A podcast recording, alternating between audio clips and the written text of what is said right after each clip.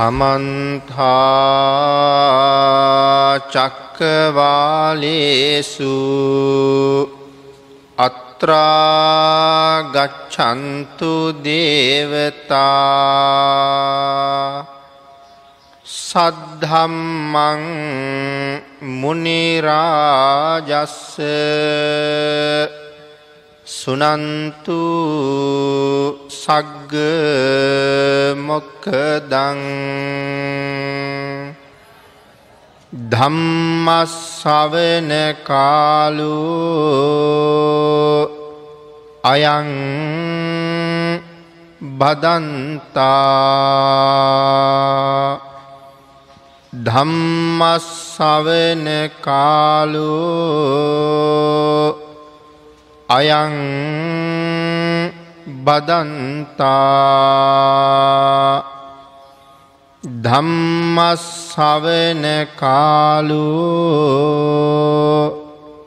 අයං බදන්තා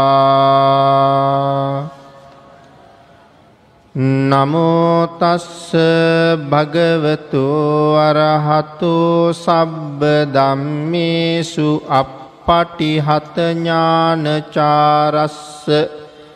දස බලධරස්ස චතුවේ සාරජ්‍ය විසාරදස්ස සබ්බ සත්තුත්තමස්ස ධම්මිස්සරස්ස ධම්මරාජස්ස ධම්මස්සාමිස්ස තථාගතස්ස සබ්බඥුනෝ සම්මා සම්බුද්දස්ස නමෝතස්ස භගවතු අරහතු සබ්බ දම්මේසු අපපටිහතඥානචාරස්ස දස බලධරස්ස චතුවේ සාරජ්‍ය විසාරදස්ස සබ්බ සත්තුත් උත්තමස්ස ධම්මිස්සරස්ස ධම්මරාජස්ස ධම්මස්සාමිස්ස තථාගතස්ස සබ්බඥුනෝ සම්මා සම්බුද්දස්ස. නමෝතස්ස භගවතු අරහතු සබ්බ ධම්මේසු අප පටිහතඥානචාරස්ස දස බලධරස්ස චතුවේ සාරජ්‍ය විසාරදස්ස සබ්බ සත්තුත්තමස්ස ධම්මිස්සරස්ස ධම්මරාජස්ස ධම්මස්සාමිස්ස තථාගතස්ස සබ්බඥුනෝ සම්මා සම්බුද්දස්ස.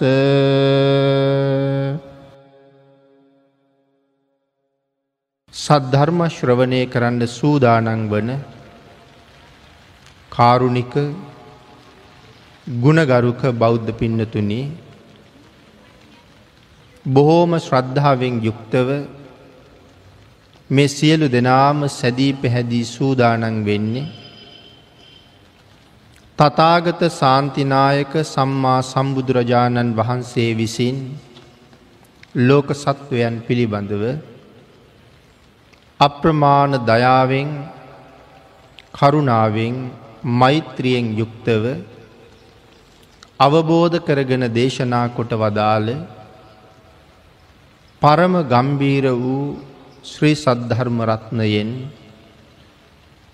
අබමල් රේනුවකටත් වඩා අඩු බොහෝම පුංචි කොටසක් දේශනා කරවගෙන ධර්ම ගෞරවය පෙරදැරි කරගෙන දේශනාගත ධර්මය ශ්‍රවණය කරන්නත් එසේ ධර්ම ශ්‍රවණය කිරීමෙන් ලැබෙන අවවාද අනුශාසනා තම තමන්ගේ ජීවිතවලට එකතු කරගෙන වඩාත් නිවැරදි මෙලොව ජීවිතයක් සකස් කර ගණ්ඩත් නිවැරදි වූ මෙලොව ජීවිතයක් තුළින් සුගතිගාමී වූ පරලොව ආයිති භවයකින් සැනසීමේ උතුම් පරමාර්ථයත් ඇතුවයි මේ සද්ධර්ම ශ්‍රවණය කරන්න සූදානන් වෙන්නේ. පිනතින ධර්ම ශ්‍රවණය කිරීම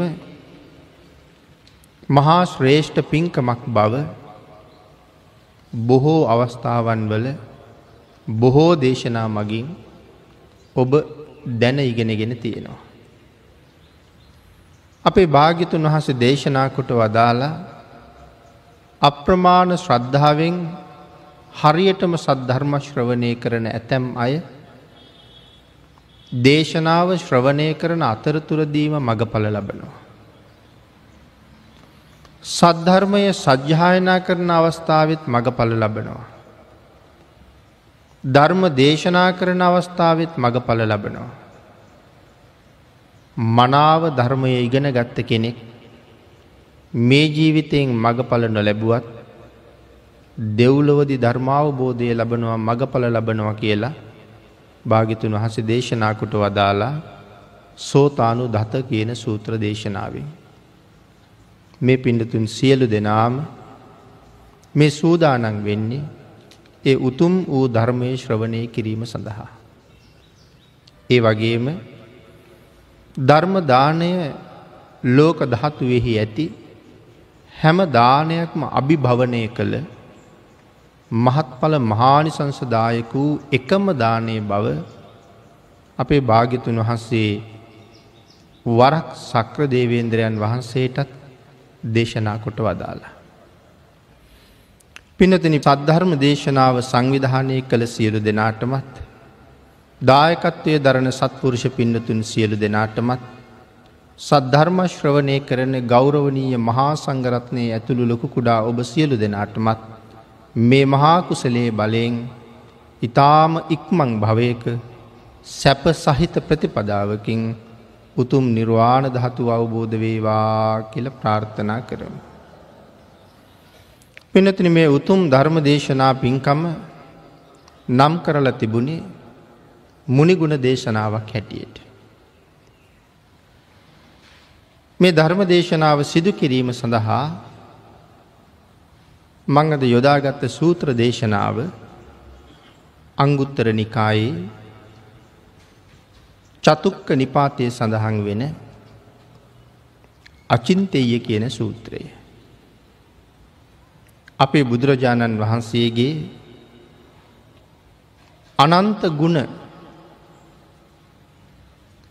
ඒ අනන්ත වෙන්නේ කොහොමද.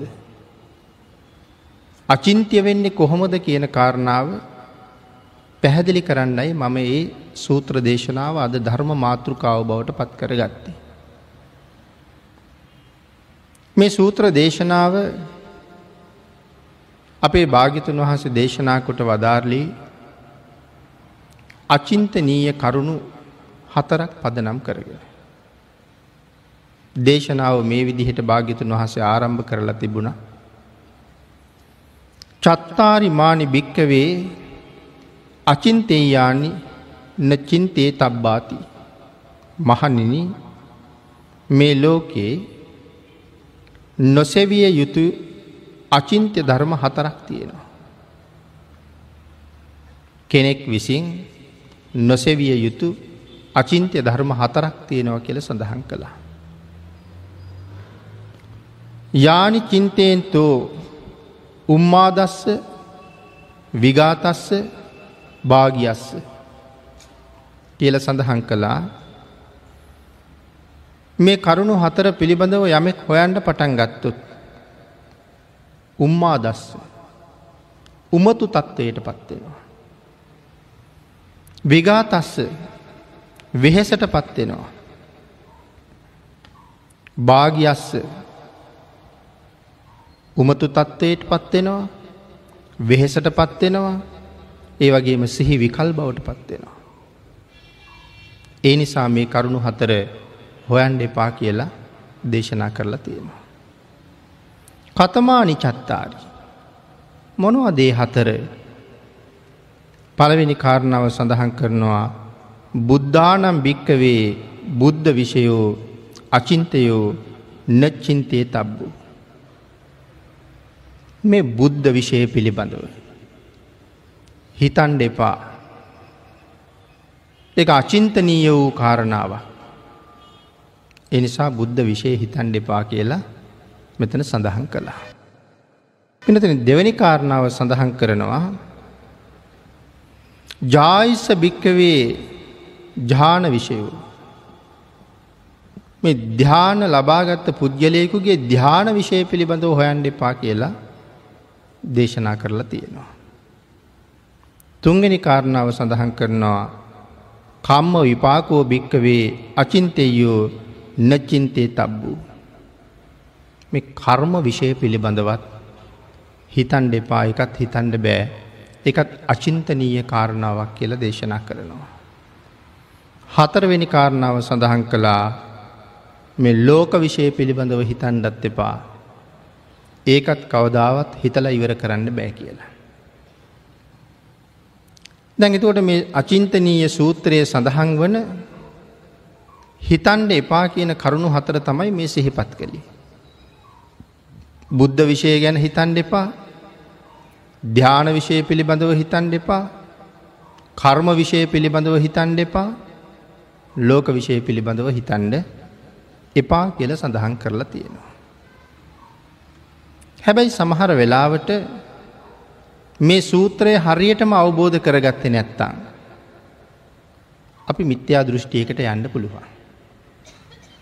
ඇයි එහෙම වෙන්නේ එහෙනම් බුද්ධ විෂය ගැන අපි හිතන්ඩ එපාද කියන මිත්‍යා දෘෂ්ටියට අපි සමහරලාට යන්න පුළුවන්. මේ සූත්‍රයේ එහෙම වුණොත් හරියටම කරුණු අධ්‍යයනය කළේ නැත්තං වරද්ද ගන්න. දැන් භාගිතුන් වහස මෙතන දේශනා කරන්නේ බුද්ධ විෂය ගැන හිතන් එපා කියලද. බුද්ධ විෂය ගැන අපිට ඉගෙන ගණ්ඩ එපා කියලද. අපිට හිතන්ඩ එපානං ඉගෙන ගණ්ඩ එපානං භාගිතුන් වහසගේ ගුණ පිටකයට මේ තරන් සංග්‍රහවෙන්නේ මොන නිසාද. එහෙනම් අපිට මේ හිතන්ඩ එපා කියලා මෙතන සඳහන් කරලා තියෙන්නේ. කවදාවත් මේ විෂය පිළිබඳව ඉවර වෙනකං අපිට කල්පනා කරන්න බෑ. ඉවර වෙනකං හිතන්ඩ බෑ අපිට. ආං එහෙම හිතන්ඩ පටන්ගත්තොත් කෙනෙක්. ඔහු උම්මාද තත්ත්වයට පත්වෙන්න පුළුවන්. ඔහු එහෙසට පත්වෙන්න පුළුවන්. ඒ කාරණාවයි මෙතන සඳහන් කරන්න ඉවර වෙනකං හිතන් දෙපා.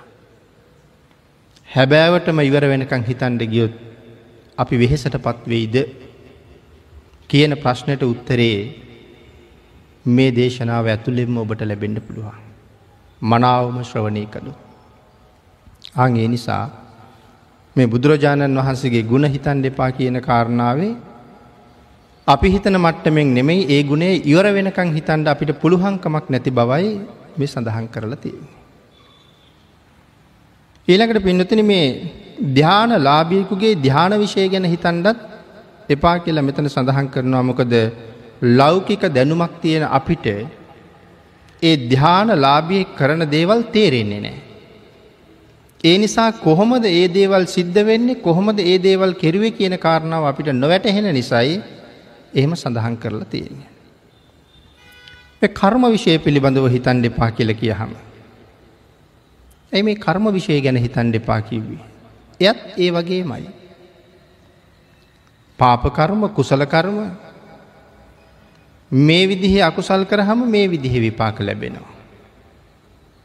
මේ විදිහ කුසල කර්ම කරහම මේ විදිහ විපාක ලැබෙනවා. ඒ මූලික කාරණාව අපට ඉගෙන ගණ්ඩ එපා කියලන මේ මෙතන සඳහන් කරලා තියෙන. නමුත් සමහර වෙලාවට කෙනෙක් කරගන්න කරුමයක් සංසාර විපාක දෙන්නේ කොහොමද කියන කාරණාව අපිට තේරුම් ගණ්ඩ තේරුම් ගණ්ඩ බෑ. ඒක හරියටම වැටහුණේ ලොවතුරා බුදුරජාණන් වහන්සේට විතරයි. මහරහතන් වහන්සේ නමකටවත් ඒක වැටහුන්නේ. ඇයි රහතන් වහන්සේලාට එච්චර දුර ඒ කර්මය සම්බන්ධයෙන් බලන්න බැරිහින්ද. අසූ මහා ශ්‍රාවකයන් වහන්සේ නමකට අග්‍ර ශ්‍රාවකයන් වහන්සේ නමකට යම් කර්මයක් විපාක දෙන හැටි ආපහු ආපහු ආපහු බලන්න පුළුවන් සීමාවක් තියෙනවා. අග්‍ර ශ්‍රාවකයන් වහන්සේට බලන්ඩ පුළුවන් වෙන්නේ මහාකල්ප අසංක්‍ය එකකුත් ලක්ෂයක් විතරයි. ඒ උන්වහසේ පාරමිතා පුරාගනාපු කාල ප්‍රමාණය ආපහු බලන්න පුළුවන්. අසූ මහා ශ්‍රාවකයන් වහන්සේට බලන්ඩ පුළුවන් වෙන්නේ මහාකල්ප ලක්ෂයක් විතරයි. එතනින් එහාටත් මේ කර්මය විපාක දෙනවද කියන කාරණාව උන්වහන්සේලට වැටහෙන්නේ.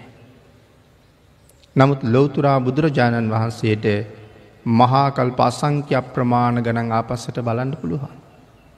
එහෙනම් එක කර්මයක් ඉවර වෙනකං විපාක දෙනකොට කොයි තරං දුරට විපාක දෙනවද කියන කාරණාව භාගිතුන් වහන්සේට තරං වැටහෙන්නේ. එහෙනම් මහරහතන් වහන්සේ නමකට වැටහෙන තරමුවත් අපිට වැටහෙන්නේ නෑ. ආං ඒ නිසයි සඳහන් කළේ මේ කර්ම විෂය ඉවර වෙනකං හිතන්ඩ පුළුවන්කමක් පුළුවන්කමක් නෑ කියල සාමාන්‍ය පුද්ගලයට. අනික් කාරණාව ලෝක විෂය. පිනතන ලෝක විෂය පිළිබඳව හිතන්ඩ එපා කියල මෙතන සඳහන් කරහම. අපි අපේ ජීවිත කාලේ භාග්‍යතුන් වහන්සේගේ ගුණ නිතර නිතර මෙනෙහි කරනකොට. භාග්‍යතුන් වහන්සේට වැටහුණ අනන්ත ලෝක ධාතුන් පිළිබඳව අවබෝධය. එක මහා විශ්මිත අවබෝධයක්. නමුත් අපිට ඒක අල්ප මාත්‍රයක්වත් තේරුම් ගණ්ඩ පුළුහංකමක් නැති නිසා ලෝක විෂය ගැන හිතන්ඩ එපා කියලා දේශනා කරලා තියෙනවා. එමනම් මේ කරුණු ටික අපි ටිකක් විස්තරාත්මකව සාකච්ඡා කර ගනිමු බුදුරජාණන් වහන්සේගේ අනන්ත ගුණ අපි අල්ප මාත්‍රයක්වත් දැන ගණ්ඩුවනේ. අපේ ජීවිතය අපිට දැනගණ්ඩ ලැබෙන්නෙත් අල්ප මාත්‍රයක්ම තමයි. අබමල් රේනුවක් තරන්වත් අපිට දැනගන්න වෙන්නේ නෑ. නමුත් භාගිතුන් වහන්සේගේ මේ අනන්ත අප්‍රමාණ ගුණ කඳ. යම් ප්‍රමාණයක් හරි දැනගත යුතුයි කියල සඳහන් කළේ අපේ විමුක්තිය උදෙසා. අපිට භාග්‍යතුන් වහන්සේ හරියටම සරණ යෑම උදෙසා. අනන්ත වූ බුදුගුණ අපි සමහර වෙලාවට බුදුගුණ භාවනා කරනකොට බුදුගුණ අනන්තයි බුදුගුණ අනන්තයි කියලා අපි කියනවා. අපි එහෙම සඳහන් කලාට ඒ බුදුගුණ අනන්ත වෙන්නේ කොහොමද කියලා අපිට තේරෙන්නේ. බුදුගුණ අනන්තයි බුදුගුණ අනන්තයි කියලා කියන කෙනෙකුගෙන් ඇහුවොත් ඔය කියන විදිහට බුදුගුණ කොහොමද අනන්ත වෙන්නේ කියලා සමහරලාට ඒකට උත්තරයක් දෙන්න බැරුව යනවා. එහෙමනම් මේ අචින්තයේ සූත්‍රයත් එක්ක බුදුගුණ අනන්ත වෙන හැටි තමයි මේ සාකච්ඡා කරන්න සූදානන් වෙන්නේ කොහොමද බුදුගුණ අනන්ත වෙන්නේ. සමහර වෙලාවට ඒ කරුණු එක පාරම වැටහෙන්නේ නැතිවෙන්නත් පුළුවන්. මේ සූත්‍රය හරි ගැඹුරු කාරණ අන්තර්ගත සූත්‍රය. නමුත් බොහෝ ශ්‍රද්ධාවන්තයන්ට ඒක ඒ තරම් ගැඹුරු කාරණාවක් වෙන්නේ ගැඹුරු කාරණාවක් වෙන්නේ නෑ. නමුත් මේක හිතන්ඩ එපා කිවේ ඇයි කියන කාරණාව නං හොඳටම වැටහෙනවා මේ කරුණුත් එක්. එමනම් පිඩතුන බුදුරජාණන් වහන්සේගේ විශේෂේස්ත්‍රයේ සීමාවක් නැහැ කියල සඳහන් කළා. භාගිතුන් වහන්සේගේ අනන්ත ගුණවල සීමාවකුත් නෑ භාගිතුන් වහන්සේගේ විශේෂේස්ත්‍රයේ සීමාවකුත් නෑ. ආගේ විශේෂේස්ත්‍රයත් සීමාවක් නැසි නිසා සබ්බඥූ හෙවත් සරුවඥ කියල අපි භාගිතුන් වහසට සඳහන් කරනවා. සියල්ලම දැන අවබෝධ කරගත්ත නිසා සරුවඥයි හෙළ භාගිතුන් වහසට සඳහන් කළා. පිනතන මෙතන සඳහන් කරනවා මේ කෝටි ලක්ෂයක් සක්වලේ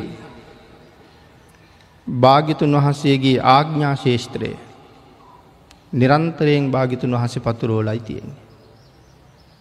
කෝටි ලක්ෂයක් සක්වල ආග්ඥා ශේෂත්‍රයේ පතුරෝලයි තියෙන්නේ කියල සඳහන් කරන්න. ලොවතුරා බුදුරජාණන් වහන්සේ නමකගේ බුද්ධ රාජ්‍ය සක්කොලවල් කෝටි ලක්ෂයකෙන් සමංවිත වෙනවා. එතකොට සක්වලක් කියල කියන්නේ මොකක්ද. පිඩතන සක්වලක් කියල කියන්නේ ලෝක තිස් එකකට බ්‍රහ්මලෝක බිස්සක් තියෙනවා. රූප සහිත බ්‍රහ්ම ලෝක දාසයක් අරූපතල හතරක්. දිවිය ලෝක හයක් තියෙනවා. එතකොට විසි හයයි. අපායවල් හතරක් තියෙනවා. සතර අපාය හැටියට. මනුස්සලෝක එකක් තියෙනවා. එතකොට ලෝක තිස් එකයි. මේ ලෝක තිස් එකට කියනවා එක සක්වලක් කියලා. එක සක්වලකට එක ඉරක් පායනවා. එක හඳක් පායනවා. එහෙමනම් බුදුරජාණන් වහන්සේගේ ආග්ඥා ශේෂත්‍රය නැතම් බුද්ධ රාජ්‍ය සක්කොලවල් කෝටි සක්කොලවල් කෝටි ලක්ෂයක්. මේ සක්කොලවල් කෝටි ලක්ෂය ඇතුළේ තවත් ලෝක තියෙනවා. මොනෝදී තවත් තියෙන ලෝක. ඇ අපේ පිනතු නහල තියෙනවද ලෝකාන්තරික මහනිරේ කියලා නිරයක් පිළිබඳව. සක්කොලවල් හතරක් එකතු වෙන තැන. යොදුන් අටදාහක අටදාහක භූමියක් හිස්ව ඉතුරු වෙනවා කියල සඳහන් කරනවා. සක්කොලක් යම් ප්‍රමාණයක රවුන් හැඩයකින් යුක්ත බව අපි දන්නවා. එතකොට මේ මදක් රවුන් වස්තුූන් තුනක් එකට එකතු වෙනකොට එතන මැද්දේ ඉඩක් ඉතුරු වෙනවා. ආංගේ ඉතුරු වෙන ඉඩ ප්‍රමාණය තමයි යොදුන් අටදාහක අටදාහක භූමියක් කියල කිය. පතුලේ සීමාවක් නෑ. ඊළඟට මාතෘ ගර්භයෙන් බිහිවෙන දවසෙත් ලෝකාන්තරික මහනිරයට එලිය වැටෙනවා. එකන ලෝකාන්තරික නිරයට විතරක් එලිය වැටෙනව නෙමෙයි. මුළු විශ්වය පුරා පැතිරලා යන ආලෝක ධාරාව ලෝකාන්තරික නිරයත් ආලෝකමත් කරන්න සමත්වෙනවා. එ තරම් මහා ආලෝකයක් තමයි පැතිරෙන්. ලොවතුරා බුද්ධ රාජ්‍ය ලබන දවසත්. මංගල ධර්ම දේශනාව සිදු කරන මොහොතක් ලෝකාන්තරික නිරේට එලිය වැටෙන අවස්ථාවල්. එහෙනම් මේ සඳහන් කළේ මේ සක්වලවල් කෝටි ලක්ෂයක් ගැන කතා කරනකොට මේ සක්වලවල් සක්වලවල් අතරත් තවත් ලෝක තියෙනවා අපි කතා නොකරන ලෝක ගැනයි මම මේ සඳහන් කළේ. එහෙමනම් බුද්ධ රාජ්‍ය සක්වලවල් කෝටි ලක්ෂයක් එක සක්වලකට එක ඉරක් එක හඳක් පායනව නං ලොවතුරා බුදුරජාණන් වහන්සේගේ ආග්ඥා ශේෂත්‍රය ඇතුළේ ඉරවල් කෝටි ලක්ෂයක් හඳවල් කෝටි ලක්ෂයක් පායන. එහෙමනං බුදුරජාණන් වහන්සේ කියල අපි සඳහන් කරහම.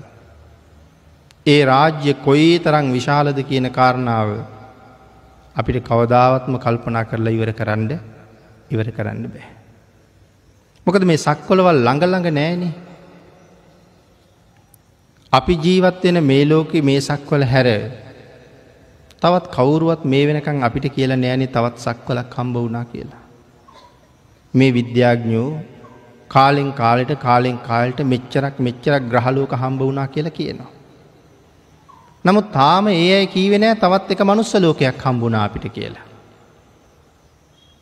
තවත් මනුස්ස ලෝකයක් හම්බ වනානම් ඒ හම්බ වෙලා තියෙන්නේ තවත් සක්වල. නමුත් තාම එහෙම කතාවක් අපිට ලෝකෙ කොහෙන්වත් අහන්ඩ හම්බුනේ අහන්ඩ හම්බුනේ නෑ එහෙනම් ඊළඟ සක්වල කොහෙ පිහිටලා තියෙනවද කියලවත් අපිට තේරෙන්නේ නෑ. නමුත් මේක තමයි භාගිතුන් වහන්සේගේ බුද්ධ රාජ්‍ය සක්කොලවල් කෝටි ලක්ෂයක්. ඊළඟට පින්නතිනි සඳහන් කරනවා බුදු පියාණන් වහන්සේ අවස්ථාවක දේශනා කළා මේ කෝටි ලක්ෂයක් සක්වල සියලු දෙනාම භාගිතුන් වහසේගේ ආග්ඥාව පිළිපදිනවා කියලා. පිළිපදින් ඕන කියලා. එක ආග්ඥාවක්. සඳහන් කළා විශේෂ අධිෂ්ඨානයක් නොකර භාගිතුන් වහස කරන ප්‍රකාශයක් මේ කෝටි ලක්ෂයක් සක්වල පුරාම පැතිරෙනවා කියලා. විශේෂ අධිෂ්ඨානයක් නොකර කරන ප්‍රකාශය. අවශ්‍ය නම් මුළු විශ්ව ධාතුවය මුණත් අනසක පතුරුවන්ඩ බුදුරජාණන් වහසට පුළුවන් කියල සිහිපත් කළා.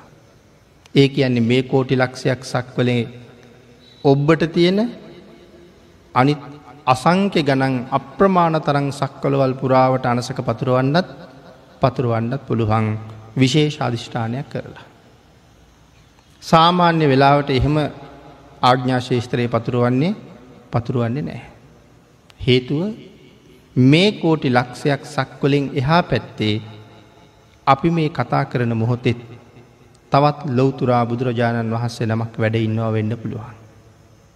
ඒ මේ බුද්ධරාජ්‍යයෙන් එහා පැත්තේ. ඒ නිසා විශේෂ අධිෂ්ඨානයක් කරලා බලල තමයි එහෙම පතුරුවනෝ නං භාගිතුන් වහසගේ ආග්ඥාව පතුරුවයි.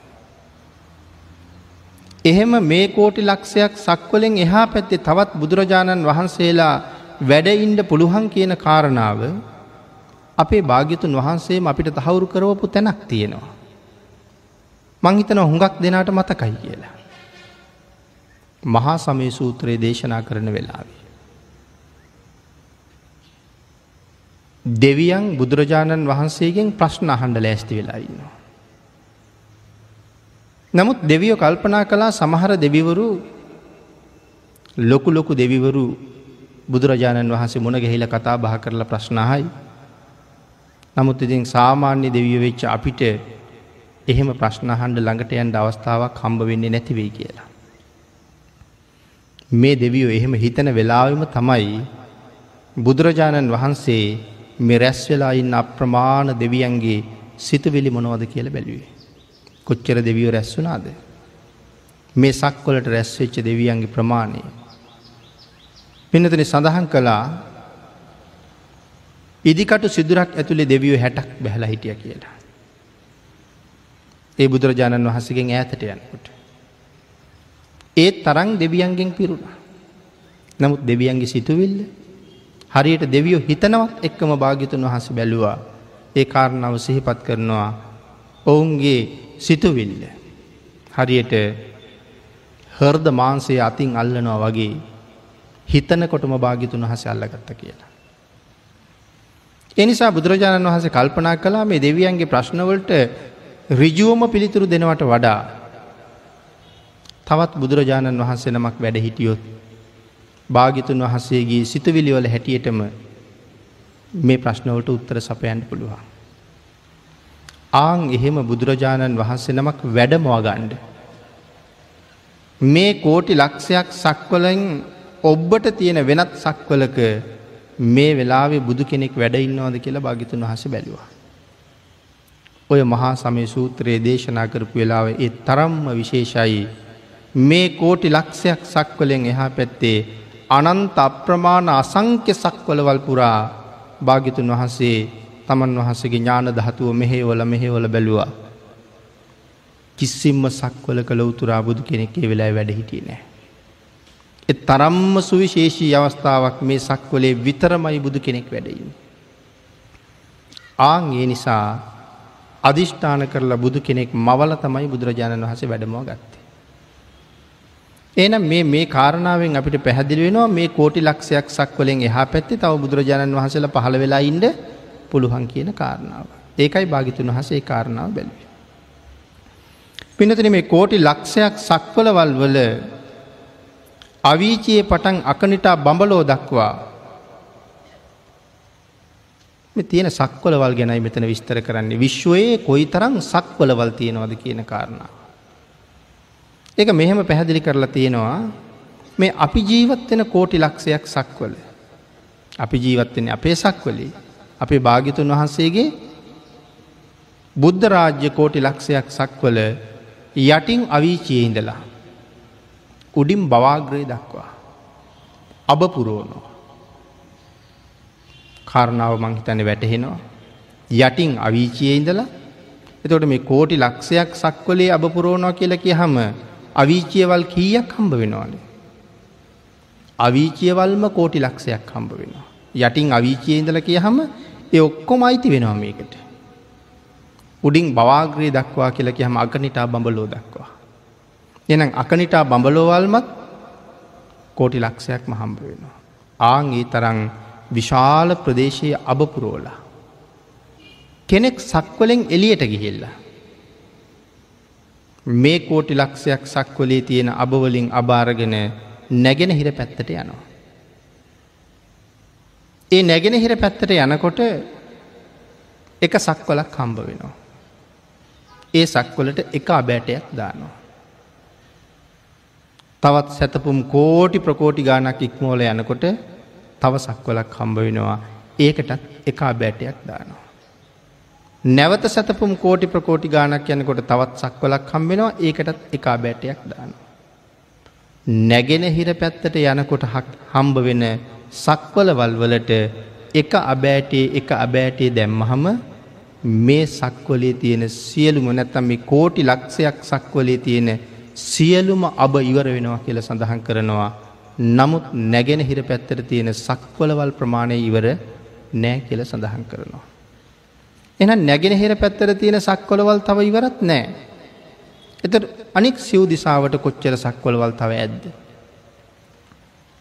එහෙනම් මේ සක්වලවල් වල සීමාවක් ප්‍රමාණයක් සීමාවක් ප්‍රමාණයක් හොයන්න බෑ. නමුත් භාගිතුන් වහසට ඒ සියල්ලම වැටහෙනවා. සක්කොලවල් ඉවර නෑ. එතකොට ඒ සා විශාල සක්කොලවල් ප්‍රමාණයක් භාගිතුන් වහසට අධිෂ්ඨාන කරලා බලන්ඩ බලන්ඩ පුළුවන්. ඒ විතරක් නෙමෙයි.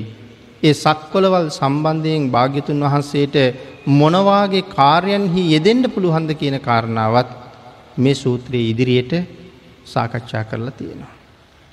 එමනං මේ අනන්ත සක්වලවල්. අන්න ඒ සක්වලවල් පිළිබඳව අපේ භාගිතුන් වහන්සේට ඇති අවබෝධය ඉතාම ඉහලයි කියලා සඳහන් කරලා තියෙනවා. ඉළඟට පැහැදිලි කරනවා තත්ත බුද්ධානං අවිසයෝ නාම නත්ති. මේ කතා කළේ භාග්‍යතුන් වහන්සේගේ ලෝක පිළිබඳව ඥානය. යම් ප්‍රමාණයක්. ලෝක පිළිබඳව භාග්‍යතුන් වහන්සේර තියෙන අවබෝධය යම් ප්‍රමාණයක්. මේ කෝටි ලක්ෂයක් සක්වලේ තිබුච්ච අබ නැගෙන හිර පැත්තට හම්බ වෙන සක්වලවල්ලෝට දාලා අබ ඉවරයි නමුත් නැගෙනහිර පැත්තට තියෙන සක්කොළවල් ප්‍රමාණය ඉවර ඉවර නෑ. එතකොට නැගෙනහිරටම තව සක්කොළවල් කොච්චර ඇද්ද. ඒ කොතෙක් සක්කොළවල් තිබුණද සිව් දිසාාවටම ඇති සියලුම සක්කොළවල් පිළිබඳව අවශ්‍යනං භාග්‍යතුන් වහන්සේට ආග්ඥාශේෂත්‍රය පතුරවන්ඩ පතුරුවන්න පුළුවන්. ඒ පිළිබඳව මනාව අවබෝධයක් තියෙනවා. ඒක බුදුරජාණන් වහන්සේගේ අචින්තනීය බවක්. අපිට කවදාවත් ඒක හිතල ඉවර කරන්න බෑ මේ මේ කරුණු හිතන්ඩ ගියොත් ඒකයි කීවේ උමතු තත්ත්වයට පත්වෙන්ට පුළුවන් වෙහෙසට පත්වෙන්ඩ පුළුවන් කියලා. අපිට තේරෙන්න ඇය කාරණාව. ඊළඟට පින්නතුනේ මේ සත්වයන් පිළිබඳව තියෙන ඥානය. බුදුරජාණන් වහසට මේ සත්ව ලෝකයේ සත්වයන් පිළිබඳව තියෙන ඥානය පිළිබඳව සඳහන් කළා මේ මහපොළොවේ පතුල දක්වා කොයි තරන්නම් සත්වයෝ ඉන්නවාද. මහපොළොවේ පතුල දක්වා. පතුල දක්වා කියලකය මහපොළොව කොච්චර ගැඹුරුයි කියල සඳහන් කලාද මහ පොළොව ඉවර වෙනකොට මේ මහපොළොව බොහෝම ගැඹුරින් යුක්තයි.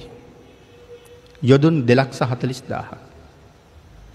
අපිට හාරගෙන හාරගෙන ගිය දිගටම හම්බ වෙන්නේ පොළොවමයි යොදුන් දෙලක්ස හතලිස් දාහ. එතකොට ඔය ප්‍රමාණයේ කොයි තරං සත්‍යයෝ ඉන්නවාද. ඉන් පස්සෙ තියෙන්නේ ජලය. එයින් බොහොම ඈතින් ආය පිහිටන්නේ වාතය. එතකොට ඒ ජලයත් සත්තු ඉන්නවා. ඒ වාතය තුළත් සත්තු ඉන්නවා. සීමාවක් නෑ. එහෙම නං මහපොළොවෙ පතුළ දක්වා කොයි තරං සත්තු ජීවත් වෙනවාද? ඒ සියලුම සත්තු පිළිබඳව මනාව අවබෝධයක් බුදුරජාණන් වහසට තියෙනවා. ඊළඟට පින්නතුනි මහපොළුවේ පතුළ දක්වා සාගරයේ ගංගාවල හිමේ අභ්‍යාවකාශයේ පොළොව මතුපිට නිරයවල් වල කොයි තරං ජීවීන් සමුදායක් ඉන්නවාද? ඒ සත්වයෝ කොහෙද ඉන්නේ? ඒ අය කොහොමද ඉන්නේ? ඒ අය කොහොමද ඉපදෙන්නේ ඒ අය මොන හේතුවෙන්ද උපදින්නේ ඒ අය කොහොමද ජීවත්වෙන්නේ ඒ අය ගන්න ආහාර මොනවද ඔවුන්ට උපදින සිත් මොනවද මේ එකක් එකක් ගානේ එක සතෙක් ගැන භාගිතුන් වහසේට වැටහෙනවා. එනම් ඒ භාගිතුන් වහසේගේ සත්ව විෂය පිළිබඳව තියෙන අවබෝධය. ඊළඟට සඳහන් කළා ධ්‍යාන විෂය පිළිබඳව තියෙන අවබෝධය. පිනතුන එතන සඳහන් කරනවා අපි මුලින් සෙහිපත් කලා මේ ධ්‍යාන ලාභයකුගේ ධ්‍යාන විෂය ගැනත් අපිට හිතන්ඩ බෑ කියලා. එනම් මෙතන භාග්‍යතුන් වහන්සේගේ ධ්‍යාන විෂය පිළිබඳව සඳහන් කරනකොට පළවෙනි කාරණාව හැටියට පැහැදිලි කරනවා අපි බුදුරජාණන් වහන්සේ ගණ්ඩබ්බ රුක්ක මූලයේදී යමක මහා ප්‍රාතිහාර්ය දක්වපු හැටි. ලෞතුරා භාග්‍යතුන් වහන්සේ නමකට විතරක් දක්වන්න පුළුවන් අති සුවිශේෂී වූ ප්‍රාතිහාරයක් තමයි යමක මහා ප්‍රාතිහාරය. අපේ භාගිතුන් වහස මුලින්ම යමක මහා ප්‍රාතිහාර දැක්වී බෝධි මූලයේදීමයි. ලොවතුරා බුද්ධ රාජ්‍ය ලබල උන්වහන්සේ අච්චල වූ පල්ලංකය මත තවත් සතියක්ම ඒ විදිහටම වැඩ හිටිය. එතකොට දෙවියන්ට කල්පනා වුණා සිද්ධාර්ථ මහ බෝසතාණන් වහසේ තාම බුද්ධත්වය ලැබුවේ නැද්ද කියලා. ආංගේ දෙවියන්ට ඇතිවෙච්ච සැකය දුරු කරන්න ඕන නිසා මුලින්ම බෝධිමූලයේදීම යමක මහා ප්‍රාතිහාර දැක්වා. ඉන් පස්සේ ගණ්ඩබ්බ රුක්කමූලයේද මේ ප්‍රාතිහාරය දැක්වා. මොකක්ද මේ ගණ්ඩබ්බ රුක කියල කියන්නේ. අඹගහ. ඇයි මේ අඹගහට ගණ්ඩබ්බ රුක්ක කියල කියන්නේ. මේ කාරණාව බොහොම ගැඹුරින් සාකච්ඡා කරන්න තියෙන කරුණ. නමුත් යමක මහා ප්‍රාතිහාර ගැන මේ වෙලාවේ දීර්ඝව සාකච්ඡා කරන්න බලාපොරොත්තු නොවෙන නිසා තීර්ථකයන් දමනය කරන්න තමයි මේ ප්‍රාතිහාර දක්වන්නේ. හැබැයි තීර්ථකයන් කලින්ම දැනගත්තා භාගිතුන් වහස මේ ප්‍රාතිහාර දක්වන්නේ අඹ ගහක් මුල කියලා. අඹ ගහක් ළඟ කියලා. ආං ඒ නිසා මේ ගොල්ලෝ ඒ ප්‍රදේශයේ තිබිච්ච සියලුම අඹගස් සියලුම අඹගස් කැපුවා. දැන් ප්‍රාතිහාර්ය දක්වන දවස එළඹුණා. අපේ භාග්‍යතුන් වහන්සේ පිණ්ඩ පාති වැඩියා. ඒ වඩිනකොට රජ්ජුරුවන්ගේ අඹ උයන බලාගන්න උයන් පල්ලා. එදා හදිසියේම දැක්කා අඹගහක කොලාතරි හැංගිලා හැදිලා පැහිලා හොඳට ඉදිච්ච අඹ ගෙඩියක් තියෙන මේක අඹ අවාරි. මේ අඹ ගෙඩිය දැක්කහම මෙයාට ගොඩාක් සතුටු හිතුණ අවාරෙ මේ අඹ ගෙඩිය ගෙනහිල්ල රජ්ජුරුවන්ට දුන්නොත් මට ලොකු තෑග්ගක් හම්බ වෙයි. ලොකු මුදලක් ලැබෙයි. ආය මෙයා කල්පනා කරනවා රජ්ජුරුවන්ගෙන් ලැබෙන තෑග්ග හරි රජ්ජුරුවන්ගේ මුදල හරි මගේ මේ ජීවිතෙම ඉවර වෙනවා. එක මුළු ජීවිත කාලෙටත් මදි. මං මේ අඹගෙඩිය අද බුද්ධ පූජාවට තියෙනවා. භාගිතුන් වහසට පූජ කරනවා.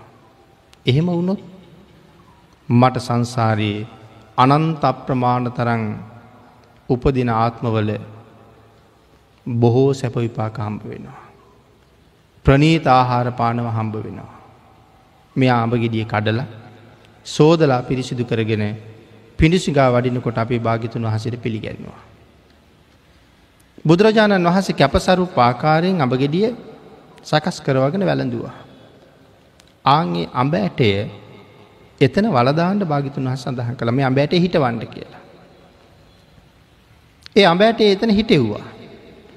හැබැයි බුද්ධාඥාවත් එක්ක එක රියන් ගණනක් උසට පැන නැංගය වෙලාම පැලයක් හැදිලා. මේ උයම් පල්ලගේ නම මොකක්ද.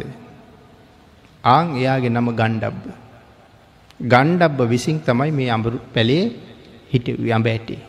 ඒ නිසා අඹ ගහට ගණ්ඩබ්බ රුක්ක කියන නම හම්බුණා. තීර්ථකය සූදානන් වෙලා හිටිය භාගිතුන් වහස ප්‍රාතිහාරය දක්වන්ට එනකං නමුත් භාගිතුන් වහස එන්ඩත් කලින්ම ඒ අය ඒ ප්‍රදේශයෙන් පලාගිය. සමහරයි ලිඳට පැන්න. සමහරයි ගඟට පැන්න. ඒයට දරාගණ්ඩ දරාගණ්ඩ බැරූ ගියා ප්‍රාතිහාරය දක්වන්න තිය. භාගිතුන් වහස වැඩම කරලා විශාල පිරිසක් රැස් වෙලා හිටිය. සඳහන් කරනවා යොදුන් විසි හතරක තරං ප්‍රමාණය සම්පූර්ණ මිනිස්සුන්ගෙන් පිරිල කියලා. යොදුන් විසි හතර. කෝටි ගණන් මහ ජනතාව එකතු වෙලා.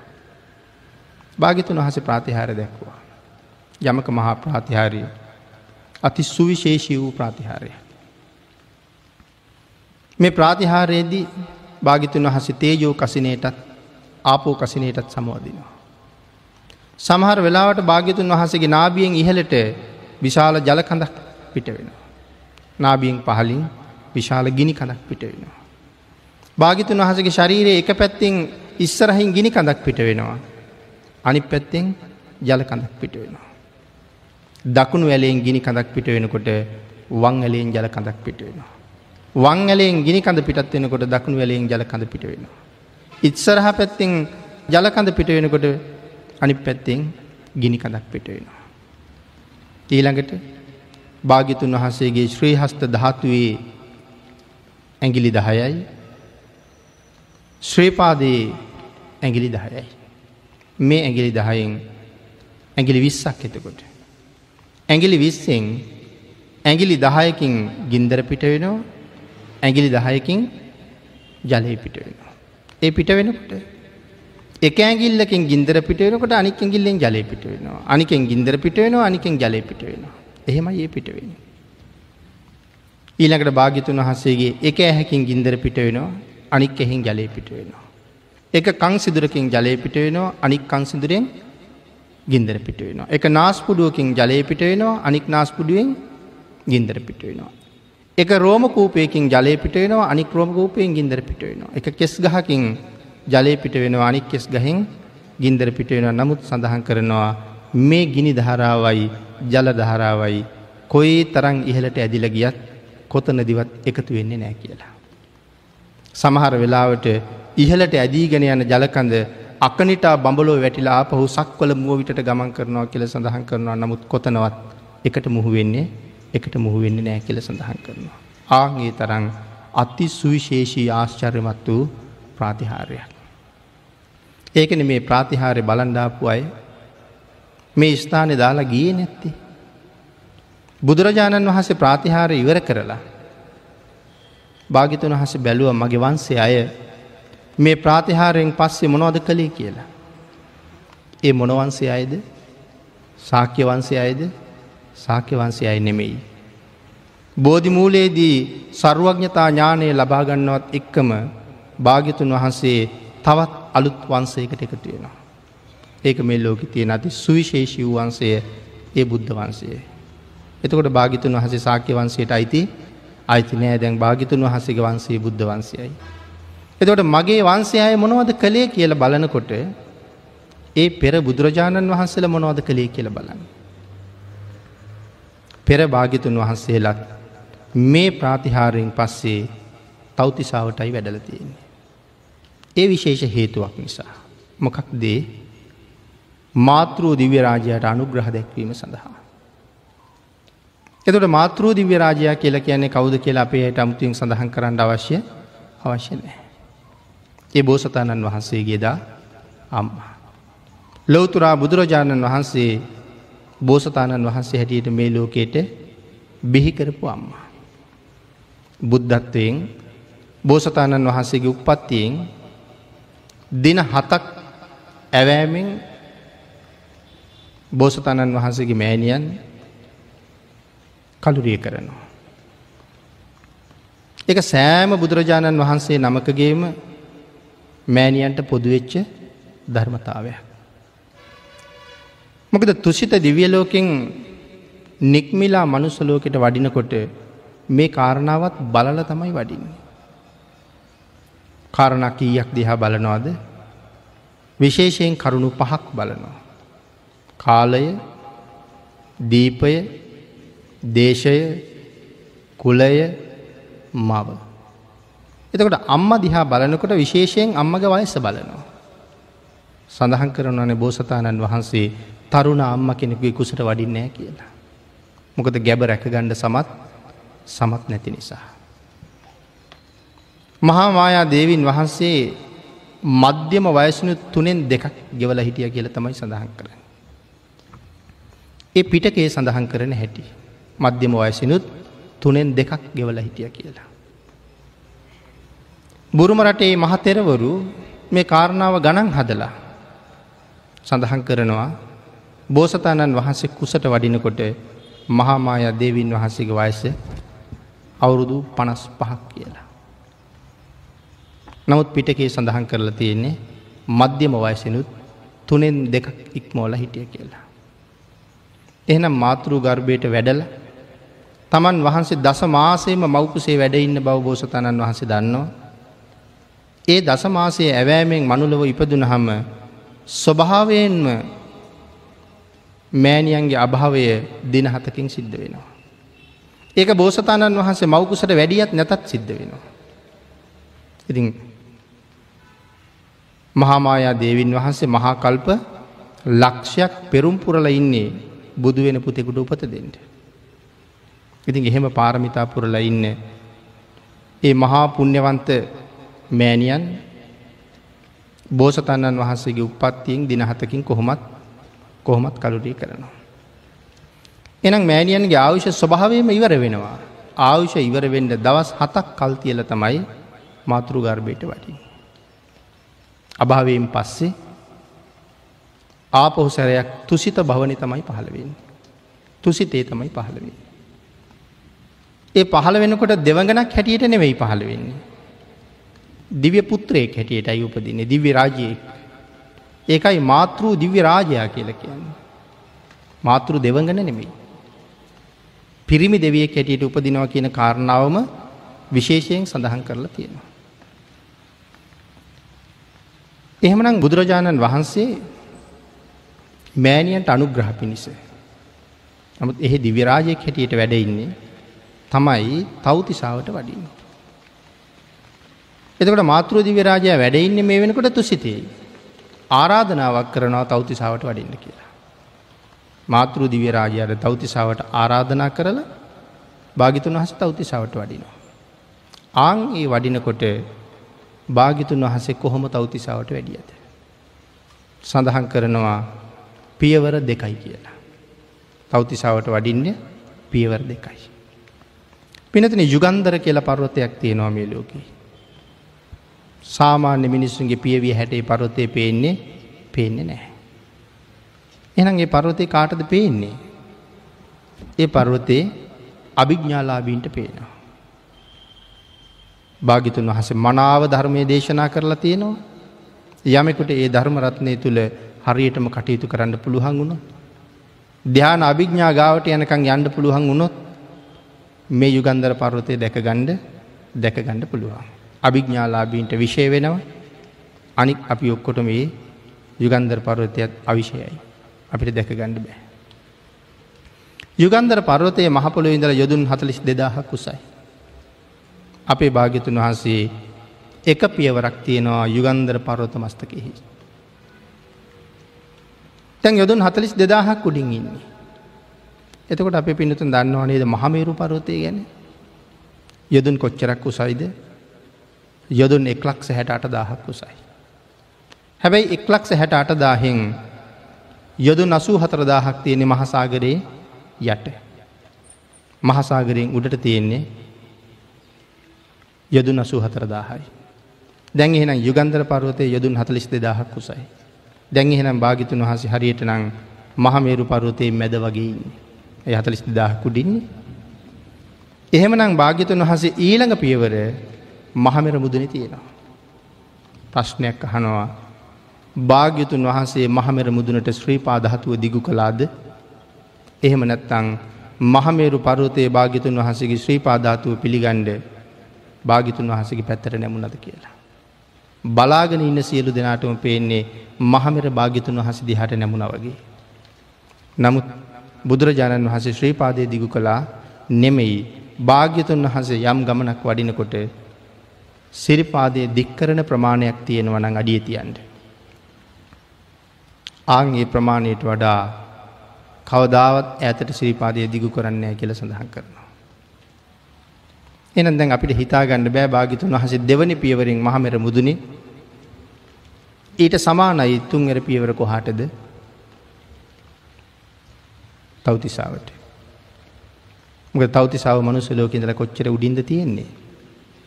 යොදුන් අසූ හතර දාහක් කුඩි. යොදුන් හතලිස් දෙදාහක් උඩින් චාතුම් මහාරාජිකය තියෙනවා එතන ඉඳල යොදුන් හතලිස් දෙදාහක් උඩින් තවතිසාාව තියෙනවා. එනම් මහමෙර මුදුනට පියවර දෙකයි තුන්ගනි පියවරින් භාගිතුන් වහස තවතිසාවේ. එතවට කාටවත් හිතාගන්න පුළුවන්ද භාගිතුන් වහස කොහොමද පියවර දෙකකින් තවතිසාවට වැඩිය කියලා. ආං ඒ නිසයි සඳහන් කළේ ධ්‍යාන ලාභියකුගේ ධ්‍යාන විශය පිළිබඳව අපිට හිතන්ඩ අපිට හිතන්ඩ බෑ භාග්‍යතුන් වහස සිරිපා දිගු කලාද එහෙම නං උත්තරයක් කම්බුණ නෑ දිගු කරන්නේ මහමෙර භාග්‍යතුන් වහස දිහට නැමුණද. අපිට හිතාගණ්ඩ බෑයි කාරණාව. බුදුරජාණන් වහන්සේ තවතිසාාවට වැඩම කරනවා දැක්කහම සක්‍ර දේවේන්ද්‍රයන් වහන්සේ පාණ්ඩු කම්බල සෛලාශලයෙන් නැගිටලා බුදුරජාණන් වහන්සේ දිහාට එනවා. නිකං නෙමෙයි විශාල දිව්‍ය පිරිසක් පිරිවරාගෙන පෙර ගමගෙනවා. මේ වෙනකොට තෞතිසාාවට දෙවිවරු රැස්සෙලා ඉන්නවා දහදාහක් සක්කොළවල් වලින්. දහදාහක් සක්කොළවල්ල දෙවියෝ තෞතිසාාවට වැඩලා. ආං එතනත් සඳහන් කරනවා මේ දහදාහක් සක්කොලල්වල දෙවියන්ට මේක සක්කොලක තෞතිසාාව වැඩ ඉන්න පුළුවන් වෙයිද. ඉඩමදි. ආංගේ හින්දා දෙවියෝ තමන්ගේ ඇඟ ආපහු කුඩා කරගන්නවා. දෙවියන්ගේ ශරීර හරි ලොකුයි. නමුත් ඉතාම නිහතමානීව ආයත් කුඩා කරගෙන සඳහන් කරන අයිදි කටු සිදුරක් ඇතුළේ දෙවියෝ හැටක් වැඩ හිටිය කියලා. එත් තරං ශරීර කුඩා කරගෙන. සක්‍ර දේවේන්ද්‍රයන් වහන්සේ වැඩම කරලා භාග්‍යතුන් වහස පිළිගත්තා. අනිත් දෙවියන්ට හිතෙනවා භාග්‍යතුන් වහස දැන් ඇවිල්ල වැඩඉන්නේ මේ පාණ්ඩු කම්බල සෛලාශනය. අප රාධ භාග්‍යතුන් වහස මේක වැඩ හිටිය හම ඉතුරු ඉඩට මොනව කරන්නද කියලා හිතෙනවා. ඇ විශාල ඉඩ ප්‍රමාණයක් ඉතුරුවෙයි කියලා දෙවියන්ට හිතෙනවා. මේ පාණ්ඩු කම්බල සෛලාශනය කොච්චර ලොකුයිද කියල සඳහන් කරලා තියෙන්නේ. යොදුන් හැටක් දිගයි කියල සඳහන් කරනවා. යොදුන් පණහක් පලලයි යොදුන් පහළවක් උසයි. යොදුන් හැටක් දිගයි යොදුන් පණහක් පලලයි යොදුන් පහළවක් උසයි. දැඟතොට යොදුන් හැටක් දිග ආසනයේ භාගිතුන් වහසේ වැඩ හිටිය හම. කොයි තරං ඉඩ ප්‍රමාණයක් ඉතුරුවෙයිද කියන එක තමයි මේ දෙවියන්ට තියෙන සැකය. ඉතින් භාගිතුන් වහසේ වැඩ හිටිය හම අය තව කෙනෙකුට අතවත් තියන්න හම්බ වෙන්නේ නෑ මොකද තියෙන ගෞරවයෙන්ද. නමුත් භාගිතුන් වහන්සේ අසනී ළඟට වැඩම කරලා භාගිතුන් වහසගේ අතිරේක සිවුර භාගිතුන් වහසේ අරගෙන අර අපි පුංචි පුටුවකට පිරුවටයක් කෙලෙනවා වගේ. භාගිතුන් වහසේගේ චීවර දහතුව පාණ්ඩු කම්බල සෛලාසනයට එලනවා. මුළු ආසනයම බුදුරජාණන් වහන්සේගේ චීවරයෙන් වැහෙනවා. ඒ විතරක් නෙමෙයි අපි එලන පිරුවටය පුටුවේ දෙපැත්තට වැක්කෙරෙන වගේ භාගිතුන් වහසගේ පාංසුකූලය පාණ්ඩු කම්බල සෛලාශනය වටේට වැැක්කිරල තියෙනවා. දෙවියන්ට හිතා ගණ්ඩවත් හිතා ගණ්ඩවත් බෑ ඊළඟට භාග්‍යතුන් වහස මේ ආසනය මත වැඩඉන්නවා පින්නතින තව කෙනෙකුට ඇගිල්ලක් තියන්ඩවත් ඉඩ නෑ. එහෙමනං බුදුරජාණන් වහන්සේ පාණ්ඩු කම්බල සෛලාශනයේ කුඩා කලාද එහෙම නැත්තං බුදුරජාණන් වහන්සේ මේ ආසනය තරමට මහත් වනාද ඒ දෙකම වෙන්නේ නෑ. නමුත් ධ්‍යාන ලාබියකුගේ ධ්‍යාන විෂය පිළිබඳව අපිට හිතන්ඩත් බෑ කියල සඳහන් කළේ නිසා. ඊළඟට පින්වතින මේ කාරණාවේ තවත් කරුණක් පැහැදිලි කරනවා. බුදුරජාණන් වහන්සේත් එක්ක හරිම සමීපයි අසුර රජවරු තුන් දෙනාගෙන් දෙන්නේ. අසුර රජවරු තුන් දෙනෙක් ඉන්නවා. කවුදේ වේපචිත්ති පහාරාද රාහු. මේ තමයි අසුර රජවරු. මේ අසුර රජවරුන්ගෙන් වේපචිත්ති සහ පහාරාද. මේ අසිර රජවරු දෙන්නම බුදුන් සරණ ගියපු අය. මේ දෙන්න නිතරම බුදුරජාණන් වහසගේ ගුණ ගැන කතා කරනවා. නිතර නිතර භාගිතුන් වහසගේ ගුණ කතා කරන නිසා රාහුට දවසක් හිතෙනවා මටත් යන්න ඕන බුදුරජාණන් වහසේ බලන්ඩ. හැම වෙලාම බුදුගුණ නැහෙන්නේ මෙයට ආසහිතනා භාගිතුන් වහස බලන්ඩයන්ට. ඊළඟට මෙයා කල්පනා කරනවා නෑ භාගිතුන් වහස බලන්ඩ ගියොත් මට හුඟාක් වෙහෙසට පත්තෙන්ට සිද්ධ වෙයි. ඇයි රාහු අසුරේන්ද්‍රයට එයාගේ ශරීරය පිළිබඳව ලොකු මාන්‍යයක් තියෙනවා. හේතුව රාහු කියල කැන විශාල ශරීරයක් තියෙන කෙනෙ. කොච්චර උසයි කියල සඳහන් කරනවාද යොදුන් හාරදස් අටසීයක් උසයි කියල සඳහන් කරනවා රාහු අසුරේන්ද්‍රය. සාමාන්‍යයෙන් අද ලංකාව අපි කතා කරන හැටියට යොදුනක් කියල කියන සැතපුම් දාසයක්නේ. එහෙමනම් යොදුන් හාරදස් අටසීයක් කියල කියන්නේ හැතැක්ම වලට හැරෙව්වොත් හැතැක්ම හැත්තෑ හයදස් අටසීය. මේ තමයි රාහු අස්ුරේන්ද්‍රයාගේ උස ආං ඒ නිසා එයාට ලොකු මානයක් තියෙනවා එයාගේ කය පිළිබඳව. දැ මේ තරම් උස කෙනා හිතාගෙන ඉන්න භාගිතුන් වහසේ බොහොම පුංචි මනුස්සේ. ඉතින් එතකොට මෙයාට කීපාරක් නැමෙන්ඩ වෙයිද භාගිතුන් වහසගේ මුව මඩල දෙකගන්නට. අහන් ඒකයි හිතන්නේ මට වෙහෙසට පත්වෙන්න වෙයි භාගිතුන් වහස දකිින්ට ගියොත්. එහෙම හිතලා එන්නේ නෑ. නමුත් අර දෙන්නගේ බුදුගුණ කතාවත් එක්ක නැවත නැවත නැවත නැවත සිත් පහළ වෙනවා එන්ඩම. ඒහිද දවසක් හිතන කොහොමරි ගිහිල්ල එනවා කියලා. බුදුරජාණන් වහස දන්නවා රාහු මම් බලන් දෙනවා කියලා. ආං ඒක නිසා අපි භාගිතුන් වහස කල්පනා කළා හිටගෙන හිටියත් යම් ප්‍රමාණයකින් මගේ උස මැනගන්නවා. රාහුවසුරේන්දිරයන්ට මයින්ඩ වඩා භාගිතුන් වහසට උසයන්ඩ පුළුවන් ඒ කාරණාව සඳහන් කරන්න කොතනද. ඇයි භගවා ගුණේ විස්තර කරන තැන. භාග්‍යවත් ගුණ හයක් පැහැදිලි කරනවා. ඔය පැහැදිලි කරන තැනක තියෙනවා අනිමා මහිමා ඇයි මේ අනිමා කියල කියන්නේ. භාග්‍යතුන් වහසට පුළුහන් අටපිරිකර සහිතව අපේ ඇහි පිහාටුව උඩ වැඩයින්ට. නිකම්මන මේ සතරීරියව්වෙන්. සක්මං කරන්නත් පුළුවන් සැත පෙන්ඩත් පුළුවන් ඉඳගෙන ඉන්ඩත් පුළුවන් හිටගෙන ඉන්නත් පුළුවන්. අට පිරිකර සහිතව ඔබේ මගේ ඇහි පිහට උඩ භාගිතුන් වහසර වැඩඉන්න පුළුවන්. ඒ චූටි වෙනකොට ලොකුුණු අකනිටා බඹලෝ දක් අවසයන්ට පුළුවන් තනි ඇඟට කියල සඳහන් කළා. තනි ඇඟකින් හිට ගණ්ඩ පුළුවන් අකනිටා බඹලෝ දක්වා. එහින්ද මේ රාහු යම් ප්‍රමාණයක් භාග්‍යතුන් වහන්සේගේ උස මැන ගනී කියලා හිතුව මිසක් එයාට ඒක ඉවර කරන්න පුළුවන් වෙනවා කියලා සඳහන් කළේ සඳහන් කළේ නෑ. ඉඳගෙන හිටියත් යම් ප්‍රමාණයකින් මැනගනිය. එවන මොකක් කරනවාද කියල කල්පනා කළා. තීරණය කළා රාහු අසුරේන්ද්‍ර එන පැත්තට සිරිපාද හතුව දිගු කරලා සැතපෙනවා කියලා. රාහු අසුරේන්ද භාගිතුන් වහස දැක ගණ්ඩේනවා භාගිතුන් වහස සැතපිලා ඉන්නවා. භාගිතුන් වහසගේ සිරිපාද මණ්ඩලවල තියෙන මංගල ලක්ෂණ ඉතාම පැහැදිලිව රාහු වස්ත්‍රේන්ද්‍ර දැක ගන්නවා. දැන් සිරිපා ධාතුව ළඟට ඇවිල්ල ඉන්නේ. රාහුට හරි ආසයි මේ තරං ලස්සන සිරිපතුලක් තියෙන මේ මහාපුරුෂයාණන් වහන්සේගේ මුව මඩල කොයි තරන්නම් ලස්සන ඇද. රාහු අසුරේන්ද්‍රයා භාගිතුන් වහසගේ සිරිපාධාතුව ගාව හිටගෙන එයාගේ ඇගිලි තුඩුවල නැගලා ඉස්සිලා බලනවා මේ මහාපුරුෂයණන්ගේ මුව මඩල කොහෙද තියෙන කියලා. තුම් පාරක් ඉස්සි ඉසි බැලුව. තුන්ගනි පාර ඉස්සිලා බලන්නකොට භාගිතුන් වහසය හුවා.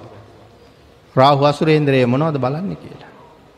ස්වාමීනී ඔබ වහන්සගේ මුව මඩල බලාගණ්ඩ යුත්සාහ කළේ. මේ වෙනකොට රාහුගේ මාන බිඳිල ඉවරයි මොක දෙයා හිතාගෙන හිටියේ භාගිතුන් වහන්සේ කුඩයි මම හුඟක් ලොකුයි කියලා.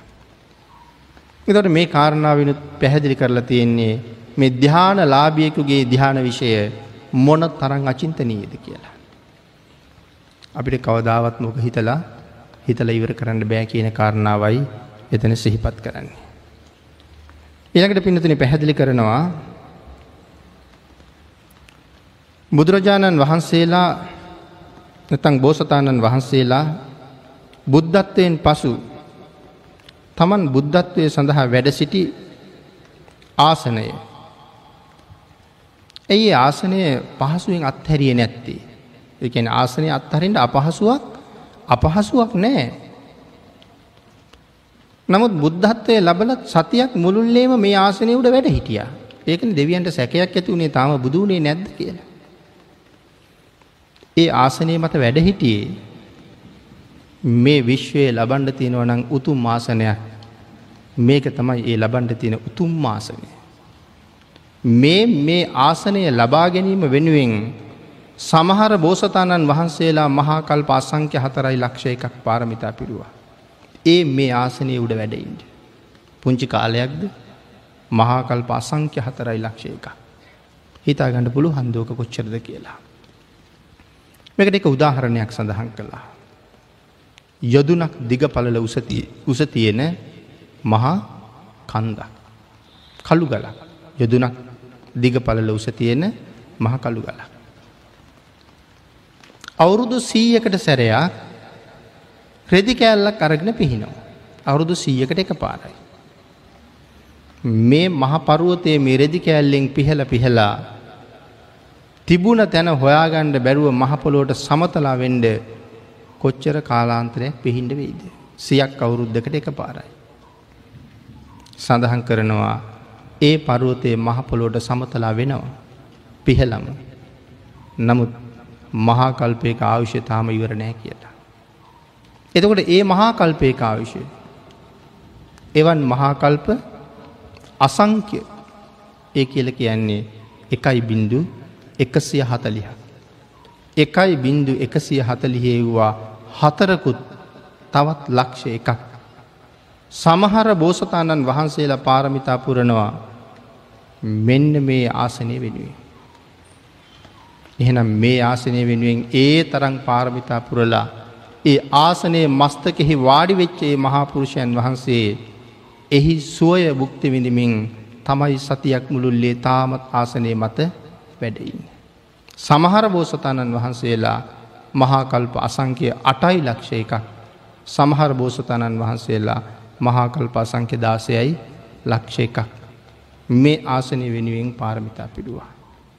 හැබැයි මේ ලෝකෙ කෙනෙකුට පිළිගණ්ඩ පුළුවන් වෙයිද ඒ ආසනයේ තනිකරම දියමන්තිවලින් පහළ වෙනවා කියල කිව්වොත්. මේ ආසනය මොනවද දියමන්ති. මානික්‍යම ආසනය. අපි මේ ආසනයට කියන නම මොකක් දෙතකොට. අපි කැන වජ්‍රා වජ්‍රාසනය කියලා. එතොට මොනවර්ද වජ්්‍ර කියල කියන්නේ වජ්්‍ර කියන්නේ දියමන්තිවට. එහෙමනං බෝධිමූලයේ පහළ වෙන මේ ආසනය මානික්‍යම ආසනය. ආං ඉන්සා ඒ ආසනය උඩ බුද්ධත්වයෙන් පස්සෙත් සතියක් වැඩඉන්නවා. ඉන් පස්සේ භාග්‍යතුන් වහන්සේ මේ ආසනයෙන් නැගිටලා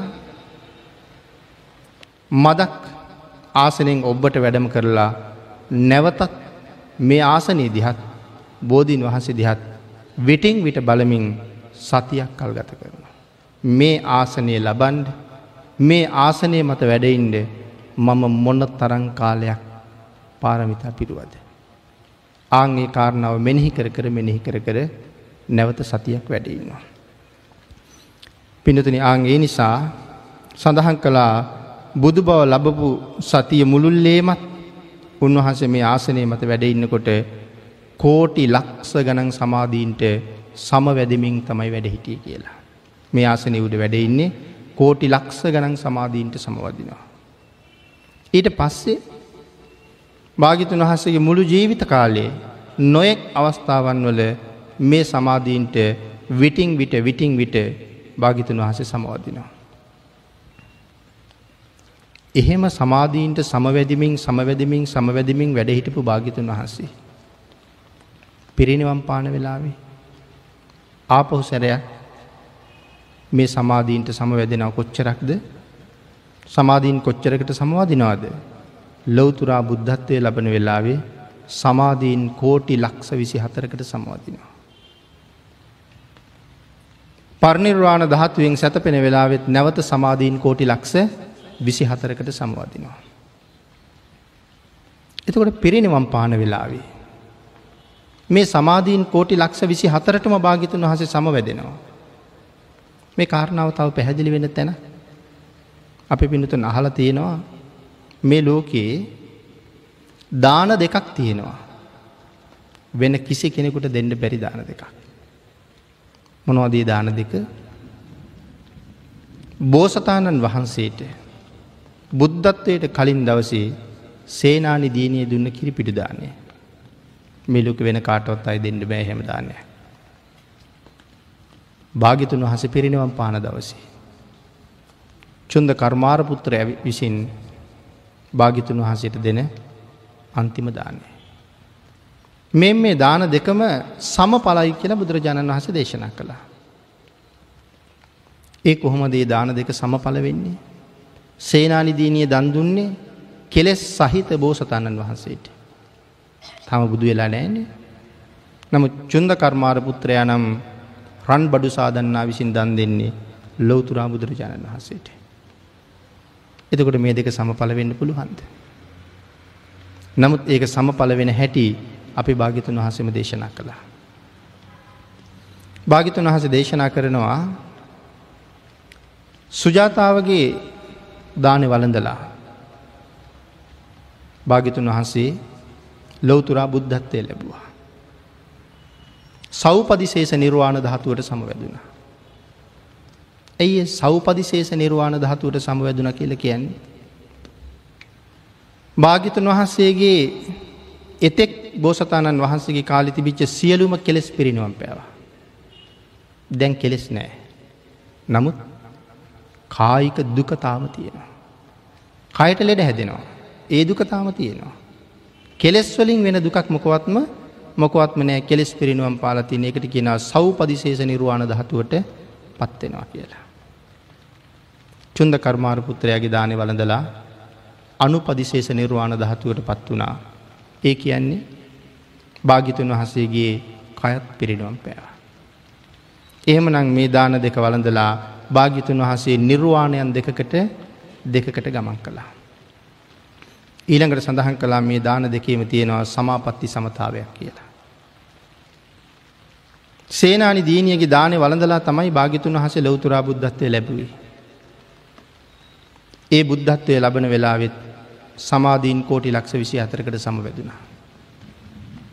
චොන්ද කර්මාර පුත්‍රයාගේ දාන වළඳලා භාගිතුන් වහසේ පිරිනිවම් පාන්න කලින් නැවත සමාධීන් කෝටි ලක්ෂ විසි හතරකට සමවදිනවා. එහනම් සමාපත්ති සමතාවයක් දාන දෙකේම දෙකේම තියෙනවා.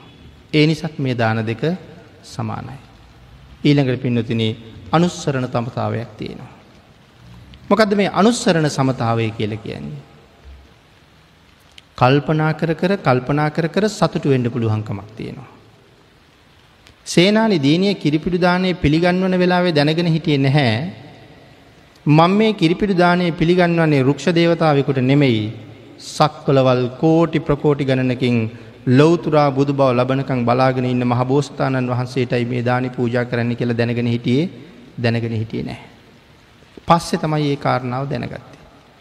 ආංගේ දැනගත්තට පස්සේ ඇය අප්‍රමාණ සතුටට පත්වෙනවා මගේ දානෙ වළඳලා බෝසතාණන් වහන්සේ ලොවතුරා බුද්ධත්වය මුදුම් පත් කරගත්තා. එතන ඉඳලා දවස් හතලිස් නමයක්ම මගේ දානයෙන් භාගිතුන් වහසේ යපුණ කියලා. එනිසා හිත හිතා හිත හිතා ඇයට සතුට වෙන්න පුළුවන්කමක් තියෙනවා. එතට චුන්දට මොකක්ද සතුට වෙන්න තියෙන පුළුවන්කම. චුන්ද සතුටු වෙනවා. මහාකල් පාසංක්‍ය විස්සයි ලක්ෂ එකක් තිස්සේ පාරමිතා පුරාගෙන පාරමිතා පුරාගෙන ආවේ ලෝතුරා බුද්ධ රාජ්‍ය ලබල ලෝක සත්වයට දහම් දෙසලා ලෝ සතුන් සුවපත් කරවලා තමන් වහන්සේ බලාපොරොත්තුවෙන උතුම් නිර්වාණය හොයාගෙන වැඩම කරන්න. එහෙමනං චුන්ද කර්මාර පුත්‍රයාගේ දානය වලඳලා. භාගිතුන් වහසේ භාගිතුන් වහසගේ මංගල්ලට සූදානන් වුණා මහරහතන් වහන්සේලා අසූ මහාශ්‍රාවකයන් වහන්සේලා සංවේගයට පත්වෙන වෙලාවි පෘතජ්ජන භික්‍ෂූන් වහන්සේලා දෙවියු බ්‍රහ්මියෝ හඬා වැලපෙන වෙලාවක මුළු ලෝක දහතුවම කම්පා වෙන වෙලාවක භාගිතුන් වහසේ හරි සතුටින් වැඩඉන්න. ඇයි අපි ඔක්කොට මේක මහලකු දුකක් නමුත් බුදුරජාණන් වහසට එක මහලකු සතුටක් මොකද මහාකල් පාසංක්‍ය විස්සයි ලක්ෂ එකක් තිස්සේ අනන්ත සසරාප්‍රමාණ දුක් විඳවිඳ උන්වහන්සේ මේ නිවනට යන්න මග හෙව්වා. දැන් උන්වහන්සේ උන්වහසගේ මංගල්‍ය ශාක්ෂාත් කරගඩ සූදානගෙන වෙලාව. ආංගේ වෙලාවේ මේ සමාපත්තීන් කෝටි ලක්ෂ විසි හතරටම සමවැදන කෙල සඳහන් කරනවා ඇයි ඒ සමවදින්න කියන කාරණාවට උත්තරයක් අපූරුවට දීල තියෙනවා. අපි අතර ජීවත්වෙච්ච කෙනෙක් මේ උත්තරිති නට්ට කතාවේ. අපි අතර ජීවත් වෙලා ඉන්න අපේ දරුවෙක්. සදහටම දෙමව්පියන්ගෙන් ඥාතීන්ගෙන් සමුවරගෙන විදේශ රටකට යන්න යන්න අය කවදාවත් මේ රටට එන්නේ එන්නේ නෑ. සදහටම සමුවරන් යන්ඩයි යන්නේ ගිහිල්ලා පහු එන්න නෙවෙයි. ආං එහෙම යන කෙනෙක් මොන තරන් දුකට පත්වෙයිද. ඥාතීන් කී දෙනෙක් ගාවට යයිද. ගෙදර කී දවසක් දුකෙන් ඉදෙයි දම්මතාත දාලා යන්න වෙන්න නිසා. හැම නෑදෑයෙක් ගාවටම ගිහිල්ලා හැම යාළුවෙක් මිත්‍රයෙක් ගාවටම ගිහිල්ලා ආලිංගනය කරලා සිප වැළඳගෙන බොහොම කනගාටුවෙන් ඔවුන්ගෙන් සමුවර්ගෙන සමුවරගෙන එන්නේ ආය කවදාවත් නොෙන්ඩ විදේශ රටකට යන්ට. ඒ ඒ පුද්ගලයා.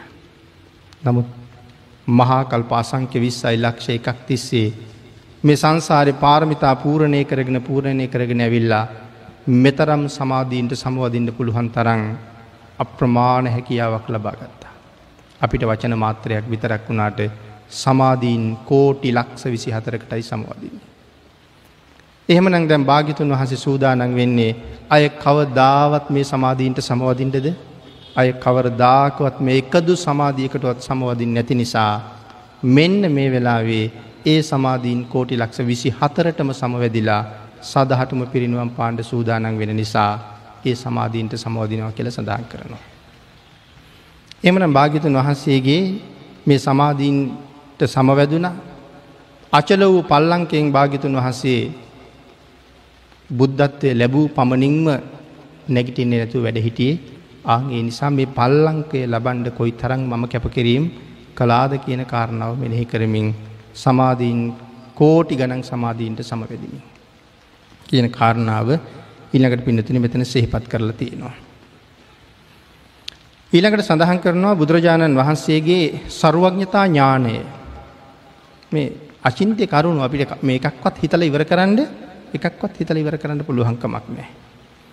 සරුවඥතා ඥානයට හා අනාවරණ ඥානයට සමවැදීමේදී ඤෙය්‍ය පත පහක් පිළිබඳව සඳහන් කරනවා. සර්වඥතා ඥානයට සහ අනාවරණ ඥානයට සමවැදෙන වෙලාව මේ ඤෙය්‍ය පත පහක් පිළිබඳව සඳහන් කරලා තියෙනවා. සබ්බඥු හෙවත් සරුවඥ කියල කැන මෙන්න මෙ ඤෙය්‍ය පත නිසා කියලා විස්තර කරනවා. ඊළඟට සඳහන් කළා ඕනෑම දෙයක් හිතන පමාවට භාගිතුන් වහස වැටහෙනවා. හිතන පමාවට වැටහෙනවා. අයක පිළිබඳව අමුතුවෙන් මෙනෙහි කරන දෙයක් නෑ සිතුවිලි මාත්‍රයෙන් ඒ කාරණාව භාගිතුන් වහසට වැටහෙන නිසා ඒක බුදු කෙනෙකුට මිසක් පසේ බුදුරජාණන් වහසේ නමකටවත් වෙන්නේ නෑ කියල සඳහන් කළා. හිතන පමාවට වැටහීම. බුදු කෙනෙකුට විතරමයි එහෙම වැටහීමක් ඇති වෙන්නේ.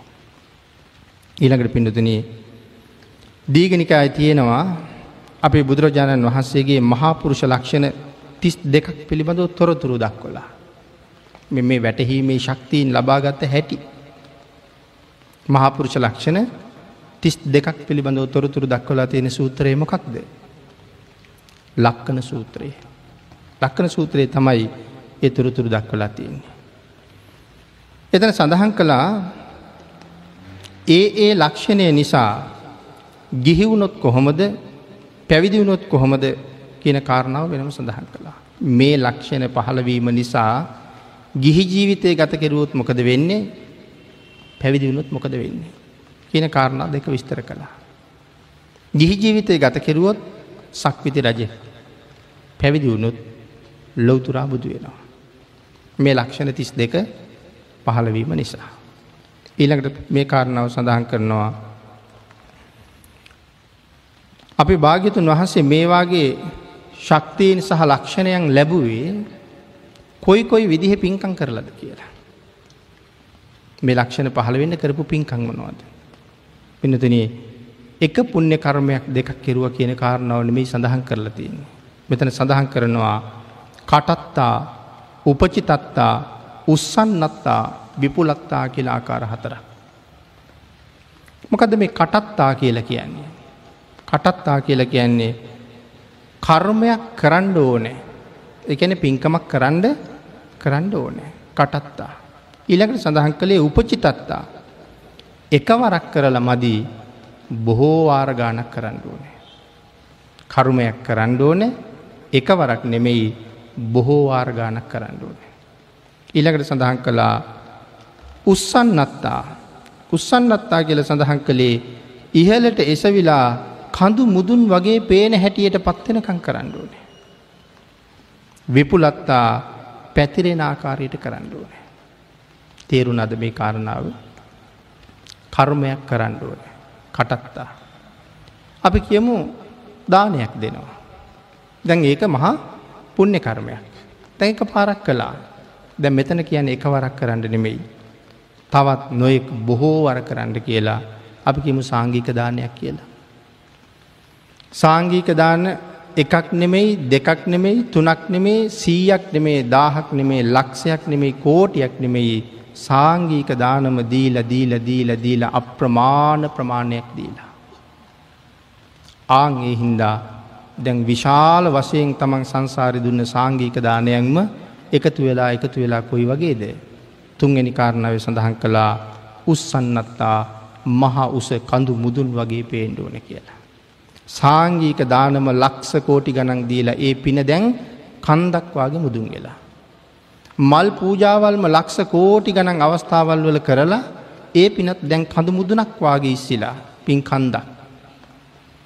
වස්ත්‍ර දන්දීලා තවත් නොයෙක් දේවල් දන්දීලා අඟ පසඟ දන්දීලා ජීවිතයේ දන්දීලා දරුමල්ලු දන්දීලා බිසව දන්දීලා රාජ්‍ය දන්දීලා ධන සම්පත් දන්දීලා එකවතාවක් නෙමෙයි ලක්ස කෝටි ගණන් අවස්ථාවන් වල එකම පින්කම නොයෙක් වර කරලා කරලා දැන් හරියට කොයි වගේද පේන්නේ පින්කං කඳු යායක් වගේ පේනවා. ආං ඒකයි සඳහන් කළේ උස්සන්නත්තා. ඉස්සිලා ඉස්සිලා පේන්නේ කරපු පින්කං. අර පේන කඳු මුදන සාංගීක දාන මේ පේන කඳු මුදන මල් පූජාව අර පේන කඳු මුදන පහම් පූජාව මේ ආදි වශයෙන් එකම පින්කම කෝටි ප්‍රකෝටි ගණන් වාරවල කරලා. විපුලත්තා එක හැම්ම තැනම පැතිරිලා දැන් තියෙන මහ කඳු යායක් පැතිරිලා ගිහිල්ලා. ආං එහෙම පින්කං කරලා තමයි මේ පුරුෂ ලක්ෂණ තිස් දෙක ලබාගත්තේ. දිකං ලැබුණ නෙවෙයි. අභිනීල සුනෙත්ත භාගිතුන් වහසර තිබුණා ඉතාම ලස්සන ඇස් දෙක. කොයි වගේද සඳහන් කළේ අද ඉපදිච්ච වහු පැටියෙකුගේ ඇස් දෙක මොනවාගේ නිල් පාටද. ආං ඊට වඩා ඉතාම ලස්සන නිල් පාටක් සහිත ඇස් දෙකක් අපි භාගිතුන් වහසර තිබුණ. අභිනීල සුනෙත්ත. එතකොට ඒවාගේ ලස්සන ඇස් දෙකක් ලබන්ඩ උන්වහස මොනවාගේ පින්කං කරන්න ඇද්ද. මේ මේ කාරණාවල් ඇහෙනකොට අපි මොනව කරගත්තද කියලා අපිට හිතෙනවා. මිනිස්සුන්ගේ මූුණ දිහා කොයි තරං අනුකම්පාවෙන් බලන්ඩ ඇද්ද. තැ කෙරේ කේන්ති ගිහිල්ල බලහම අප ඇස්වල ලස්සනක් නෑන අනුකම්පා සහගතව බලහම ඇස් දෙක කොයි තරන් ලස්සනද. එහෙමනම් මිනිස්සු දිහා කොයි තරන්නම් අනුකම්පාවෙන් බලන්ඩ ඇද. මේ වගේ ලස්සන ඇස් දෙක කම්බුවට. දැන් මෙහෙම අහපුහම අපිට කේන්ති ගියපිවගෙන අපිට දුක හිතෙනවා. මේ මොකට ද අපරාධ කේන්ති ගත්ත. කවුරු හරි කරපු වැරැද්දක් වෙනුවෙන් කේන්ති අරන්. මට කිසිම සම්බන්ධයක් නෑ කාගේ හැරි වැරද්දකට කේන්ති අරගෙන. කවුරු හරි කෙනෙක් ජීවිතය අඩු පාඩුවක් කරගන්නවා. අපි කියමු ගෙදර ඉන්න ළමෙක්. උදේට ඇහැරවුණු ඇහැරුණු නැගිටින්නේ. ඒක යාට ලොකු පාඩුවක්. එයාට ඒක හැම පැත්තෙම බාධාව. අධ්‍යාපන ජීවිතයටත් හානිය. වෙනත් ජීවිත කාර්යන්ටත් හානිය භාගිතුන් වහස දේශනා කළේ නිතර නිදන සුළු පුද්ගලය පිරිහෙනවා කියලා. ඉතින් මේ පුද්ගලයට කොයි තරන් හැරුවත් එයාට මේ ඇහැරෙන්ඩුව මනාවත්තිය. දැන් ඒ පුද්ගලයා නිදියගන තමන්ගේ ජීවිතය විනාශ කරගන්නවා. අපි ඊට වඩා අපි ජීවිතය විනාශ කරගන්නවා. එයා ගැන කේන්තියෙන් පුපුර පුපුර ඉඳලා. එන ඒ අපේ තියෙන අඥ්ඥාන බව. නමුත් දැම් භාගිතුන් වහසේ මේවාගේ ලස්සන ඇස් ලැබ්වේ මොනතරං මෛත්‍රී කරුණා පෙර දැරිව ලෝකයා දිහා බලලද කියන කාරණාව අපි දැනගත් හම තම හිතේ වෙච්චර කල්මනෝද කළේ කියලා. ඉතින් පිනත මේ ආදරයෙන් කරුණාවෙන් අනික් අයි දිහා බැලුව විතරක් නෙමෙයි.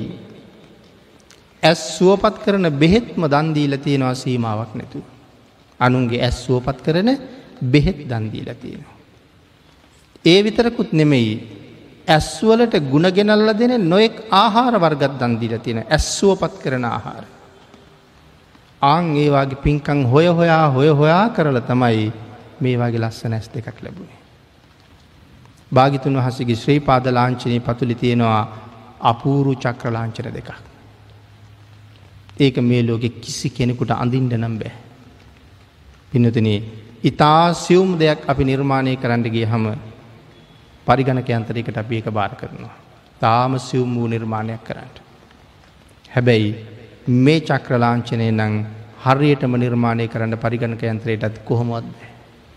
ඇයි මේ චක්‍ර ලාංචනය අර තියෙනවා දාහ මොන දර කියල කියන්නේ අපි තැන් කරත්තරෝ දෙක දකින්නේ ගරාදි ගරාදි වගේ ආං ඒවාගේ අර දහසක් තියෙනවා මේ චක්‍රලාංචනය. එතකොට අපි පරිගණක යන්තරයෙන් මේ චක්‍රලාංචනය අඳින්ට ගියොත් ශ්‍රීපාදය හැටියට ඉතින් අපි දන්නවන ඉතා විශාල එකක් අඳින්න නෙවේ කියලා. මොකද දෙසිය දාසයක් මංගල ලක්ෂණ. අසුවක් අනු ව්‍යංජන ලක්ෂණ ඒ ඔක්කොටමත් පිහිටන්ට ඉඩ තිබිලන මේ චක්‍රලාංචනයත් පිහිටල තියෙන්නේ. එතකොට එහෙමනම් ඒ තරම් ලොකු ලොකුම නෙමේ. නමුත් රත මේ චක්‍ර නාබියේ ඉඳලා නාබිය කියන්නේ මැද ඉඳලා මැද තියෙන පුංචි රවුම ගාවිඳලා පිට පැත්ති තියෙන රවුම ගාවට එනකම්. අර දාහක් තියෙනවා සඳහන් කරනවා එක අරයකින් අනික් අරේ කොහොමත් ස්පර්ශ කරන්නේ නෑ. ඒ රේකාව ඉතාම ගැඹුරට අපූරුවට පැහැදිලිව පිහිටලා තියෙනවා කිසි සේත්ම එකක් එකකින් ස්පර්ශ කරන්නේ නෑ. නමුත් අද අපි ඕක පරිගණක යන්තරයෙන් අඳින්ට ගියත්. අර නාබිය ගාවින් කොහොමත් ස්පර්ශ වෙනවා මයි නොවී අඳින්ට බෑ. එනම් එහෙම දේවල් තව කෙනෙකුට නිර්මාණය කරන්න නිර්මාණ කරන්න බෑ. නමුත් මේවාගේ චක්‍ර ලාංචන පිහිටිය ඇයි. මනාව දන් දුන්න හින්දා.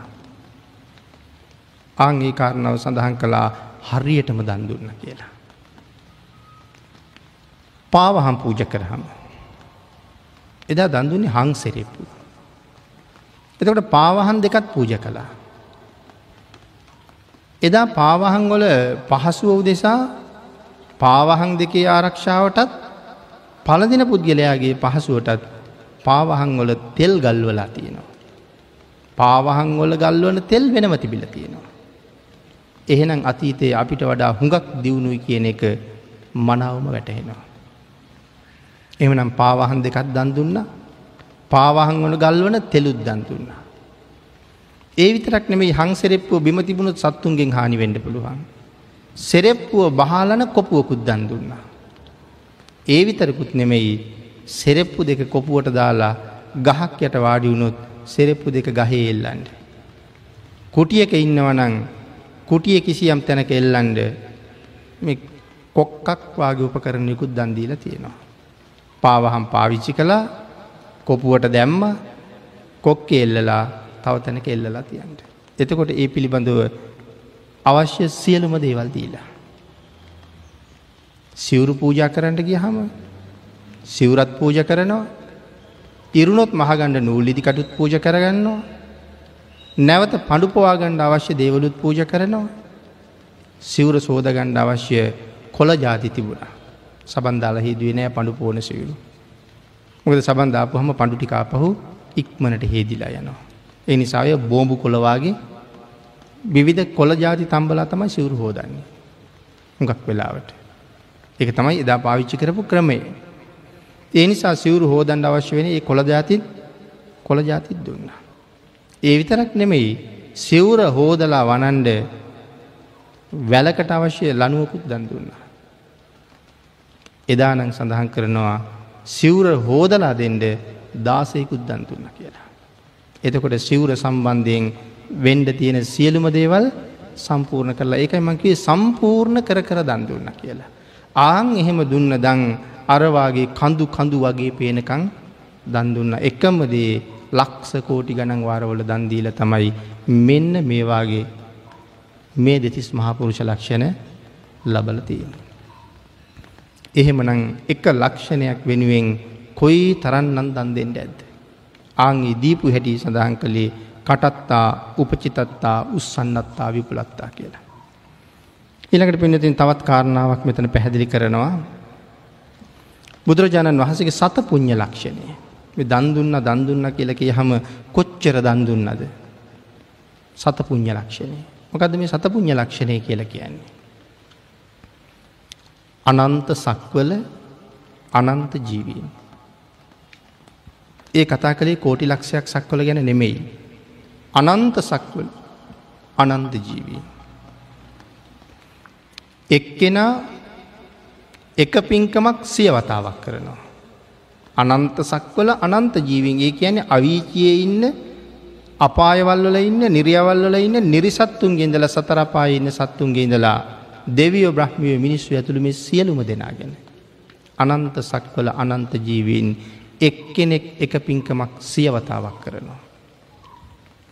එතකට මේ අනන්ත ජීවීන් එක්කෙනා සීය ගාන සීය ගාන කරපු පින්කං ටික ඔක්කෝම එකට එකතු කරලා එක පින්කමක් වුණහම.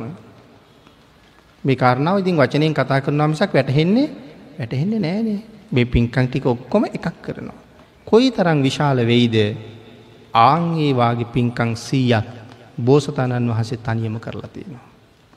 අනන්ත සක්වල අනන්ත ජීවීන් එක්කෙනා සීය සීය ගානි කරපු පින්කං ටික ඔක්කෝම එකට එකතු කරහම කොච්චර පින්කං කන්දක්ද ඒවාගේ පින්කං සීයක් උන්වහස තනියම කරලා තිනවා. ආං එකටයි කියන්නේ සත පුං්ඥ ලක්ෂණය කියලා මොන තරන් නං දන් දෙන්න ඇද්ද සංසාරය. ආං එහෙම දන්දීල තමයි මේ මේවාගේ ලක්ෂණ ලැබිල තියෙන්නේ. ඊළඟට පිනතින සඳහන් කරනවා තවත් අචින්තනීය කාරණාවක් තෞතිසාාවට වැඩම කරලා අභිධර්මය දේශනා කරපු අවස්ථාව. තඟ පිස්සල තෞතිසාාවට වැඩම කරපු හැටි සඳහන් කළා. එහ වැඩියේ මාතෘ දිවරාජාට ධර්ම දේශනා කරන්නට. අනිකුත් දෙවියෝ ප්‍රධානව. ඒ අභිධර්ම දේශනාව සිද්ධ කරනකොට භාගිතුන් වහසේ තෞතිසාය වස් සමාදන් වෙනවා. ඒ වස් සමාදන් වනහම තුම්මාසයක් වනහම දවස් අනුවක් බුදුරජාණන් වහසේ එහි වැඩඉන්නවා. අර වැඩපු දෙවියෝ ප්‍රමාණය අපි සඳහන් කලා ඉදිකට සිදුරක් ඇතුළේ දෙවිය හැටක් කියලා. මේ දෙවිවරු වාඩි වෙලා බණහනවා. ඒ දෙවියන්ට ආහාර ඕනෙද පිනතින් තවතිසාාවෙනම්. එක ආහාර වේලක් ඕන වෙන්නේ අපේ අවුරුදු සීයකට අපේ අවුරුදු සීයකට එක වේලයි. මොකද තවතිසාාව එක දවසකට මනුස්ස වර්ෂ සීයක් ඕනේ. දෙවියන්ට දවසකට වේලක් අනුභව කරන්න ඕනේ. ඒ වේලා අමතක උන්නුත් එහෙම චුත වෙනවා. දවසකට වේලක් ඕනෙමයි. එහෙමනං අපේ අවුරුදු සීයක් තවතිසාාවට එක දවසයි නං භාගිතුන් වහසේ වැඩ ඉන්නේ තුම් මාසයයි. ඒ තුම් මාසයයි කියන්නේ මනුස්සලෝක තුම් මාසයක්. මනුස්ස ලෝකෙ දවස් අනුවා. එහෙනම් දෙවියන්ට කෑම ඕන වෙනවාද. දෙවියන්ට කෑම ඕන වෙන්නේ නෑ. චාතුන් මහාරාජිකය කට්ටිය එහට වැඩම කරලා හිටියත්. මනුස්සලෝක අවුරුදු පණහක් එහට එක දවස එහෙනම් ඒ දෙවියන්ට කෑමෝ නැත් නෑ. ඒ වනාට භාග්‍යතුන් වහස මනුස්සෙක්. භාගිතුන් වහසට ආහාරෝනේ. අවශ්‍යනං අධිෂ්ඨාන කරලා ආහාර ගන්නතු ඉන්න පුළුවන් නමුත් භාගිතුන් වහසේ එහෙම විශේෂිත දේවල් සුවිශේෂී කාරණාවක් සඳහා මිස සාමාන්‍ය වෙලාවට භාවිතා කළේ භාවිතා කළේ නෑ. ඒ නිසා බුදුරජාණන් වහන්සේට දානය වලඳන්න ඕන. එතුකොට භාගිතුන් වහන්සේ දවස් අනුවට එකවතාව ගානය අනූ වතාවක් මේ ධර්ම දේශනාව මග නැවැත්තුවා එහෙමනම්. එහෙම උනානං දේශනාවේ තරන් සාර්ථක වෙන්නෑ කියල භාගිතුන් හසිතුවා. එතකොට භාගිතුන් වහස දානයට වැඩි නැද්ද දන්ට වැඩිය. කොහොමද භාගිතුන් වහස වඩින් එතකොට. දෙවියන්ට ධර්ම දේශනා කරනවා.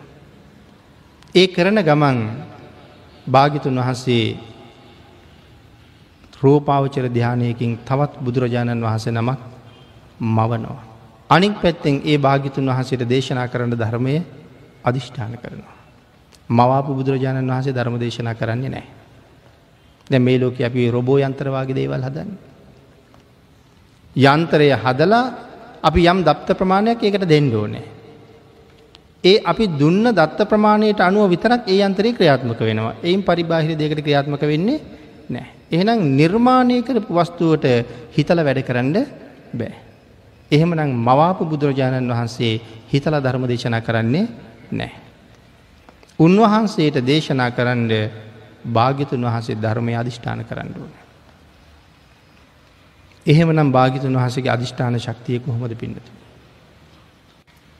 භාගිතුන් වහස ඉතා සුළු වෙලාවකරද පින්ඩ පාති වඩින්නේ. සඳහන් කරනවා නෑ. ඒ පින්ඩ පාති වඩින් ලෑස්ති වෙලා භාගිතුන් වහස ස්නානය කරනවා. ස්නානය කරලා උතුරුකුරු දිවයිනට පින්ඩ පාති වැඩල ආපහු අනෝතප්ත විලගාවට වැඩල භාගිතුන් වහස දානය වලඳනවා. භාගිතුන් වහසට උපස්ථාන සඳහා වෙනම දෙවිවරු කණ්ඩායමක් එනවා. ආංගේ දෙවිවරු දානය වැළඳුවට පස්සේ මේ නාග ලතා දන්ත කාෂ්ටක වාගේ දේවල් දැහැටි දඩු භාගිතුන් වහසට අපහු පිළිගන්නනවා. ඊළඟට භාගිතුන් වහස ශ්‍රීමක දහතුව පිරිසිදු කරගෙන ඒ කටයුතු නිමා වෙනකොට සැරියුත් මහරහතන් වහන්සේ මෙතෙන්ට වඩිනවා. භාගිතුන් වහන්සේ මේ සමීපේ තියෙන චන්දන වනයකට වඩිනවා කියල සඳහන් කරනවා. එකන සඳුන් වනයකට. ආංගේ සඳුන් වනාන්තරයේදී භාග්‍යතුන් වහන්සේ මෙතෙක් දෙවියන්ට දේශනා කරපු ධර්මය ඒ දේශනා කරන අභිධර්මය. ආං ඒ ධර්මය සැරියුත් මහරහතන් වහන්සට උගන්නනවා. ඒ ඇන මහ දීර්ගව උගන්නනවද මාතෘකාටික විතර යුගන්නන්නේ. ඒ ටික කරලා සැරියුත් මහරහතන් වහසට ඒ කරුණු ටික පැහැදිලි කරලා දීලා ඉළඟට භාගිතුන් වහසේ භාවනාවට සමවදිනවා. ඒ කාරණා ටිකත් නිමා වෙලා තමයි නැවත බුදුරජාණන් වහස ධර්මාසනයට වඩින්. එහෙමනම් මේ කටයුතු ටිකට අපි හිටියොත් යටත් පිරිසෙන් පැය පහක්වත් ගත වෙනවා කියලා. කලින් වැඩල ස්නානය කරලා උතුරකුරු දිවයිනට වැඩලා පිඩිසිංගාගෙන නැවත වැඩලා දානෙ වලඳලා සැරියුත් මහරහතන් වහන්සේට දේශනා කරපු ධර්මය උගන්නලා භාගිතුන් වහන්සේ විවේකරගෙන භාවනා කටයුතුත් නිමා කරලා ආපහු තවතිසාාව ධර්මාසනයට වඩිනකොට යටත් පිරිසෙන් පැය පහක්වත් පැය පහක්වත් ගත වෙනවා. එතකොට පෑ පහක් කතා කිරුවොත් වචන කොච්චර කතා කරයිද. පිනතින අපේ වචනවාගෙන මේ භාගිතුන් වහසගේ වචන ඉතාමත්ම වේගවත්. එහෙමනම් අර නිර්මිත බුදුරජාණන් වහන්සේට දේශනා කරන්න මොන්න තරං ධර්මය අධිෂ්ඨාන කරන්න ඕනෙද. ධර්මය අධිෂ්ඨාන කරන එක විතරක් නෙවෙයිනි පින්නතුන. නිර්මිත බුදුරජාණන් වහන්සේගේ ශ්‍රීමුකහෙන් මේ බණපදය පිට වෙනකොට. ශරීරයෙන් විහිදෙන රශ්මි කදම්බේ මොකක්ද. මේ බණපදේ පිට වෙනකොට ශරීර දහත්වීම පිට වෙන රශ්මිය මොකක්ද ඒකත් අධිෂ්ඨාන කරන්න ඕනේ. මේ බණපදේ මේ තප්පරයට දේශනා කරන්නේ ඒ බණපදේ ඒ තප්පරේ දේශනා කරනකොට ශ්‍රීමක දහතුව කොහොම කොහොම පිහිටනවාද. තොල් පෙති කොහොම පිහිටනවාද. ඒ හඬ කොහොම පිට වෙනවාද. මේ එකක් එකක් ගානය අධිෂ්ඨාන කරන්න ඕනේ. නමුත් ඒ සියල්ලමත් එක්ක පැය පහකට අධිෂ්ඨාන කරනවා කියල කිය හම එක හිතාගණඩ පුළුවන්ද කාටවත්. ඒනං එක ලොවතුරා බුදුරජාණන් වහන්සේ නමකට විතරක්ම විෂය වෙච්ච මේ ලෝක අනික් සියලු දෙනාටම අචින්තනීය වූ කාරණාව. මේ ධර්මස්කන්ද අධිෂ්ඨාන කිරීම. ආගේ නිසා ඊළඟට පැහැදිලි කලා ධාතුන් වහන්සේලා අධිෂ්ඨාන කිරීම. කොහොමද මේ ධාතුන් වහන්සේලා අධිෂ්ඨාන කරන්නේ. අපේ බුදුරජාණන් වහන්සේගේ ධාතුන් වහසල විසිරෙනවා. අල්පාවිශ්ක බුදුරජාණන් වහස නමක් නිසා. ධාතුන් වහසල කොයි තරම් ප්‍රමාණයක් විසිරෙනවාද. ධාතුන් වහන්සේලා ද්‍රෝණ අටක් භාගිතුන් වහසකින් විසිරෙන ප්‍රමාණය ද්‍රෝණ අටක්. මිනිතන මෙතන සඳහන් කරනවා ද්‍රෝණ අටක් කියල කියහම එ කොච්චර ප්‍රමාණයක්ද. කොච්චර ධාතුන් වහසල විසිරෙනවද. විශේෂයෙන් විසිරෙන්නේ නැති ධාතුන් වහන්සේලා නොබි දෙන ධාතුන් වහන්සේලා හත් නමක් වැඩඉන්නවා. මොනද මේ නොබි දෙන ධාතුන් වහන්සේලා. සතර දළදා වහන්සේ. අකු ධාතුන් වහන්සේලා දෙනම ලලාට ධාතුන් වහන්සේ. මේ මේ ධාතුන් වහසලා හත් නම නොබිඳෙන ධාතුන් වහන්සේලා. ඉළඟට සඳහන් කළා කෝටි ලක්ෂයක් සක්වලේ ප්‍රධානතම ධාතුන් වහන්සේ බවට පත්වෙන්නේ. භාගිතුන් වහසේගේ නලන් තලේ. ඒ තමයි සරුවඥ ශරීරයෙන් විසිරෙන විශාලතම සරුවඥ ධාතුන් වහන්සේ. අපි කියන්නේ ලලාට ධාතුන් වහන්ස කියලා. ඇති මේ ධාතුන් වහන්සේ යම් සක්වලකට ලැබෙනව නං ඒ සක්වලේ අය කොයි තරං පුුණ්‍යවන්තද කියන කාරණාව හිතන්ඩවත් හිතන්ඩවත් බෑපිට. භාගිතුන් වහසේගේ විශාලතම සරුවඥ ධාතුන් වහන්සේ. ඊළඟට පින්නතුන දන්ත ධාතුන් වහන්සේලා හතර නමක් මේ සක්වලට ලැබෙනවා. තන්ත දසුන් වහස හතර නමක් මේ සක්වලට ලැබෙනවා. තව දන්ත ධාතුන් වහසල කී නමක් එතකොට ඉතුරුද තිස් හය නමක් ඉතුරුයි. ඒ තිස් හය සක්වලවල් පරම්පරාවෙන් බෙදිලා බෙදිල යනවා. වෙනත් වෙනත් සක්කොලල්ලෝට බෙදිල යනවා ආං ඒක පිළිබඳව මහා පරිනිර්වාණ සූත්‍රයේ මෙන්න මෙහෙම දක්වලා තියෙනවා ඒ ධාතුන් වහසල බෙදුන හැටි. එතන් දක්වනවා චත්තා ලීසා සමාදන්තා භාගිතුන් වහන්සේගේ ධාතුන් වහන්සේලා හතලිහ. කේසා ලෝමාච සබ්බසු අනෙක් සියලුම කේස ධාතුන් වහන්සේලා සහ ලෝමධාතුන් වහන්සේලා. දේවා හරින්සු ඒක එකං චක්කවාල පරම්පරා. සඳහන් කළා එක සක්වලකට එක ලෝම ධාතුන් වහන්සේ නමක් ලැබිච්ච සක්වලවල් තියෙනවා. එක සක්වලකට එක ලෝම ධාතුවක් විතරයි. එක සක්වලකට එක කේස ධාතුන් වහන්සේ නම විතරක් ලැබිච්ච සක්වලවල් ප්‍රමාණයෙන් සීමාවක් නැති තර. ඇබැති මේ කෝටි ලක්ෂයක් සක්වල ඇතුළි. හිතන්නක පින්නතුන එක සක්වලකටම හම්බ වනේ එකම එක ලෝම ධාතුන් වහන්සේ නමයි කියල කිය හම ඒ සක්කොලවල් වන ජීවත් වෙන මිනිස්සුන්ට මුළු ජීවිත කාලෙන් එක දවසක්වත් මේ සරුව ධාතුන් වහන්සේට වැඳගණ්ඩ අවස්ථාව ලැබිච්ච නැති අය කොච්චර ඇද. එම සක්වලටම ලැබිල තියෙන එක ධාතුන් වහස නමයින්නේ. එතකොට කී දෙනෙකුටද වැඳගණ්ඩ අවස්ථාව හම්බ වෙන්නේ. එක ධාතුන් වහස නමක් ලැබුණහම. එතකොට මේ සක්වල ගැන කල්පනා කරලා බලහම.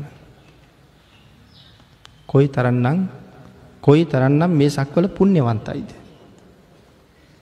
මේ සක්වලි අය. ඔය කාරණාව ගැන කල්පනා කරලා හිතල බලන්ඩකෝ මේ රටග ඒ ඔක්කොටම වඩා පුුණ්‍යවන්තයි කියලා හිතෙන් නැද මේ රට. මේ රටේ හැතැක්ම තුන හතරක් ඇවිදගෙන යනකොට. කීපොලකින් ධාතුන් වහන්සේලට වඳින්ට පුළුවන්ද කියල හිතන්ට. පන්සල් කීයක් කම්ප වෙනවාද. චෛත්‍ය කීයක් පහු කරනවාද. නමුත් සමහර සක්වලක ධාතුන් වහන්සේ කියෙන වචනවත් අහන්න හම්බෙන්නේ. එක්කම්ම ධාතුන් වහන්සේ නමයි දෙවියන්ට මිනිස්සුන්ට ලැබිල තියෙන. දෙගොල්ලටම ලැබිල තියෙන. එහෙනම් මේ රට ඉපදිච්ච මිනිස් කොයි තරම් භාග්‍යවන්තද. මේ සක්වලට හම්බෙන නොබිදෙන ධාතුන් වහන්සේලා. හත්නමෙන් දෙනමක්ම මේ රටේ වැඩ ඉන්නවා. එහෙම නේද? වාම දළදා වහන්සේත් දක්ෂිණ දළදා වහන්සේ නමකුත් මේ රටේ වැඩ ඉන්නවා. ඒ විතරක්ද භාගිතුන් වහන්සේගේ විශාලතම සරුවඥ ධාතුන් වහන්සේත් බුද්ධ අධිෂ්ඨානයෙන්ම මේ රටේ වැඩ ඉන්නවා. සේරුවා විල මංගල මහසයයි. භාගිතුන් වහන්සේගේ අකුධාතුන් වහන්සේත් මේ රටේම වැඩඉන්නවා. කෝටි ගානක් ධාතුන් වහසල රැස් කරගෙන අනුරාධපුරේ මහසෑය ලෝක සත්වයාගේ නිවන්දුර ඇරමින් විරාජමාන වෙනවා. ද්‍රෝණ අටක් ධාතුන් වහසේල භාගිතුන් වහසකි ශරීර දහතුවෙන් විසිරෙන්නේ. පිනතිනි ද්‍රෝණ අටක් කියල කියන්නේ හුන්ඩු තිස් දෙකක් ද්‍රෝණයක් කියල කියන්නේ හුන්ඩු තිස් දෙකක්. එතකොට ද්‍රෝණ අටක් කියල කැනෙ හුන්ඩු කීයක්ද ද්‍රෝණ අටක් යන්නේ හුන්ඩු දෙසිය දෙසිය පනස් හය. ද්‍රෝණ අටක් යන හුන්ඩු දෙසිය පනස් හයක් නං හුන්ඩු දෙසිය පනස්සය කියල ගැන සේරු හැට හතර. භාග්‍යතුන් වහසගේ ශරීර දහත්ුවෙන් විසිරිලාගේ පුධාතුන් වහසලගේ ප්‍රමාණය සේරු සේරු හැට හතර.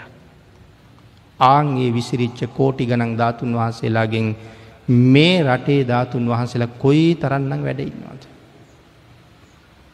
ඔය කාරණාව විතරක් හරියට හිතුවොත් මේ රටේ ඉන්න මිනිස්සු කවදාවත් නිරේට යයිද. මොන තරං පින් රැස් කරගණ්ඩ අවස්ථාව තියෙනවාද.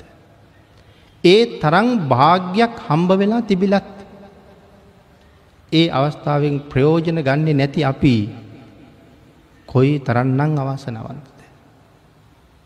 මන් තව ඉස්සරහට තව එක කාරණාවක් පැහැදිලි කරන්නම් අපිට අපි ගැන හරියට හිතුවොත් මාස ගානක් අඩන්ඩ හිතෙනවයි කාරණාවත් එක්. මොනවද ජීවිතයේ මෙච්චර කල් කරලා තියෙන කියලා. අපි කාරණාවත් අවශ්‍ය තැනට අහම සාකච්ඡා කරමු. එනම් මේ අවස්ථාවෙන් අපි ප්‍රයෝජන ගන්න බව ඒ තරම් ලොකුවට පේන්ඩ නන්නේ. ඊළඟට පිඩතුනේ බුදුරජාණන් වහන්සේගේ අධිෂ්ඨානයක් තියෙන් ඕන මේ මේ ධාතුන් වහසල මේ මේ තැන්ගොල වැඩඉන්න ඕන කියලා. ඒ සරුවක්්‍ය ධාතුන් වහසගේ ස්වභාවයමයි භාගිතුන් වහසගේ අධිෂ්ඨානයක් නැත්නම් කොහොමත් ඒ ධාතුන් වහසතන වැඩඉන්නේ වැඩඉන්නේ නෑ. එතකොට බුදුරජාණන් වහන්සේ මේ ධාතුන් වහසල අධිෂ්ඨාන කළා මාගේ ශරීරයෙන් විහිදෙන මේ කෝටි ප්‍රකෝටි ගණන් ධාතුන් වහන්සේලාගෙන් අහවල් ධාතුන් වහන්සේ මේ එක එක ධාතුන් වහන්සේ නමක් ගැන භාගිතුන් වහස දන්නවා. මෙච්චර ප්‍රමාණයක් විසිරෙනවා මේ ද්‍රෝණ අටක් තුළ මෙච්චරක් ධාතුන් වහසල වැඩඉන්නවා. ඒ කොච්චරක්ද කියන එක භාගිතුන් වහසේ දන්නවා. ආන්ගේ වැඩඉන්න ප්‍රමාණයෙන් අහවල් ධාතුන් වහන්සේ. එද අතුන් වහසේ කොතනින්ද බිඳුනේ මහා ලොකු ඉලෑටයකින් බිඳල ගියපු පුංචි ධාතුන් වහස නමක්ද. උකුල්ලටෙන් බිඳල ගියපු පුංචි ධාතුන් වහස නමක්ද. එම නැත්තං මේ වැලමිට ගාවින් බිඳල ගියපු පුංචි ධාතුන් වහස නමක්ද. මේ ශරීරයේ කොතනින්ද ඒ ධාතුන් වහස බිඳුනේ. ඒ එක එක ධාතුන් වහස නමක් ගැන මෙනෙහි කර කර අධිෂ්ඨාන කරලා තියෙනවා ආං ඒ ධාතුන් වහන්සේ අහවල් පුද්ගලයට අනුග්‍රහ පිණිස ඔහු ළඟ වැඩඉන්ඩුවන මෙච්චර කාලයක්. පිඩතුන ඒ කියන්නේ භාගිතුන් වහසේ අපි දැක්ක කියන එක නෙමේද. ඒ කියන්නේ භාග්‍යතුන් වහස මේ ධාතුන් වහන්සේලා අධිෂ්ඨාන කරනකොටම අපි දැක්ක කියන එකයි. අහවල් පුද්ගලය ළඟ මෙච්චර කාලයක් මේ ධාතුන් වහසේ වැඩ ඉන්ඩුවන. නියම සරුවඥ ධාතුන් වහන්සේලාට පුද පූජා කරන අය මේ කාරණාව හොඳටම දන්නවා අපෙන් අඩු පාඩුවක් වෙච්ච ගමන් ධාතුන් වහසේ අපහ වඩිනවා. ඒක තමයි හැබෑම ස්වභාවය. ඒ අඩුපාඩුව සමහර වෙලාවට වෙනව ඇත්තේ භාග්‍යතුන් වහන්සේ අධිෂ්ඨාන කරපු මල්ලඟ වැඩඉන්න ඕන කාලයක් ඉවර වෙලා වෙන්න ඇති. මොකද ඊළඟට තවත් පුද්ගලයකුට අනුකම්පා පිණිසේ ධාතුන් වහසේ වඩින්ට ඕනෑ. ඒ කාරණාවත් සම්පූර්ණ වෙමින් වෙන්ඩ ඇති වඩින්නේ හැබෑ සරුවඥ ධාතුන් වහසේම වැඩඉන්නේ වැඩඉන්න නෑ වෙන සක්විච්චකමක් වඩිනවා. භාගිතුන් වහසේ නමුත් අපි ගාව වැඩඉන්න කාලෙත් දන්නවා අපි ගාවින් ධාතුන් වහසේ වඩින දවසත් දන්නවා. සමහරය ළඟ මුළු ජීවිත කාලෙම වැඩඉන්නත් පුළුවන් සංසාරය පින් කර කර කරපු ප්‍රාර්ථනාවල් හින්ට. එහෙමනම් මේ විදිහට මේ ධාතුන් වහසලා අධිෂ්ඨාන කරනවා කියන එකම පුදුමාචින්තනීයයි. ඒ කාරණාවත් අපිට කවදාවත් කවදාවත්ම හිතලා ඉවර කරන්න බැරි නිසයි මේ සූත්‍රයේ මුලින්ම සඳහන් කළේ ඉවර වෙනකං මේක කාරණාවක්වත් කිසි කෙනෙකුට හිතන්ඩ හිතන්න බෑ එහෙම වුණොත් උම්මාද තත්වයට පත්වෙනවා කියලා. ඒ ටික කාලෙකටත් නෙමනි පින්නතුන අධිෂ්ඨාන කළේ. අවුරුදු පන්දාහක් තරන් කාලෙකට මේ ධාතුන් වහසේ කොයි කොයි කොයි කොයි තැන්ගොල වැඩඉන්ඩ වැඩහින්ඩ ඕනැද කියන කාරණාව. ඊළඟට පැහැදිලි කරනවා. බුදුරජාණන් වහන්සේලා ලෝකෙ පහළ වෙන්නේ ධාතුන් වහන්සේලා විසුරුවන්න නන් නෙමේ කියලා. එහෙනම් මොකටද ලෝකෙ පහළ වෙන්නේ. ඒ කායන පරමාර්ථය ලෝකයට නිර්මල ධර්මය දේශනා කරන එක. ලෝකයට නිවන් මගැර පැහැදිලි කරලා දෙන එක. ලෝක සත්වයාගේ නිවන්දොර ඇරල දෙන එක තමයි බුදුරජාණන් වහන්සේගේ එකම එකම පරමාර්ථය බවට පත්වෙන්. ඉතාමත්ම දුක් සහිතව වෙහෙසිලා වෙහෙසිලා මහන්ස් වෙලා මහන්ස් වෙලා උන්වහස මේ කටයුතු සම්පූර්ණ කරගන්නේ ලෝක සත්වයට තියෙන අනන්තනු කම්පාව නිසා. ධර්ම දේශනා කරන්නමයි. තනීම නිවන්දකින්ට අවස්ථා කොච්චර සැලසුනාද. කෝටි ප්‍රකෝටි ගණන් අවස්ථා තනීම නිවන්දකින්ට ලැබිල තියෙනකට උන්වහස මගෑරිය. ඒ මගෑර මගෑර මගෑර මගෑරාව මොකටද අපි සුවපත් කරවන්නමයි. අපේ නිවන්දර ඇරල දෙන්නමයි. ඒ නිර්මල ධර්මරත්නය ලෝකයට දානය කරන්න වුවමනා නිසාමයි. එනම් භාගිතුන් වහසේගේ ප්‍රධාන කාර්යභාරය වෙලා තියෙන්නේ ලෝක සත්වයා සසරින් එතර කරන එකයි. හැබැයි පින්නතුනේ ඒ තරං දීර්ඝ කාලයක් අපනින් අපිට වචනයෙන් කියන්න තිය හිතා ගණ්ඩුවත් බැරි තරං කාලයක් උන්වහන්සේ පාරමිතා පූරණය කරගෙන ඇවිල්ලා. ලෝක සත්වයා සුවපත් කරන්න ධර්ම දේශනා කරහම. තවත් කෙනෙක් භාග්‍යතුන් වහන්සේ දේශනා කරපු නිර්මල බණපද වෙනස් කරලා ඒ අසරට තමන්ගේ වචන එකතු කරනව නං ඒක කොයිවාගේ තත්ත්වයක්ද. පිනතින ඒක ධර්මය රිජුවම සඳහන් කරන්නේ ඒ පුද්ගලයා වෑයම් කරන්නේ භාග්‍යතුන් වහන්සේගේ පාරමිතාව නිෂ්පල කරන්නයි කියලා. මේ සාකාලයක් පාරමිතා පිරුවේ ලෝකයා සුවපත් කරන්නයි. නමුත් මොවුන් උත්සාහ කරන්නේ ආන්ගේ පාරමිතාව නිෂ්පල කරන්නයි. හැබැයි ඒක මොන තරන්නම් භයානකද කියන කාරණාවත් ඊළඟට සඳහන් කරනවා ආනන්තරිය පාපකර්මයකට වඩා එක භයනකයි කියලා. ඇයි යමෙක් ආනන්තරිය පාපකර්මයක් කරගත්තොත් ඔහු අන්තර්කල්පයක් විතරයි නිරෙයින්. මනුස්ස වර්ශය නං අසංක්‍ය අසූහය ලක්ෂ හතලිස් දාහක් විතරයි. මහාකල්පය පවතිනතාකල් නිරය ඉන්ඩ සිද්ධ වෙනවා මේ ඇයට. සංගබේද කර්මයත් එ තරම්ම භයානක කර්මයක් බවට පත්වෙන්නේ එකයි. නිරයෙන් නිදහස් වෙන්නෙමනෑ අනි වාරයෙන්ම නිරේ විපාක දෙන මහ බරපතල මකුසල් පහක් තියෙනවා. ඒ පහගෙන අපි හොඳටම හොඳට දන්නවා. එක පළවෙනි එක හරියට පිළිවලට සඳහන් කරනවා නම් පළවෙනි එක වෙන්නේ සංගබේදේ. එතකොට කෙනෙකුට හිතෙන්ට පුළුවන් ඇයි ලෝහිතු පාදක කර්මයකට ආවෙ නැත්ති කියලා. පිනතන ඒක සඳහන් කරනවා ඒක භාගිතුන් වහසට පෞද්ගලිකයි කියලා. ලෝහිතු පාදක කර්මය. මේසා කාලයක් දුක්පිඳලා. ලෝතුරා බුද්ධත්වය ලබලා ලෝක සත්වයට දහම් දේශනා කරලා. බුදුරජාණන් වහන්සේ අවුරුදු හතලිස් පහකින් සම්පූර්ණ බුද්ධ කෘත්තිය නිමා කරලා භාගිතුන් වහසේ පරණිර්වාණයට වැඩම කළා. ඒත් එක්කම මේ ශාසනත් කරවල වෙනවා දකිින් අපේ භාගිතුන් වහසගේ කිසිම කැමැත්තක් තිබුණේ තිබුණේ නෑ. තවත් අවුරුදු පන්දහසක් තරන් කල් ලෝක සත්වයා සුවපත් කර කර මේ ශාසනය පවතින එක භාගිතුන් වහසේගේ ඒ ආයන පරමාර්ථයයි. එහෙම නං ඒ නිර්මල ධර්මරත්නය ඉදිරියට පවත්වාගෙන යන්ඩ පිරිසක් අවශ්‍ය නිසා සංඝ ශාසනය ඇති කරනවා. යම් කෙනෙක් ඒ සංඝයා බේද කරනවා නං ඒක රිජුවම භාග්‍යතුන් වහසට එල්ල කරන දරුණු ප්‍රහාරය කියලම සඳහන් කරනවා. මොකද ඒ විනාශ කරන්නේ බුදුරජාණන් වහසගේ බලාපොරොත්තුව. මොකද බලාපොරොත්තුව තමයි සංඝ ශාසනයක් ඇති කරලා නිර්මල ධර්මය ලෝකයට දානය කරන එක. යමෙක් ආංගේ සංඝයා බේද කරන එක තවත් කෙනෙකුට කරන අපරාධයකට වඩා එක මුලින්ම භාගිතුන් වහසට කරන අපරාධය. ආං ඒක නිසා සංග බේද කර්මය මේ කර්ම පරම්පරාවයකට එනවා. දෙක ලෝහිතු උපාදක කර්මය තුන මහරහතන් වහන්සේලා නැසීම හතර මව නැසීම පහ පියා නැසීම. එතකොට මේ හතරයි පහයි එහට මෙහට වෙනස් වෙන්ඩ පුළුවන් අනිත්තුන වෙනස් වෙන්නේ නෑ. හතරයි පහයි කොහොම දෙහට වෙහට වෙනස් වෙන. අම්මයි තාත්තයි දෙන්නම දුස්සීලයි නං ඒත් අම්ම හතරේ තාත්තා පහි. අම්මයි තාත්තයි දෙන්නම සිල්වත් නං ඒත් අම්ම හතරේ තාත්ත පහි. අම්ම සිල්වත් තාත්ත දුස්සීලයි නං ඒත් අම්ම හතරේ තාත්ත පහේ අම්ම දුස්සීලයි තාත්ත සිල්වත් නං විතරක් තාත්ත හතරට ඇවිල්ල අම්ම පහට යනවා. තාත්ත හතරට අවස්ථා තියෙන්නේ එකයි.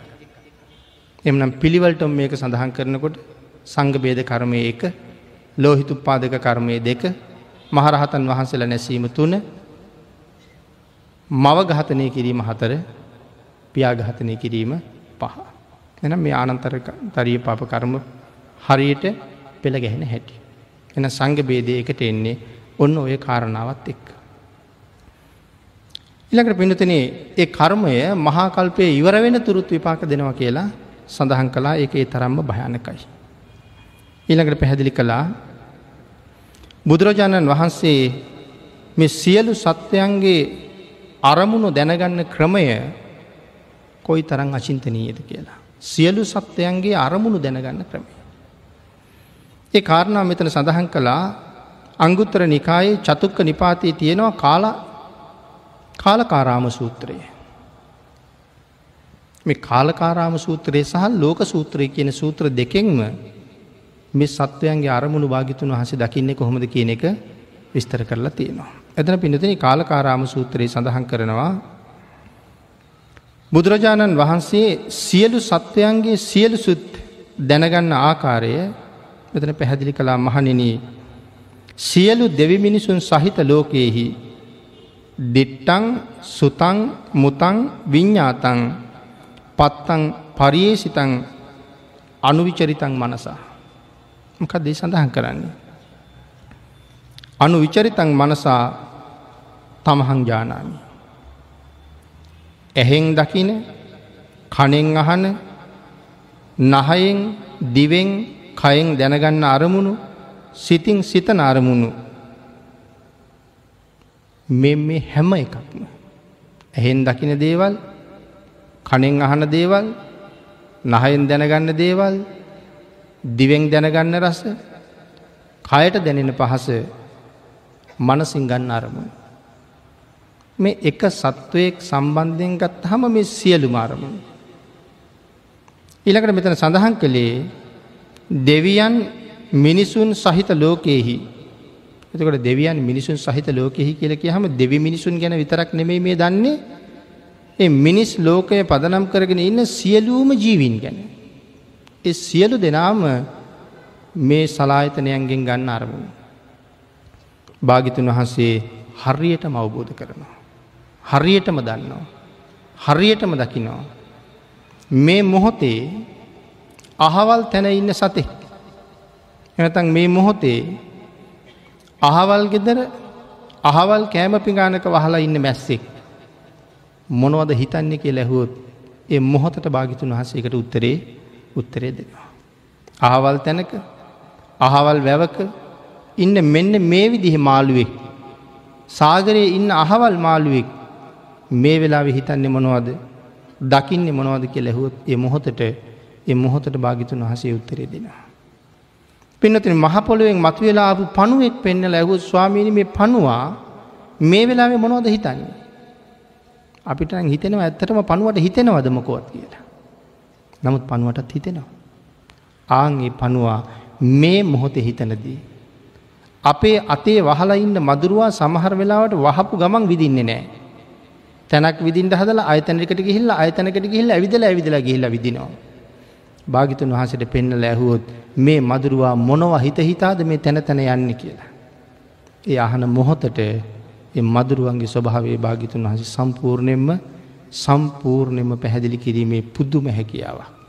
එහෙමනං දෙවියන් මිනිසුන් සහිත ලෝක ජීවත්වෙන මෙ සියලුම සත්වයන්ගේ සියලුම අරමුණු. සලායතනයන්ගෙන් ගත්ත සියලුම අරමුණු දැකගණ්ඩ භාගිතුන් වහසට ෂණයක්වත් ඇත වෙන්නේ නෑ. ආං ඒ තරං මහා පුදුම අවබෝධ ඥානයක් භාගිතුන් හසළඟ තිබුණා. ඊළඟට පිනතිනි සඳහන් කළා මේ ධාතුන් වහන්සේලා අධිෂ්ඨාන කළ බුදුරජාණන් වහන්සේ ධර්මස්කන්ද අපට ලැබෙන විදිහත් අධිෂ්ඨාන කලා කියලා. ධාතුන් වහන්සේලා ලැබෙන විදිහත් අධිෂ්ඨාන කළා අපිට ධර්මස්කන්ද ලැබෙන විදිහත් අධිෂ්ඨාන කළා. අගේ ධර්මස්කන්ද ලැබෙන විදිහ සිහිපත් කරනවා භාග්‍යතුන් වහන්සේගේ ප්‍රධාන කාර්ය ලෝක සත්වයාට ධර්මස්කන්ද ලබාදීමයි. අං එක නිසයි ඉතා විශේෂ විදිහට මේ අධිෂ්ඨාන කරන්න. ඒ අධිෂ්ඨානීති සඳහන් කළා කොයි තරම් ගැඹුරු කාරණාවක් වුණත් භාගිතුන් වහසේ ඒ කාරණාව අවබෝධ කරන්න ඕන අය අවබෝධ වෙන අය දැනගෙන හිටිය. ආං ඒ ලෝකයේ කොයි තරන් ගැඹුරුද කියල සඳහන් කලා බුදුන් සරණ යනව කියන කාරණාව. කොයි තරං අමාරුද බුදුන් සරණ යනව කියන කාරණාව බුද්ධං සරණං ගච්ඡාමි කියල කීවට බුදුරජාණන් වහන්සේගේ සරණ මේ වෙලාවේ අපිට ලැබෙනවද මේ වෙලාවේ අපි බුදුරජාණන් වහන්සේ සරණ ගිහිල්ලද කියන කාරණාව හරියටම දැනගණ්ඩ ඕන කියලා. එනම් භාගිතුන් වහසේ හරියටම සරණ යන හැටි මීට කලින් ඕන තරන් සාකච්ඡා කරලා තියෙනවා. සැක නැතුව බුදුරජාණන් වහසේ පිළිගණ්ඩ පුළුවන්නම්. දැම හරිම ගැඹුරුයි කියල සඳහන් කලානේ තෙරුවන් සරණ යන එක. දැම් මෙතෙක් අපි සාකච්ඡා කරගෙන අපපු මේ කරුණු කල්පනා කරලා බලන්ඩකෝ අහගෙන හිටියට මෙච්චර වෙලා හැබැවින්ම සියලුම කරුණු එකක් නෑර සැක නැතුව පිළිගණ්ඩ පුළුහන්ද කියලා. තමන්ගෙන් අහල් බලන්ඩන තමන්ට ඒ කරුණ පිළිගණ්ඩ පුළුහන්ද මෙහෙම වෙනවා කියහම. ඒ එක කාරණාවක් නමුත් පිළිගණ්ඩ බැරිනං එතන තියෙන්නේ බුද්ධරත්නය විශ්වාස නැතියක. ආං එයාට බුද්ධං සරණං ගච්ඡාමි කියලකිවට සරණ පිහිටන්නේ සරණ පිහිටන්නේ. විතිකිච්ඡා සහිතයි. භාග්‍යතුන් වහසේ පිළිබඳව සැකයි. ආංගේ නිසා තෙරුවන් සරණ යනව කියන කාරණාව එතරම්ම එතරම්ම ගැඹුරුයි ලෝකයේ ඒකයි සඳහන් කරන්නේ බුද්ධං සරණං ගච්ඡාමි කියලා කීවට මේ වෙලාවේ අපට සරණ ලැබෙනවද කියලා අපි දන්නේ කියලා. හරියටම සරණ ගිහිල්ලද. බුදුරජාණන් වහන්සේ අපිව දැකල තියෙන්නේ අපිට හිතනවා භාගිතුන් වහස අපි දැකලවත් නෑ. දැකලවත් නැතුව කොහොම ද අපිට භාගිතුන් වහසගේ සරණ ලැබෙන්නේ. පිනතින අපිට එහෙම හිතුනට බුදුරජාණන් වහන්සේ අපි දැක්කේ අද නෙවී. භාගිතුන් වහසේ අපි ගැන දන්නේ හුඟක් හුඟක් අතීතයෙන්දලා. අද ගැනත් දන්නවා හෙට ගැනත් දන්නවා දවසක ඔබත් මමත් පිරිනිවම් පාන දවස වෙන කම්ම භාගිතුන් වහසේ අපි ගැන හොඳටම හොඳටම දන්නවා අඩුවක් නැතුව. අගේ නිසා මෙතන සඳහන් කරනවා. මේ ත්‍රිපිටකේ තියෙන ධර්මය කිසි කෙනෙකුට පුළුහංකමක් නෑ කාලීන කරන්නට. ඇයි මේ ධර්මය දේශනා කරලා තියෙන්නේ තුන් කාලයටම ගැලපෙන්ට. ඒකයි මංකිවේ අපි ගැනත් පිරිනිවන් පානතුරුම භාගිතුන් වහස දන්නවා. භාගිතුන් වහසගේ ධර්මය එදාටත් අදටත් හෙටටත් මනාවම ගැලපෙනවා. එනිසාපි සන්දිිට්ටිකෝ අකාලිකෝ ඒහි පස්සෙකෝ ඕපනයිකෝ පච්චත්තං වේදි තබ්බෝ විඤ්ඥෝහි එල සඳහන් කළා. එනම් අකාලිකයි ධර්මය. ධර්ම රත්නය වදින්ට ගේලා අකාලිකෝ කියල කියන අපි ඕන තරං දන්නවා දකිනවා ධර්ම දේශනාවක බැනර එකක් තියෙන තැන කාලීන ධර්ම දේශනාවක් කියලා ලියල තියෙනවා. එහෙමනම් ඒ බැනර එක ලියපු කෙනා භාග්‍යතුන් වහසේ සරුවඥයි කියලා දන්නේ නැති කෙනෙ. යම් ආයතනයකින් එක මුද්‍රණය කරගත්තනං මුද්‍රණය කරපු කර පුද්ගලයා දන්නෙත් නෑ භාගිතුන් හස සරුවඥයි කියලා. ආං ඒක හින්දා කාලීනයි කියල එකතු කරලා. කාලීන ධර්මයක් නෑ මේ ධර්මයා කාලිකයි. ඉතින් වැඩියම් ඔය බැනර් පෝස්ටර් දකින්න අපි අතර ඒ කියන්නේ තාම අපේ රටේ ඉන්න බෞද්ධයන්ගෙන් වැඩි පිරිසක් භාග්‍යතුන් වහන්සේගේ සරුවඥ බව පිළිගණඩ සූදානං නැති බවයකින් පේන්නේ. එහෙම නං අපිට භාගිතුන් වහසගේ සරණ කොහෙන්ද කියන කාරණවා පහු ආපහු ඉස්මතු කරලා බලන්ටුනෑ. එනිසා මේ ධර්මයේ කිසිම කාලීන බවක් කාලීන බවක් නෑ. ඒ විතරක් නෙමෙයි ඕනෑම පුද්ගලයෙක් දොරටු හයෙන්ම ගන්න සියලුම තොරතුරු බුදුරජාණන් වහන්සේ අවබෝධ කරලා ඉවරයි කියල සඳහන් කරනවා. එතකොට කොහෙන්ද මේ ධර්ම කාරණාවටි තරක් කාලී නයි කියන්නේ. ඕනෑම පුද්ගලයෙක් දොරටු හයෙන්ම ගන්න අරමුණු කියල කිය හම. අපි එක පුද්ගලයෙක් කරගන්නඩ. මේ එක පුද්ගලයෙක් දොරටු හයම් අරමුණු ගන්නවා කියලක හැම මේ ජීවිතය ගැන විතරක් නෙමයි ඒ කතා කරන්න. ඒ පුද්ගලයා කවදාහරි නිවන් දකිනකම්ම. මනුස්ස වේවා තව භවයක දිව්‍ය වේවා තව භවයක තිරිසං වේවා තව භවයක නිරේවේවා තව භවයක ප්‍රේත ලෝකයක අසුර ලෝකයක වේවා කවද නමුත් ඔහු නිවන් දකිනතුරුම ඔහු මේ සලායතනයන්ගෙන් ගන්න සියලුම අරමුණු භාගිතුන් වහසේ දැකළ ඉවරයි. ඔබත් මමත් නිවන් දකින්නේ කවදද? ඒ කවුරු ළඟද? ඒ කොතනද? ඒ මොන බණපදය ඇහැම ශ්‍රවණය කිරීම නිසාද? කොයි භාවනාව වැඩීම නිසාද?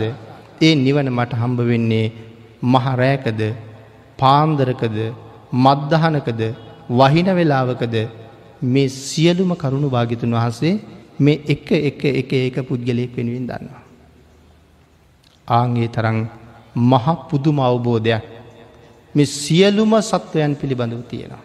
මිනිස්සු ගැන විතරක් නෙමෙයි දෙවියෝ ගැන විතරක් නෙමෙයි මුලින් සඳහන් කරපු හැටියට පන්නු වගේ පළගැටියගේ නිවන ගැන පවා භාගිතුන් වහන්සේ දැකලා ඉතින් ඒ අයත් කවදහරි දවසක නිවන් දකිනවා.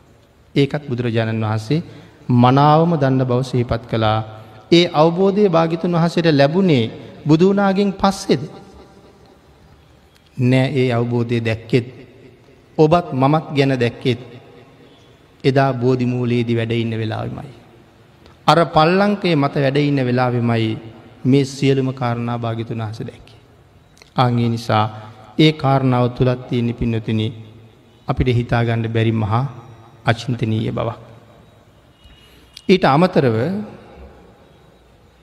යමක් දැකලා අපිට ඇතිවෙනවනම් පිඳතින සතුටක්. යම් දෙයක් දැකලා අපිට ඇතිවෙනවන සතුටක්. ඒ සතුට ඇතිවෙන්නෙත් සංසාරය අපි කරගත්ත පිනක් නිසා. යම් දෙයක් දැකලා අපිට ඇතිවෙනවනම් දුකක්. ඒ දුක ඇතිවෙන්නෙත් සංසාරය අපි කරපු අකුසල කරමයක් නිසා සතුටක් ඇතිවෙනවනම් ඒක කුසල කරමයක් දුකක් ඇති වෙනවා නම් ඒ අකුසල කර්මය. ඊළඟට සඳහන් කළා මේ ලෝකෙ ඉන්න මේ මිත්‍යා දෘෂ්ටික පිරිස් මේ තරම් සැපවිඳින්නේ මොන හේතුවක් හින්දද කියලා. මිත්‍යා දෘෂ්ටික පිරිස් මේ තරම් සැපවිඳින්නේ මොන හේතුවක් නිසාද. මං හිතන්නේ බෞද්ධයයි සම්මත අපිට තියෙන ලොකු ප්‍රශ්නයක්. ධර්මයෙන් අපිට උගන්නනවා සිල්වත්වෙන්ඩ සිල්වත්වෙන්ඩ ධනවත් වෙනවා කියලා. එතකොට අපිට ප්‍රශ්නයක් නැගෙනවා කිසිම සීලයක් නැති තිසන පිළිබඳව දන්නවත් නැති අය අපිට වඩා හුඟ හුඟ දනවත්. සම්මාධිට්ටික වෙලා ඉපදිච්ච අපි මිත්‍යා දෘෂ්ටික ධනකුවේරයන් ළඟ ගිහිල්ල ජීවත්තෙන්ට නොයෙක් රැකියාවක් කරනවා. විදේශගත වෙලා සමහරලාට නොඒක් රැකියාවලට තියෙනවා. සමහල්ලට ගෙදර ඇවිල කියන්නත් බෑ මං එහි කළේ මොනවද කියලා වලං හෝදපුවා. රෙදි හෝදපු දේවල්. තැන් එතකොට සම්මාධිට්ටික වෙලා මෙහෙ ඉපදිලා මිත්‍යා දෘෂ්ටික කෝටිපතිය ගාවට ගිහිල් අපි බැලමෙහවරකං කරනවා අපේ ජීවිතය ගත කරන්නට. සමහර එහෙම ගියපු අය එහෙන් ආපහු වෙනකොට ආගමත් අතඇරලා එනවා. ඇයි ඒ ගොල්ලන්ට තමන්ගේ ආගමින් මොකොවත් හම්බෙලා නැති වුණාට ඒ ඒ ආගං වලින් හුඟක් සැප සම්පත් හම්බ වෙලා. ආං ඒක හින්ද ආගමත් මාරු කරලයි මාරු කරලයි සමහරයෙන්නේ. නමුත් වැටහුන් නෑ මොකක්ද වෙලා තියෙන්නේ කියලා. පින්නතන ඒ අය ඒ තරම්ම ධනකුවේරයෝ බවට පත්වෙලා තියෙන්නේ වෙන මොකක්වත් නිසානෙමයි බුද්ධ ශාසනයකින්ද. පෙර බුද්ධ ශාසනවල මහ පුද්දුම විදිහට දන්දීපු අය. ඇයි මේ එක දානයක් දුන්නහම ඒක විපාක දෙන ප්‍රමාණයක් හිතාගණ්ඩ බෑ කියලා දක්කෙන විභංග සූත්‍රය දේශනා කරලා තියෙනවා. අපි ඒ කාරණා නොදන්නව නෙමෙයි.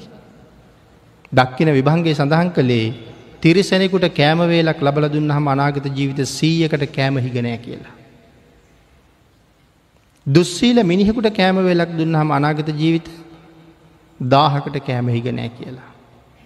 පෘතජ්ජන සීලවන්තයකුට එක වේලක් කෑම දුන්නහම අනාගත ජීවිත ලක්සකට කෑම හිගනෑ කියලා. තිසරණ නැතිවුණට අහසින් යන එක තවසකුට කෑමවේලක් දෙන්න පුළුවන් වුණොත් අනාගත ජීවිත කෝටි ලක්ෂයකට කෑම හිගෙනෑ. දැන් එතකොට බලන්ඩපු. ඊළඟට සඳහන් කළා තිසරණ සහිත පන්සිල් ආරක්ෂා කරන එක මිනිහෙකුට කෑම වේලක් දුන්නොත්. අනාගත ජීවිත අසංකයකට කෑමහිගනෑ. තෙරුවන් සරණ තියෙන එක මිනිහෙකුට කෑමවේලක් දුන්නොත් අනාගත ජීවිත අසංකයකට කෑම හිගනෑ. එහෙනම් අපි ඔය කතා කරන මිත්‍යා දෘෂ්ටික ධනපතීන් බුද්ධ ශාසනයක් නිසා දන්දීල තියෙනවා. දානයේ වටිනාකම දන්නේ නැතත්. තිසරණ නැතත් මේ රටේ ඉන්න අන්‍යාගමික අය පාර ඉන්න යාචකකුට කෑම එකක් අරන් දෙන්න නැද්ද. අරන් දෙනවා. නමුත් ඒ පුද්ගලයා දන්නවා දේකින් ලැබෙන කුසලේ මෙච්චරයි කියලා. ඒ පුද්ගලයා ඒක ගැන දන්නේ නෑ. නමුත් දානයේ ආනිසංසය ඔහුට ලැබෙනවා.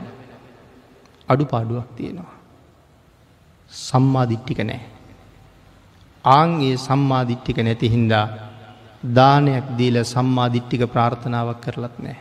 හැබැයි කරුණු දන්නේ නැති නිසා බෞද්ධ කියන අපිත් දානයක් දීල සමහරලාට සම්මාධිට්ටික ප්‍රාර්ථනාවක් කරන්නේ කරන්නේ නෑ.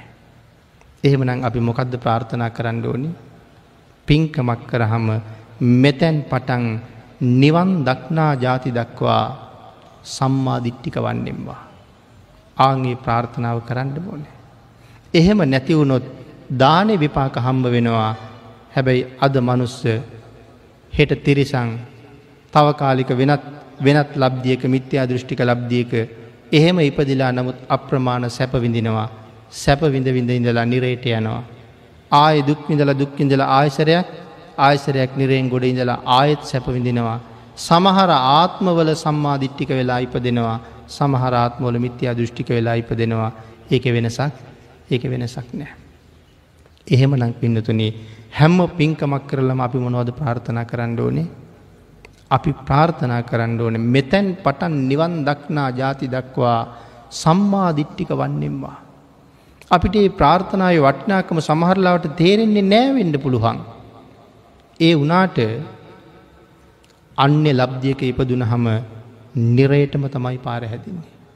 අර කඳු මුදුන් ඉස්සිලා ඉස්සිලා පේන්න තරම් පින්කං කරනවා වගේ අන්‍ය ලබ්දියක ඉපදුනොත් කඳු යායවල් පේන තරම් අපි තරන් කෙරෙන්නේ අපි ඇතින් කෙරෙන්නේ අකු සල්ම තමයි.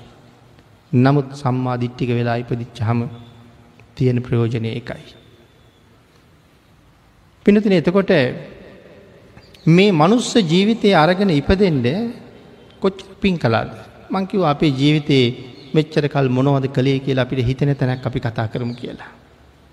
මේ සම්මා දිට්ටික වෙලා මේ ජීවිතය ලබන්ඩ සංසාරය කරපු පින් ප්‍රමාණය. අසීමාන්තිකයි. මේ ලෝකෙ මනුස්්‍යයෝ වෙලා ඉපදෙනකොට උපත් තුනක් ගැන සඳහන් කරනවා. අහේතුක දහේතුක ත්‍රහේතුක. කාට දහේතුක කියල කියන්නේ. අහේතුක කියල කියන්නේ උපතින්ම ඇස් පෙහෙන්නේ. උපතින්ම කතා කරන්න බෑ. උපතින්ම කං ඇහෙන්නේ නෑ. උපදින්ම ඇවිදින්න බෑ. උපතින්ම මන්ද මානසිකයි. ආං ඒවාගේ උපතක් ඒ උපතින්ම සඳහන් කරනවා දැන් දරුව කුසේ ඉන්න කාලේ අම්ම හැප්පිලා වැටෙන්ඩ පුළුවන්. ඒ වැටිච්ච නිසා කුස ප්‍රදේශයේ බිම වැදිච්ච නිසා කුසේ වැඩෙන දරුවට හානියක් වෙන්න පුළුවන්. ඒක ගැනවත් නෙමේ මේ කතා කරන්නේ. ස්වභාවයෙන්ම පිළිසිඳ ගන්නකොටම ඇතිවිච්චාබාධ. එහෙම උපදින්නේ අහේතුක උපතක්. එතකොට දුහේතුක කියල කියන්නේ. ඒ අහේතුක ස්වභාවයක් නෑ එහෙමනං ධර්ම දේශනා කරන මමත් ධර්මශ්‍රවණය කරන ඔබත් අපි එක්කෝ අහේතුකයි අපි එක්කෝ දුහේතුකයි නැත්තන්ත්‍ර හේතුකයි. හැබැයි අපිට තීරණය කරන්න බෑ මෙයා දුහේතුක මෙයාත්‍ර හේතුක කියලා. අපි එක්කෝ දුහේතුක නැත්තන්ත්‍ර හේතුක. එතොට එහෙම ජීවිතයක් අපිට හම්බුණා. මංකීවා මේ ජීවිතය ලැබිය හුඟ පින් කරලා කියලා. පින්නතුන මේ ජීවිතය ලබන්ඩ අපි හුඟක් වියදං කලා කියලා තමයි කියන්න වෙන්නේ. මොනවද වියදං කළේ කුසල්. පෙර ජීවිතවල රැස් කරලා රැස් කරලා රැස් කරලා එකතු කරගත්ත කුසල් විශාල වශයෙන් වියදං කලා මේ මේ ජීවිතය හොයාගන්ට. එකට එක උදාහරණයක් මම සඳහන් කරන වියදැන් කරපු හැටි. අපේ ශාසනය ඉන්නවා අසූ මහා ශ්‍රාවකයන් වහන්සේලා අතර දෙවියන්ට ඉතාම ප්‍රියවෙච්ච මහරහතන් වහන්සේ. අසු මහශ්‍රාවකයන් වහන්සේ. කෞද දෙවියන්ට ප්‍රියවෙච්ච අසු මහශ්‍රාවකයන් වහන්සේ. දෙවියන්ට ප්‍රිය වූවන් අතර අග්‍රස්ථානය ලැබුවේ පිළින්දි වච්චි මහරහතන් වහන්සේ. උන්වහන්සේ ශ්‍රාවක බෝධිය ප්‍රාර්ථනා කරගෙන පාරමිතාපුරණ කාලේ පදුමුත්තර බුදුරජාණන් වහන්සේ කාලේ එකැන ඔය කියැනෙ මුල්ම අවස්ථාව. සර්වධානයක් දෙනවා. බුදුරජාණන් වහන්සේ ඇතුළු ලක්ෂයක් මහරහතන් වහන්සේලාට ආසන පනවලා වඩා හිඳවලා කුඩ ඉහලලා ඒ දානයට පූජා කරන සර්වධානයක් කියල සඳහන් කළේ. සියලුම දේවල් ඒ කුඩේ එල්ලනවා. එහෙම සකස් කරගෙන මේ මහත් චත්‍ර පූජාවත් එක්ක මේ දානය පූජ කළා. ආං ඒක ආනිසංසය හින්දා නිවන් දකින අන්තිම ආත්මට එනකම්. සුගතියේ ඉපදිච්ච හැම ආත්මයකම මනුස්සලෝක ඉපදිච්ච හැම ආත්මයකම හිසට ඉහලින් කුඩ ලක්ෂයක් ඉහලෙනවා. ඒ චත්‍ර පූජාව නිසා. හිසට ඉහලින් කුඩ ලක්ෂයක් ඉහලෙනවා. දැන්ති මේ අඩුපාඩු හොයන කෙනෙක්ට සමහරලා හිට හිතෙන්ට පුළුවන් එතකොට ඒ කුඩ ලක්ෂය ගෙට ඇතුල්ලෙනකට උළුව සැවැදුන් නැද්ද. ඔයවාගේ දේවල්න අද හොයන්න හොඟක් අය. පාරයනකොට ගහේ හැප්පුන් නැද්ද. එහෙම වෙන්න නෑ පින්නතුනි. මෙව සංසාරය පින් හඳ කිරණ මහපොලෝට පතිත වෙනකොට ගහේ හැප්පිලා කුඩු වෙන්නේ නෑනේ. නැත්තම් මෙතන ගහක් තියෙනවා කියලා මගෑරල යන්නෙත් නෑනේ. ඉතුරු කොටස ගහුඩට වැඩෙනවා ගහයට හෙවන හැදෙනවා වටේට හඳ කියන්න තියෙනවා. මේ කුසල් නිසා එහෙම බාධා ඇති වෙන්නේ නෑ හිසට ඉහලින් කුඩ ලක්ෂයක් ඉහලෙනවා. දැන් එතකොට නිවන් දකින අන්තිමාත්මේ පිළින්දි වච්චි මහරහතන් වහන්සේගේ හිසට ඉහලින් කුඩ ඉහලුනා කියලා අපි කොතනවත් අහලා කොතනවත් අහල නෑ. ආං ඒ කාරණාව ඇහුවා. ස්වාමීනි මෙච්චර කල් හිසට ඉහලින් කුඩ ලක්ෂයක් ඉහළුනා නං ඇයි මේ ජීවිතයේ ඒ කුඩ ලක්ෂට මොකද වුණේ කියලා. ආංඒකට අපූරුත්තරයක් ලැබෙනව පින්නතුනේ මේ ජීවිතෙත් කුඩ ලක්ෂයක් ඉහලෙන්ඩ තිබුණා.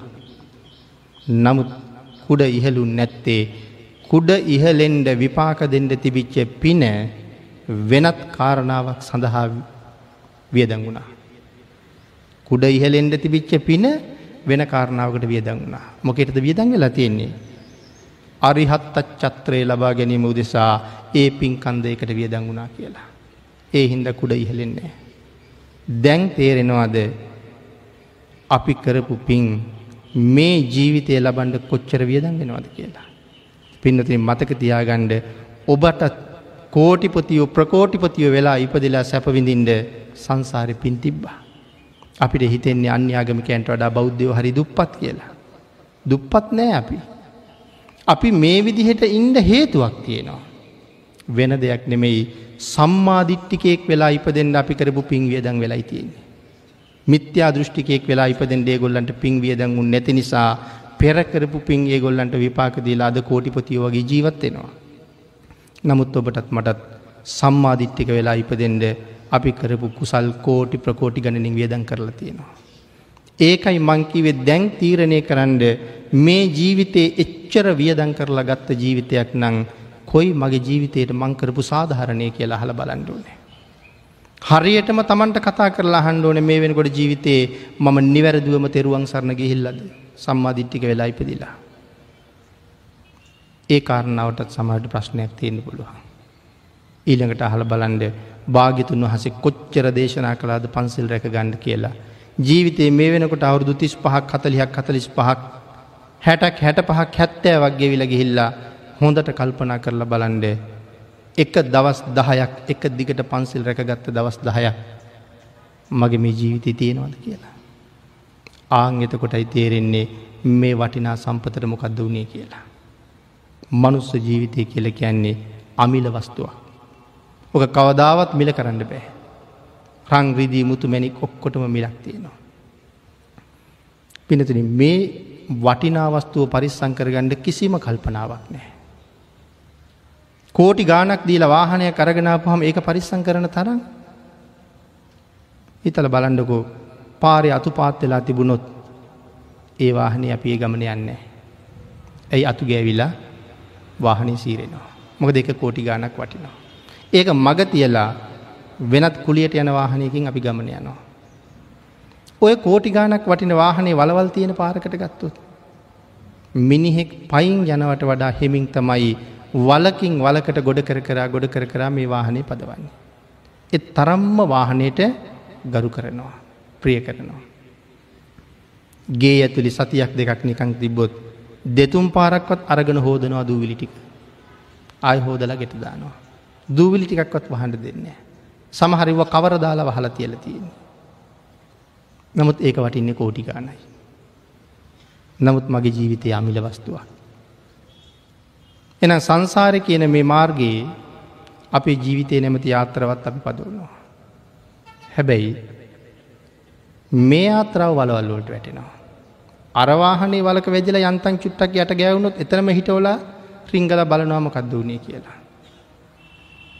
අපේ මාර්ගයේ දස අකුසල් කියන දැවන්ත වලවල් තියෙනවා. මේ වාහනේ නං ඒ වලවල් වල වැටිලා නිකං සීරිලා නෙමෙයි පතුරු පතුරු ගැලවිලා තියෙන්නේ.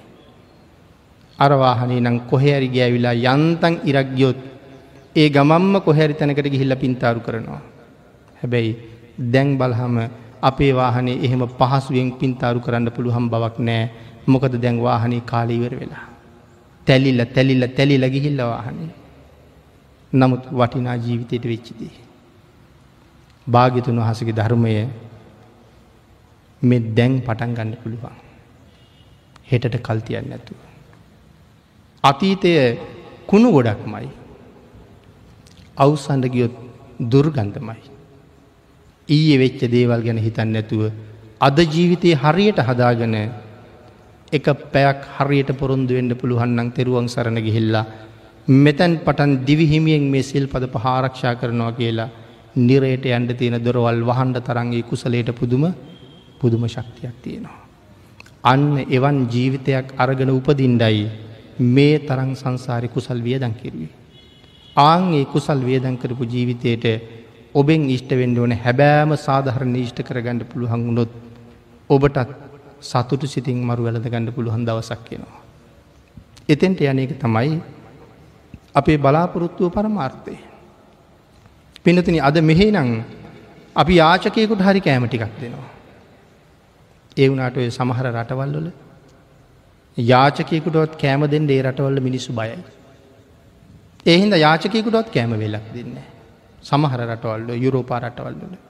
ඇයි ඒ බය යාචකයකුට කවුරු හරි කෑම එකක් දීලා මොකක්කරි හේතුවකින් ඒ යාචකයා මරණයට පත්වනුත් අර කෑම දුන්න මනුසය සම්පූර්ණය වග කියන්න ඕන. ඒ කෑම නිසාද මරණයට පත්වනේ කියලා. ආං ඒක හින්දා ඒ මිනිස්සු දුප්පතිකුටවත් කෑම වේලක් දෙන්නේ දෙන්නේ නෑ. බලන්ඩ කොයි තරං අවාසනාවන්තද කියලා. නමුත් අපේ රැටේ අපි මේ ධර්මයත් එක්ක දන්නවා ඒ දෙප්පතට කෑම වේලක් දුන්න හම අපිට කොච්චර සංසාරයට ආනි සංස ලැබෙනවද කියලා. නමුත් භාග්‍යතුන් වහන්සගේ ධර්මය එතකොට තමයි තේරෙන්නේ කොයි තරං ශ්‍රේෂ්ඨද මේ ධර්මය මොන තරං උත්තරීතරද කියලා. පිනතන මේත් එක පැහැදිලි කරපු තවත් කරුණු කාරණා රාශියක් තියෙනවා භාගිතුන් වහසගේ අචින්තනීය බව පිළිබඳව. අපේ බුදුරජාණන් වහන්සේගෙන් ඇවිල්ලා එක බ්‍රාහ්මණයෙක් ප්‍රශ්න කීපයක් අහනවා. මේක සඳහන් වෙන්න පින්නතන තේවිජ්‍ය වච්චගොත්ත කියන සූත්‍රී. බුදුරජාණන් වහන්සේ ළඟට ඇවිල්ලා මේ වච්චකොත්ත බ්‍රාහ්මණය අහනව ස්වාමීණී ගිහි බැඳීම් වලින් සහිතව බැඳීම් වලින් යුක්තව සියලුම දුකින් නිදහස් වෙච්ච කෙනෙක් ඉන්නවද කියලා. ගිහි බැඳීම් තියාගෙන සියලු දුක්කොලින් නිදහස් වෙච්ච කෙනෙක් ඉන්නවද කියලා හනවා. භාගිතුන් වහන් සඳහන් කලා නෑ වච්ච. ගිහි බැඳීම් සහිතව සියලම දුක් ප්‍රහණය කරපු කිසි කෙනෙක් නෑ. ඒ කියන්නේ ගිහි බැඳීම් සහිතව රහත් වෙච්ච කවුරුවත් කවුරුවත් නෑ. සියලු දෙනාම රහතන් වහස නමක් බවට පත්වනානගේ ගිහි බැඳීම් ඔක්කොම අත්හැරපු දවසේ. එතකොට කෙනෙක් අහන්ඩ පුළුවන් තොට ගිහි අය රහත් වෙන්නේ කොහොමද කියලා. හැබැයි ගිහි අය රහත් වනෙත් ඒ ගිහි බැඳීම් ටික අත්හැරලා. ඇතු ඒ බැඳීම් ටික තියාගෙන රහත් වනේ නෑ. හැබැයි ගිහිව ඉඳගෙන රහත් වුණොත් එක්කො පිරිනිවම් පාණ්ඩෝන එහෙමනත්තම් පැවිදි වෙන්ඩ ඕනේ. ඒ අරිහත්තත් චත්‍රයේ බර ගිහි ජීවිතයට උහුලන්න බෑ. එක්කො එදාම පැවිදිෙන් ඕන එහෙමනැත්තං එදාම පිරිනිවම් පාණ්ඩුවනය. ඒනම් වච්චර සඳහන් කලා වච්ච මේ ගිහි බැඳීම් සහිතව කවුරුවත් දුක කෙරවල කරලනෑ. ඊනකට වච්චකොත්ත බ්‍රහ්මණය අහනවා ස්වාමීණී ගිහි බැඳීම් සහිතව සුගතියට ගියපුවා ඉන්නවාද කියලා. අංගේලයි බුදුරජාණන් වහස සඳහන් කළා එක් කෙනෙක් දෙන්නෙක් නෙමෙයි සීයක් දාහක් නෙමෙයි ලක්ෂයක් කෝටියක් නෙමෙයි කෝටි ප්‍රකෝටි ගණන් දෙනා ගිහි බැඳීම් සහිතව ඉඳගෙන සුගතියට ගියාවච්ච කියලා. පිනතන ගිහි ගෙදර ඉඳලා පින් කරලා ඕන තරන් සුගතියට ගියපු අය ඉන්නවනේ. දිවිය ලෝකෙ ගියපු අය ඉන්නවනේ. එහෙනම් එක්කෙනෙක් දෙන්නෙක් නෙමෙයි ලක්ෂ කෝටි ගණන් දිවිය ලෝකෙ ගියා ගිහි බැඳීම් වලින්. ඊළඟට අහනවා යම් ආජීවකයෙක් එහෙම නැත්නම් වෙනත් ආගමික ශාස්තෘවරයෙක් හෝ ශ්‍රාවකයෙක් දුක කෙරවල කරලා තියෙනවාද කියලා. යම් ආජීවකයෙක් අන්‍යාගමික ශාස්තෘවරයෙක් හෝ ශ්‍රාවකයෙක් දුක කෙරවල කරලා තියෙනවද ස්වාමීනි. භාගිතුන් වහ සඳහන් කළ නෑවච්ච. කිසි කෙනෙක් එහෙම කරලා නෑ. ඊළඟට මෙයා බුදුරජාණන් වහන්සේගෙන් අහනවා ස්වාමීනී යම් ආජීවකයෙක් ස්වර්ගයේ ඉපදුනා කියලා කොහෙවත් සඳහන් කරලා තියෙනවාද. මේ කාරණාව වැටහුණා දපේ අයට. ගිහි ගෙදර ඉඳලා රහත් වෙච්ච කිසි කෙනෙක් නෑ. ගිහි බැඳීම් ඔක්කෝම අත්හැරප කෙනෙක් තමයි රහත් වනේ. නමුත් ගිහි බැඳීම් තියාගනත් සුගතිය ඉපදිච්චාය ඕන තරම් ඉන්නවා. ඊළඟට වච්චගොත් අහනවා අන්‍ය ආගමික ශාස්තෘුවරයෙක් හෝ ශ්‍රාවකයෙක් සුගතියේ ගියා කියලා නැත අන්‍යාගමික ශාස්තෘුවරයෙක් හෝ ශ්‍රාවකයෙක් දුක නැසුව කියල කොතනවත් සඳහන් කරනවාද කිය ඇහවා. නෑවච්ච. අන්‍යාගමික ශාස්තෘුවරයෙක් ශ්‍රාවකයෙක් කවරුවත් දුක නසලා දුක නසල නෑ. ඊළඟට හනවා අන්‍ය ආගමික ශාස්තෘුවරයෙක් හෝ ශ්‍රාවකයෙක් සුගතියට ගියාත කියලා. ඒ වෙලා භාගිතුන් වහසේ පිළිතුරක් දෙනවා වච්ච මම දැන් මතක් කරනවා මෙතන් පටන් මහා කල්ප අනුව එකක් ආපස්සට. වච්චකොත්තර කියනවා මම දැන් ආවර්ජනය කරනවා මෙතන ඉඳලා මහාකල්ප අනුව එකක් ආපස්සට. ආංගේ ආවර්ජනය කරනවා කියපු ගමන් වච්චකොත්තර කියනවා වච්චය මේ මහාකල්ප අනු එක පුරාවට. එකම එක ක්‍රියාවාදී කර්මවාදී ශාස්තෘුවරයෙක් විතරක් සුගතිය ගිහිල්ල තියෙනවා කියලා. මහාකල්ප අනු එකක් ඇතුළේ අන්‍ය ලබ්ධික වූ ක්‍රියාවාදී කර්මවාදී එක ශාස්තෘුවරයෙක් සුගතියට ගිහිල්ල තියෙනවා. එතකොට දැන් තේරෙනවාද සම්මාධිට්ටික වෙලා ඉපදිච්චකේ වටිනකම. අපිත් ඔය විදිහට අන්‍ය ලබ්ධික වුණාන. අපිට නිවනකුත් නෑ අපිට සුගතියකුත් නෑ මේ ජීවිතෙන් පස්සේ මොකක්ද හම්බ වෙන්නේ මෙයින් පස්සේ නිරේ හම්බ වෙනවා. සතරාපාය උරුම වෙනවා ආය කොයි ක්‍රමයකින් හරි මනුස්ස වෙනවා ආය සතර පායුරුම වෙනවා. එහෙම නං කවුද මේ අන්‍ය ලබ්ධික සුගතියට ගියපු එකම ශාස්තෘුවරයා සඳහන් කරනවා ඒ පුද්ගලයා අන්‍ය ලබ්ධික වුණාට පව්පින් දෙක පිළිගත්ත කියලා. අන්‍ය ලබ්ධිකයි නමුත් කර්මය පිළිගන්නවා. මේ පව කරහම මෙහෙම දුක්විඳින්න වෙනවා මේ විදිහ දේවල් කර හම සුගතිය යනවා කියන එක පිළි අරගත්තා. එනට ය සම්මාධිට්ටිකද සම්මාධිට්ටික නෑ. හැබැයි අද හොයල බලහම සම්මාධිට්ටික කියන අපි අතර කර්මය පිළිගන්න අය කොච්චර හිගද කියන කාරණාව හොයල බැලුවොත් වැඩි පිරිසක්කිවා. කර්මයයි කර්මඵලයයි පිළිගන්නේ පිළිගන්නේ නැති අය. ආන්ගේ නිසා ඒක බොහොම අවාසනාවන්ත තැනකතිය. ආං ඒ නිසා තමයි මේ දක්කිනා විභන්ගේ සඳහන් කලා කියලා විමුලිනුත් සඳහන් කළා එක දානයක් දුන්නහම දැන් සෝවාන් ආරයන් වහන්සේට සකදාගාමි අනාගාමි අරිහත් පසේබුදු සම්මා සම්බුද්ධ කියන මහෝත්තමයණන් වහන්සේලාට දන්දුන්න හම විපාක දෙන සීමාවවත් සීමාවත් හිතා ගණ්ඩ බෑ.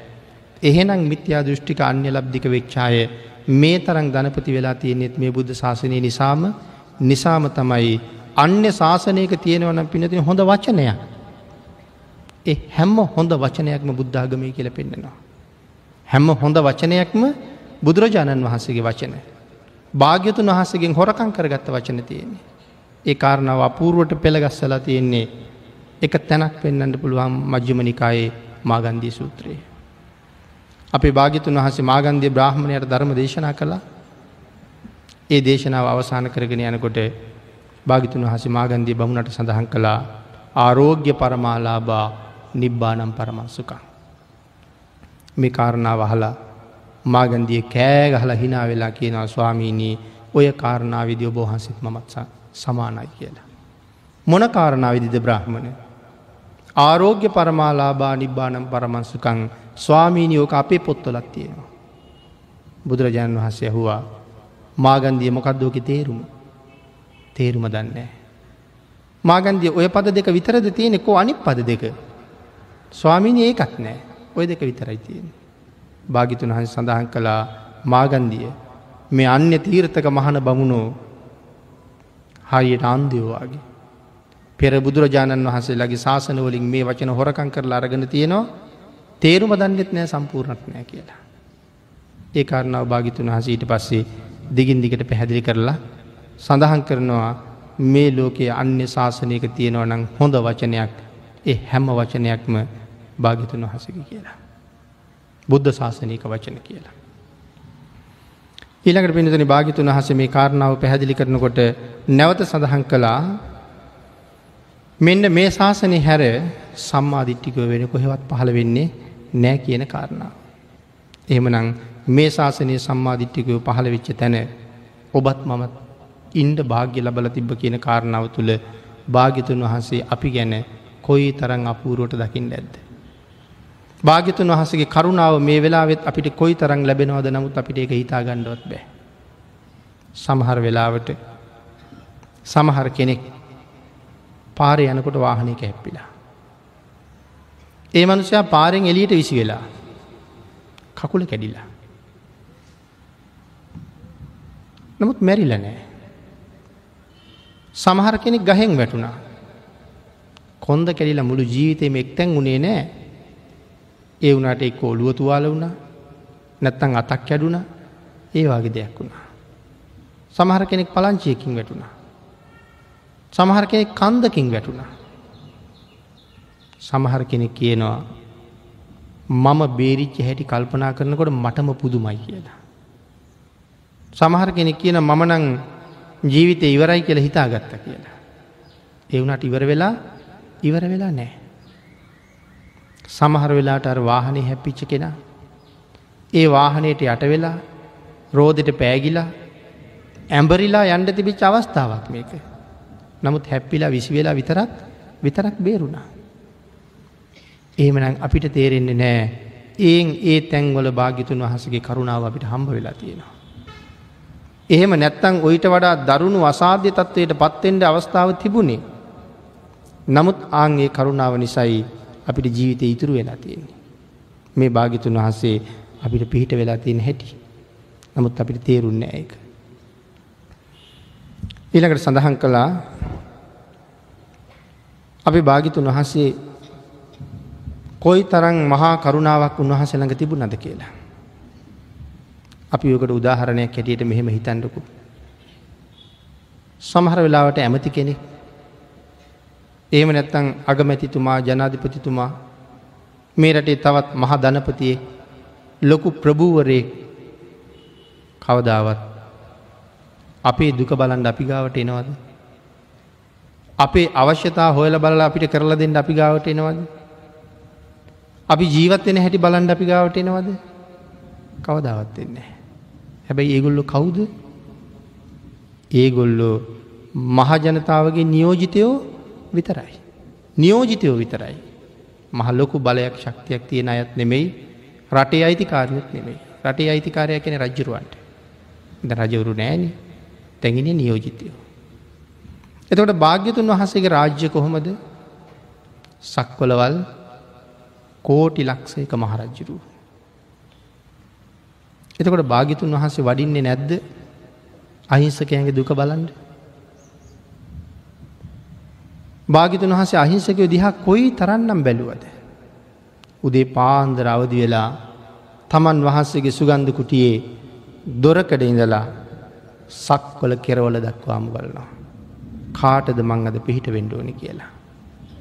හැන්දෑවට භාගිතුන් වහන්සේ සක්වල කෙරවල ඉඳලා තමන් වහන්සේගේ සුගන්ධ කුටිය දක්වාම බලනවා කාට දද පිහිට වෙන්න කියලා. මේ වෙලාවෙ කාටද පිහිට වෙන්න කියලා. ආංගේ බලනකොට පිහිට අවශ්‍ය වෙන අය බුදුරජාණන් වහස දකිනවා. එක මොහොතක්වත් කල් පහු කිරුවද ඒ අය හොයාගෙන යන්න. සුදුසු වෙලාව එනකං සමහරලාට භාගිතුන් වහස බලාගෙන හිටිය. එහෙම නැත්තං දැක්ක ගමන් ඒ පුද්ගලය හොයාගෙන වැඩිය. ඒක රෑද ඒ වහින වෙලාවද ඒකක්වත් භාගිතුන් හස සැලකුවේ සැලකුවේ නෑ. මාගන්දිය කියන බ්‍රාහ්මණයට පිහිටවෙන්ඩ සැවැත්නුවර ජේතවනාරාමි දිව්‍යමය කුටියක් වගේ තියෙන භාගිතුන් වහසගේ සුගන්ධ කුටියෙන් එලියට බැහැලා කල්පනා කළේ මා විසින් මේ තරන් කාලයක් පාරමිතා පුරලා ලොවතුරා බුදු බව ලැබුවේ සසරින් මිදෙන්න වුන් සසරින් මුදවන්ඩ මිසක් මෙවන් කුටියක් ඇතුළේ සැපවිඳින්න නෙවී. භාගිතුන් වහසේ ශ්‍රාවස්තිය ඉඳල කුරු රටට යනකං පාගමනින්ම වැඩිය මාගන්දී හොයාගෙන. අපේ බුදුරජාණන් වහන්සේ අංගුලි මාල දැක්ක වෙලාවේ අංගුලි මාල කොයි තරන්නම් භයානකද භාගිතුන් වහන්සේ අංගුලි මාල හොයාගෙන පාගමනින් මේ මහවනන්තරයට ඒ මහවනන්තරයට වැඩිය. අංගුලි මාල දැක්ක භාගිතුන් වහස වඩිනවා. අංගුලි මාලට භාගිතුන් වහස ගැන ලොකුත් තරහක් ඇති වුණා. මානයක් තියෙනවා තමන් ගැන තමන්ට බයි කවුරුවත් මේ කැලේට එන්නේ කියලා. ආගේ නිසා මේ ශ්‍රමණයා මට එරෙහි වෙලා එනවා වගේ. මං ඉන්න බව දන්නේ නැතුව නෙමෙයි හරියට මාත්‍යක හැප්පෙන් දෙනවා වගේ මේ ශ්‍රමණය. එහෙම නම් මා විසින් මේ ශ්‍රමණයක් ගහතනය කළ යුතුමයි කෙළ හිතුනා. එහෙම හිතිල තමයි භාගිතුන් වහස ලං වෙනකොට කඩුවා මෝරාගෙන පස්සෙන් ගෙලවන්න පටන්ගත්තේ. ඉරදියක් දැක්වා අංගුලිමාලට භාගිතුන් වහසට ලංවෙන්න බැරුව ගියා. අංගුලිමාලගේ මාන ක්‍රමක්‍රමයෙන් බිඳුනා මොකද දුවන මූෝ පිටි පස්සේ ලෙව්වා. කොටියෝ අල්ලලා පොළොව ගැහුවා. සිංහෝ ඇත්තු අල්ලා පොළොවේ ගහපු මට මේ ශ්‍රමණයට ලංවෙන්ට බෑනේද කියල ක්‍රමක්‍රමයෙන් ක්‍රමක්‍රමයෙන් හිතුණා. එහෙනම් මට වඩා ශ්‍රමණය ශක්තිමත් කියල හිතෙන්ට හිතෙන්ට යාගේ මාන බිඳුන ආංගේ වෙලාවෙ නතර වුණා. නතර වෙලා භාගිතුන් හසට කතා කළා. තිට්ට ශ්‍රමණ තිට්ට ශ්‍රමණ නවතින්ට ශ්‍රමණය නවතින්ට කියලා. වඩින ගමන් භාගිතුන් වහස සඳහන් කරනවා මම නැවතිලා ඔබ නවතින්න කියලා. අංගුලි මාල මම නැවතිලා ඔබ නවතින්ට. ඒවෙලා මෙයා වෙවුලන්ට පටන් කත්තා මොකද ශ්‍රමණයෝ කවදාවත් බොරු කියන්නේ නෑ. ඒක හොඳට දන්න අංගුලි මාල. නමුත් මේ ශ්‍රමණයා බොරුද කියන්න අහල බලන්ඩ ඕන කියල හිතුණා. ආං ඒ වෙලා භාගිතුන් වහසගෙන් නැවතවතාවක් අංගුලි මාල හනවා. වඩින ගමන් ඔබ නතර වෙලා කියනවා. නැවතිලා ඉන්න මට නවතින්න කියල කියෙන මේක තේරුවමකක්ද කියලා. භාගිතුන් හසි උත්තරයක් දුන්නා. ටිතෝ අහන් අංගුලි මාල සබ්බදා සබ්බේසු භූතේසු නිදාය දණ්ඩ. තුවංච පානේසු අසං්ඥතෝසී තස්මා ටිතෝ හන්තු මට්ටිතෝසී. මේ මේ ප්‍රකාශය ඇහෙනවත් එක්කම සඳහන් කරන අංගුලි මාල වෙවුලන්ට පටන්ගත්ත කියලා. ඇයි මේ ප්‍රකාශයම සිංහනාදයක් එනි සංගුලි මල් කල්පනා කළා කාගෙන්ද මේ සිංහනාදය කොහෙන්ද මේ සිංහනාදය අංගුලිමාල්ට ඒ වෙලා තමයි ක්‍රමක්‍රමයෙන් වැටහෙන්ට පටන්ගත්තේ මේ ලෝකෙ පහළ වුණා පුුණ්‍යවන්තම කාන්තාවක්. එවෙන කවුරුවත් නෙමේ ඒ මහාමායා දේවින් වහන්සේ මහාමායා දේවින් වහස මේ ලෝක දහතුවට දානය කලා එකම එක පුත්‍රත්නයක් ඒ තමයි සිද්ධාර්ථ බෝසතාණන් වහන්සේ. එහෙම නං මට මේ ඇහෙන්නේ වෙන කාගෙවත් සිංහනාදයක් නෙමෙයි. මේ ඇහෙන්නේ මහා මායාය පුත්තස්ස සිද්ධත් අස්ස සමන රං්ඥෝය තන් ගජ්ජිතන්. මහා මායා දේවින් වහසගේ පුත්‍රරත්නය වෙච්ච සිද්ධාර්ථ ශ්‍රමණ මහරජ්ජුරුවන්ගේ සිංහනාදයයි මට ඇහෙන්නේ කියල කල්පනා වුණා. ආංගේ වෙලාම ආවිදොක්කොම් බිම දැම්ම. චිරස්සං වත මේ මහිසෝ මහේසිං මහාවනං සමනෝ යම් පච්චුපාදී. බොහෝ කාලයකට පස්සේ මේ මහා ශ්‍රමණයන් වහන්සේ මටම අනුකම්පා පිණිස මේ මනන්තරයට වැඩිය.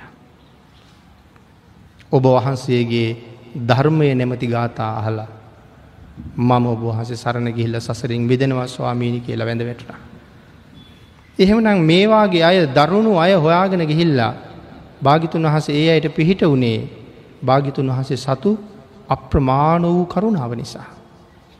එහෙමනං තුන් ලෝකයක අධිපතිය. තමන් යටත ඉන්න අය පිළිබඳව කොයි තරන්න අනුකම්පාවක් තිබ්බද. කොයි තරන්න ලෙංගතුකමක් තිබුණද. ඒ සසරින් මුදවන්ඩ භාගිතුන් වහසේ කොයි තරං දුක්විඳල තියෙනවද බුද්ධත්වය ලබාපු ආත්මය. ලොවතුරා බුදු බව ලබල අපේ බුදුරජාණන් වහන්සේ ඒත් දවසකට සැතපුනේ පැයයි විනාඩි විස්සයි කියල කියන්න. බුදු බව ලබලත් පැයි විනාඩි විස්සයි සැතපිලා තින ඒත් හැමදාම නෙමේ කලාතුරකින් දවසක. බොහෝ දවස්වල සැතපිලා නෑ. එතකොට මේ සැතපෙන්නේ නැතුව භාගිතුන් හස ඇයි මේ අවධයෙන්ම ඉන්නේ. වෙන හේතුවක් නිසා නෙමෙයි පින්නතුනේ ඒ අවදියෙන්ම ඉන්න අපේ නිවන නිසාමයි. ලොවතුරා බුදු වෙලත් මෙහෙම ඉන්නේ. එතකොට අපිට හිතන්න වෙනවා ලොවතුරා බුද්ධ රාජ්‍ය ලබාගත්ත භාගිතුන් වහන්සේ අපි සසරින් එතර කරවන්ඩ පැය විසිහතරකට උන්වහන්සේ සැතපුනේ පැයි විනාඩි විස්සයි නං. පැය හතාටක් ගුලි වෙලා වකුටු වෙලා නිදාගන්නේ මොන ආරක්ෂාව තියෙන හින්දද කියලා. අපිට අපි ගැන දුක හිතෙනවා ඇතකොට. අපේ නිවන වෙනුවෙන් අපිට වඩා භාගිතුන් වහස තාමත් වෙහෙසිනවා. ඒ භාගිතුන් වහස සසර හැටි දන්න නිසා. නමුත් අපිට ඒ සසර තියෙන භයානකත්තේ තාම වැටහුණේ නැති හින්දද කොහෙද. අපි තාම මේ ශාසනික ප්‍රතිපදාවය දෙෙන්ඩ උත්සාහදරණ බවක් පින්නතුරි පේන්නේ නෑ. අපේ සැරියුත් මහරහතන් වහන්සේ ඒ අති උතුම් තත්ත්වයට පත්වෙන්න කලින් සසර අනන්තවත් නිදිමරමින් වෙහෙසුනා විතරක් නෙමෙයි. අග්‍රශ්‍රාවක බෝධිය ලබලත් අවුරුදු තිහක් ඇඳක පිට තිබෙනෑ කියල සඳහන් කරනවා. මුගලන් මහරහතන් වහන්සේත් එහෙම්මමයි. රාහුල මහරහතන් වහන්සේ දොළොස් අවුරුද්දක් සැතපිලා නෑ. ඒ රහත් වනාට පස්සේ. බක්කුල මහරහතන් වහන්සේ රහත් වනාට පස්සේ අවුරුදු අසුවක් සැතපිලා නෑ. එතකොට අපි මොනවද කරන්න. අනුරුද්ධ මහරහතන් වහන්සේ අවුරුදු පනස් පහක් සැතපිලා නෑ. උන්වහන්සේල සංසාරයෙන්ම එතර වෙලා ඉන්නේ. නමුත් එතර වෙන්ඩ ඕන අපි තවම එතරවීම ගැන කල්පනාවක්වත් නෑ. පිනතින මේ සූත්‍ර දේශනාවට අනුව අපේ බුදුරජාණන් වහන්සේ මොන තරන් අපි වෙනුවෙන් කරුණාවෙන් සහ උපේක්ෂාවෙන් කටයුතු කරලා තියෙනවද කියන කරුණු භාගිතුන් වහසේගේ අචින්තනීය බව පිළිබඳවත් කරුණු අනාවරණය කරලා තියෙනවා බොහොම ගැඹුරින්. අපි මේ සාකච්ඡා කළත් මේ සූත්‍ර දේශනාව ඉවර කරන්න සාකච්ඡා කරන්න බැරිවී කියලා හිතෙනවා. විස්තරාත්මකව සාකච්ඡා කළු. නමුත් මේ තරම් අපි වෙනුවෙන් කැපවිච්ච අපේ භාගිතුන් වහස පිළිබඳව අපි ළඟ කිසි අනුකම්පාවක් නෑ. අපි ගාව කෘතගුණ දන්න බවකුත් නෑ. කතඥූ කතවේදී දුල්ල බෝ පුද්ගලෝ දෝකස්මී. කළගුණ දන්න කළගුණ සලකනාය මේ ලෝකෙ හරි දුර්ල බයි කියල භාගිතුන් වහස සඳහන් කළේ. අංගුත්‍ර නිකායක සූත්‍රයක සඳහන් කලා දුර්ලභ පුද්ගලය තුන් දෙන කියන. ලොවතුරා බුදුරජාණන් වහන්සේ දුර්ල බයි. භාග්‍යතුන් වහන්සේගේ ධර්මයම දේශනා කරන කෙනත් දුර්ල බයි. කළගුණ දන්න කළගුණ සලකන කෙනත් ලෝක දුර්ලබයි. එතකොට කතඥූ කතවේදී දුල්ලබෝ පුද්ගලු ලෝකස්මින් මෙතන සඳහන් කරනවා පළවෙනි දෙවනි කාරණා දෙකම අයින් කරලා තුන්ගනි කාරණාව මෙච්චර භාගිතුන් වහස ඉස්මතු කළේ මේ කළගුණ සලකනවා කියන එක කොච්චර වටිනවාද. මන් සඳහන් කළේ අපි භාග්‍යතුන් වහස වෙනුවෙන් ඒ කෘත ගුණේවත් නැති අයි කියලා අපේ සම්මාධිට්ටිකයන් කියන අය අතර බෞද්ධයයි සම්මතාය අතර අප පිනතුන් අහල තියෙනවද බුද්ධ පූජාව තියෙනවට බයිනය කොච්චරන්නවාද කියලා. නමුත් අපි භාගිතුන් වහසගේ ශ්‍රාවකයෝ බුද්ධ පූජාව තියෙනවට බයිනවා. ඒ වියදන් කරනවට වඩා දුපත් මිනිකුට ගෙවල් හදල දුන්නන හොඳ නැද්ද කියලාන. භාගිතුන් වහසට මන්දිරයක් හදනවට වඩා අහිංසක මිනිස්සුට ඒකට කණ්ඩ දුන්නාම හොඳ නැද්ද කියලාහන්න. කෘතගුණ නැතිකම. මේ ක්‍රමයෙන් කල්පනා කෙරුවත් දන් දෙන්න ඕනි බුදුරජාණන් වහන්සේටමයි. ඇයි එහෙම සඳහන් කළේ. පිනතුන එක පුද්ගලයකුට කෑමවේලක් දෙනවට වඩා. පුද්ගලයෝ සිය දස් ගානක් බේරගත්ත කෙනෙකුට සලකන එක වටින් නැත්. එක මිනිහෙකුට කෑම දෙනවට වඩා මිනිස්සු දස් ගානකගේ කෝටි ගානකගේ ප්‍රකෝටි ගානකගේ ජීවිත බේරපු කෙනට සලකන එක මෙලොක වටිනවා. එහෙම කල්පනා කරලා බැලුවොත් අපි දන් දෙන්න ඕනි කාටද. එහෙම කල්පනා කිරුවත් දන් දෙන්න වෙන බුදුරජාණන් වහසේටමයි. ලක්ස කෝටි ගණන් නෙමෙයි අසංක්‍ය අප්‍රමාණ ගණන් සත්වයන් සතරපායෙන් මුදවන්ඩ ඇස් ඉස් මස්ලේ දන්දුන්න වාරෝල සීමාවක් නෑ. අද පූජාව බුද්ධ පූජාව තියන්ට එපා කියල කියන මිනිහා වෙනුවෙන් උන්වහන්සේ මොන්න තරන්නම් තමන්ගේ ශරීරයේ ලේ දීල තියෙනවාද. ඒ මිනිහ වෙනුවෙන් තමන්ගේ ඇස් දෙක කී පාරක් දීල තියෙනවාද. හුරතල් දරු පැටව් කී පාරක් දන්දුන්නද අද බුද්ධ පූජාව තියන්ට එපා කියන මනුස්්‍යයා වෙනුවේ. ඒකයි කීවෙ කෘතගන දන්න කෘතගුණ සලකන අයි ලෝකේ හරි දුර්ල බයි කියලා. එහෙනම් භාග්‍යතුන් වහන්සේටමයි දන් දෙෙන්ඩුව. බුදුරජාණන් වහන්සේත් වැඩ ඉන්නවා. අපි කිම පිළිම වහන්සෙත් වැඩ ඉන්නවා. බේලක් කණ්ඩ නැතුව බඩිගින්න ඉන්න මිනිහෙකුත් එතන ඉන්නවා. මගේ අතේ කෑම පාර්සලයකුත් තියෙනවා. මංගේ කරන්ගෙන්න්නේ බුද්ධ පූජාවටයි. බුද්ධ පූජාව නොතියා අර මනුස්සයට කෑමක දුන්නොත් මං කළ ගුණ දන්න ඇති කෙනෙක්ම වෙනවා. මොකද මං වෙනුවෙන් භාගිතුන් වහස කොච්චර වෙහෙසුනාද. ආගේ කාරණාව පිනතින හරි ගැඹුරට කතා කරන්න තියෙන එකක් අපිට වැටහිලා නෑ. අපි සමහරලාට අහන්නේ ගල් වැලි මැටිවලින් හදපු පිළිම වහන්සේලාට බුද්ධ පූජාව තියල මොනවද ලැබෙන ආනිසංස කියලා. ඒත් තිසරණවත් නැතිහින්ද. ජීවමාන බුද්ධ සංඥාව කියන කාරණාව අහලවත් නැතිහින්ද. ඒ කාරණාව අපි ගාව හරි අඩුයි. අපිට හිතෙන්නේ නෑ බුදුරජාණන් වහන්සේ තාම ජීවමානයි කියලා. ආන්ගේ ජීවමාන සංඥාව අරගෙන ගිහිල්ල භාගිතුන් වහන්සේ ළඟ පූජාවක් කළොත් වැඳ වැටුනොත් ඒ පුද්ගලයට අප්‍රමාණ කුසල් ලැබෙන්ට පටන් ගන්න. නමුත් අපිට හැඟෙනවද භාගිතන හස වැඩ ඉන්නවා කියලා. අපේ විහාරස්ථානයේ බුදුකුටේ අපි හැදුවේ බුදුරජාණන් වහන්සේට. සංඝයා වහන්සේලට අපි සංඝාවාසි හදල දුන්න. හැබැයි අපි දරුවන්ගේ කාමරයට යනකොට දොරට තට්ටු කරලා කතා කළා. පන්සලට එනකොට දොරවහල තිබුණ දොරට තට්ටු කරලා කතා කරනවා. ලොක හාමුදුරුව මුණ ගැහෙන් ඕන වුණුත් ලොක හාමුදුරන්ගේ කාමරයට අපි කඩාගෙන බිඳගෙන යන්නේ දොරට තට්ටු කරල කතා කරනවා. ඒ ලොකු හාමුදුරුව ඇතුළේ ඉන්න හින්දා. දුව පුතා ඇතුළේ ඉන්න හින්දා. ඒ වුණට විහාරි දොරගාවටත් ගිහිල්ල තට්ටු කරල කතා කරපු කෙනෙක් ඉන්නවද. ඒ කියන්න එහෙනම් බුදුරජාණන් වහන්සේ ඇතුළේ ඉන්නවා කියෙන හැඟීමක් අපේ අපේ නෑ. එහෙම හැඟීමක් නැතුව ගිහිල්ල පූජාව තිබ කියලනම් මහලකු අනිසංසයක් කම්බ වෙන්නේ නැහැ. නමුත් මම දානටික හදාගෙන එනකං භාගිතුන් වහසේ බලාගෙන ඉන්නවා කියෙන හැඟීම තිබුණ. කොයි තරං පිරිසිදුවත ඒ දානටික හදාගනීද.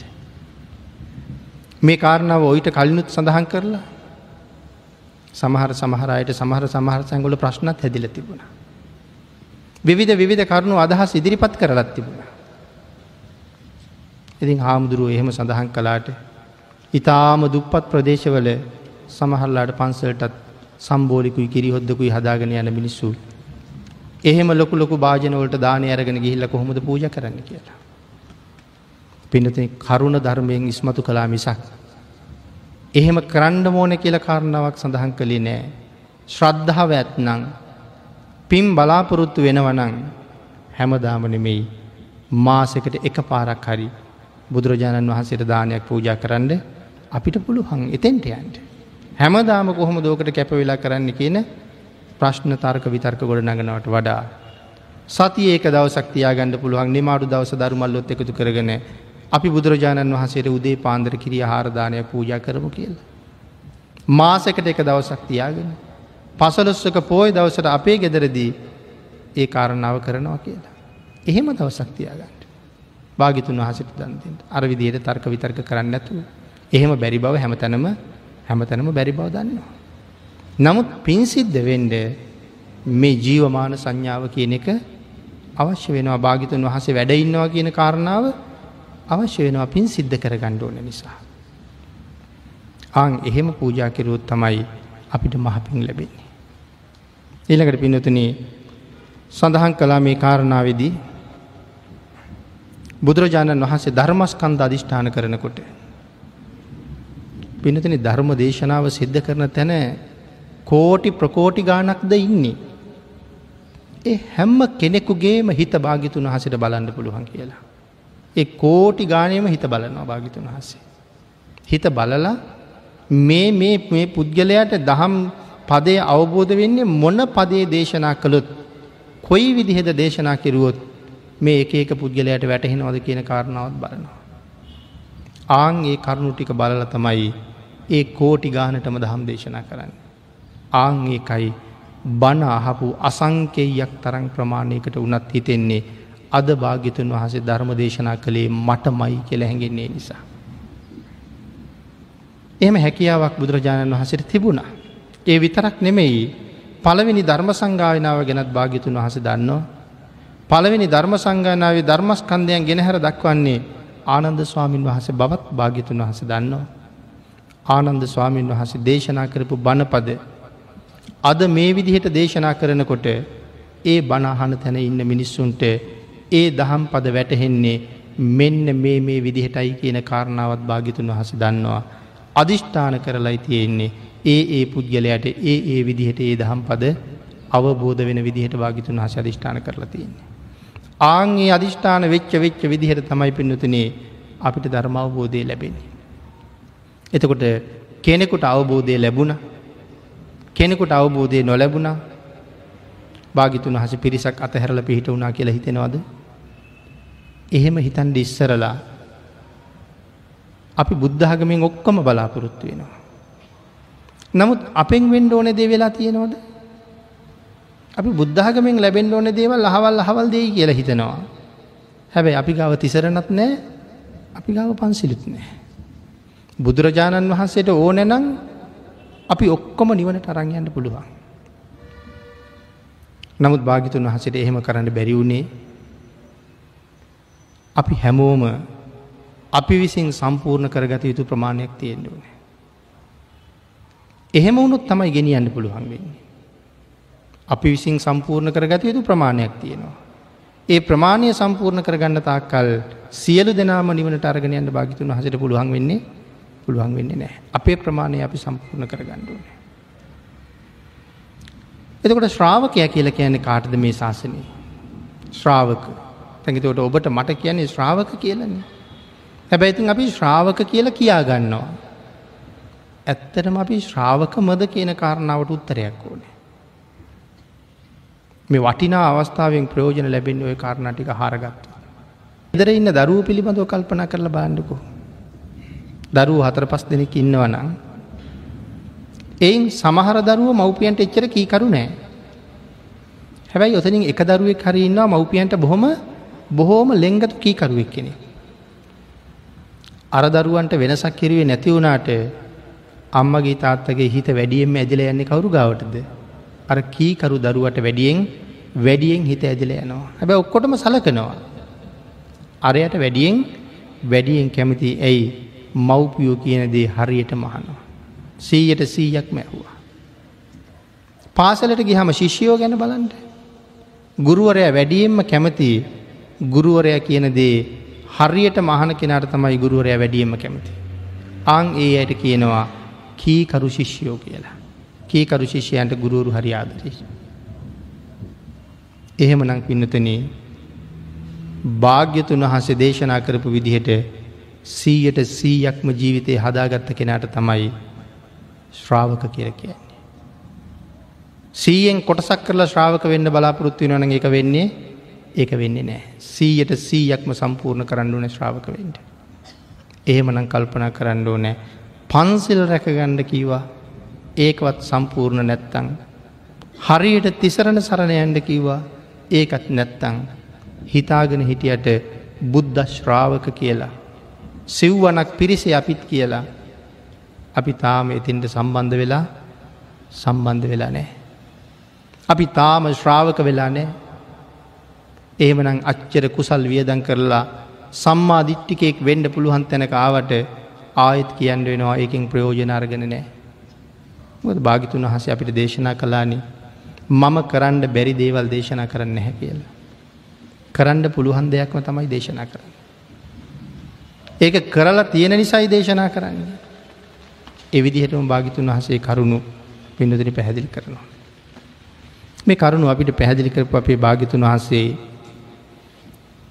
ඊළඟට සඳහන් කලා බුදුරජාණන් වහන්සගේ කරුණාව අනුකම්පාව ලැබෙනකොට භාගිතුන් වහසගේ සරණ පිහිට ලැබෙනකොට. එක කෙනෙකුට හිතාගණඩ බැරි තරම් මහපුදු ආරක්ෂාවක් එක ලැබෙන්නේ. නිතනේ කාරණාව පැහැදිලි කරනකොට මේ දම්ම රුචි භික්‍ෂූන් වහස පිළිබඳව කතාවක් සහිපත් කරන්න පුළුවන්. අපේ බුදුරජාණන් වහන්සේ සුමේද තාපසතුමා වෙලා දීපංකර භාගිතුන් වහසකින් නියත විවරණ ගත්ත කාලේ. සුමේද තාපසලු තාපසතුමා ළඟ රිෂි ප්‍රෞද්ජාවෙන් පැවිදි වෙච්ච එක ශිෂ්‍යය හිටියා. පස්සෙ කාලේ පාප මිත්‍රයන්ට අහුුණා. පාප මිත්‍රයන්ට අහු වෙලා සිවුරු ඇරල ගියා. සිවුරු ඇරල ගිහිල්ල අම්ම මැරුවා. පාප මිත්‍රයෝ නැසුරු කරන්නේ අම්මත් මැරුවා. අවිචීට ගියා. අවිචී අනන්ත දුක් වින්ද.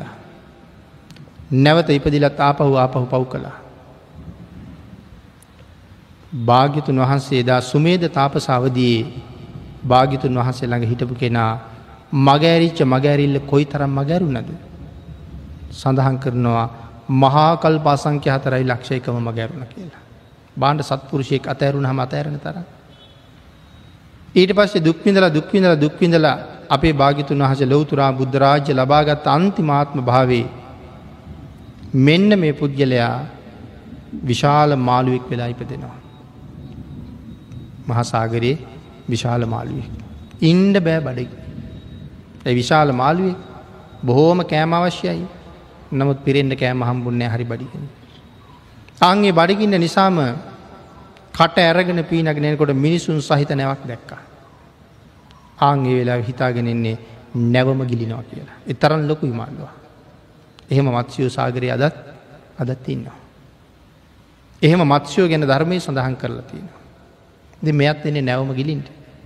කට ඇරගෙන නැවදිහට වේගෙන් එනකොට ඒ නැවේ හිටිය සම්මාධිට්ටික මිනිස්සු. එමිනිස්සු බය වුණා දැන් නැවම ගිලිනවා කියලා.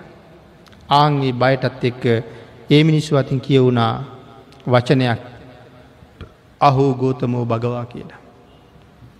අහෝ ගෝතමෝ භගවා. ආංගේ වචන මාළුවට ඇහුණා. ඇහිච්ච ගමන් මාළුවට මොකද වෙන්නේ. ඇහිච්ච ගමන් මාළුවා මැරිලම යනවා. මේ වචන ඇහිච්චකම. මැරිච්ච ගමම්ම ඉතාම ඉසුරුමත් බ්‍රහ්මණ කුලේක දරුවෙක් වෙලා ඉපදෙනවා. ඉපදිලා අවුරුදු හතෙන් බනාහලා රහත් වෙනවා.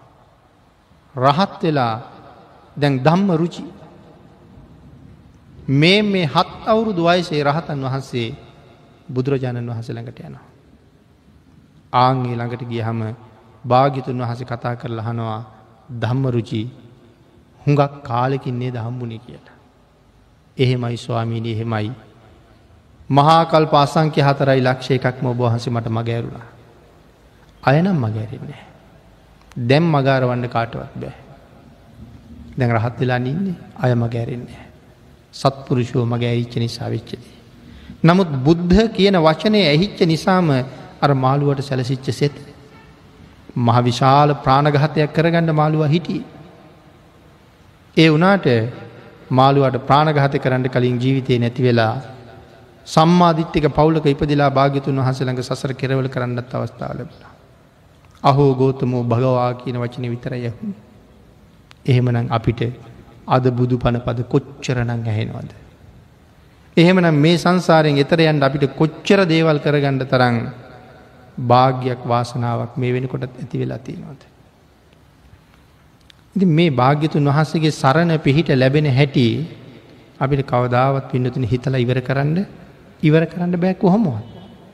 ඒකයි මේවා අචින්තනීය ධර්ම කියල සඳහන් කළේ.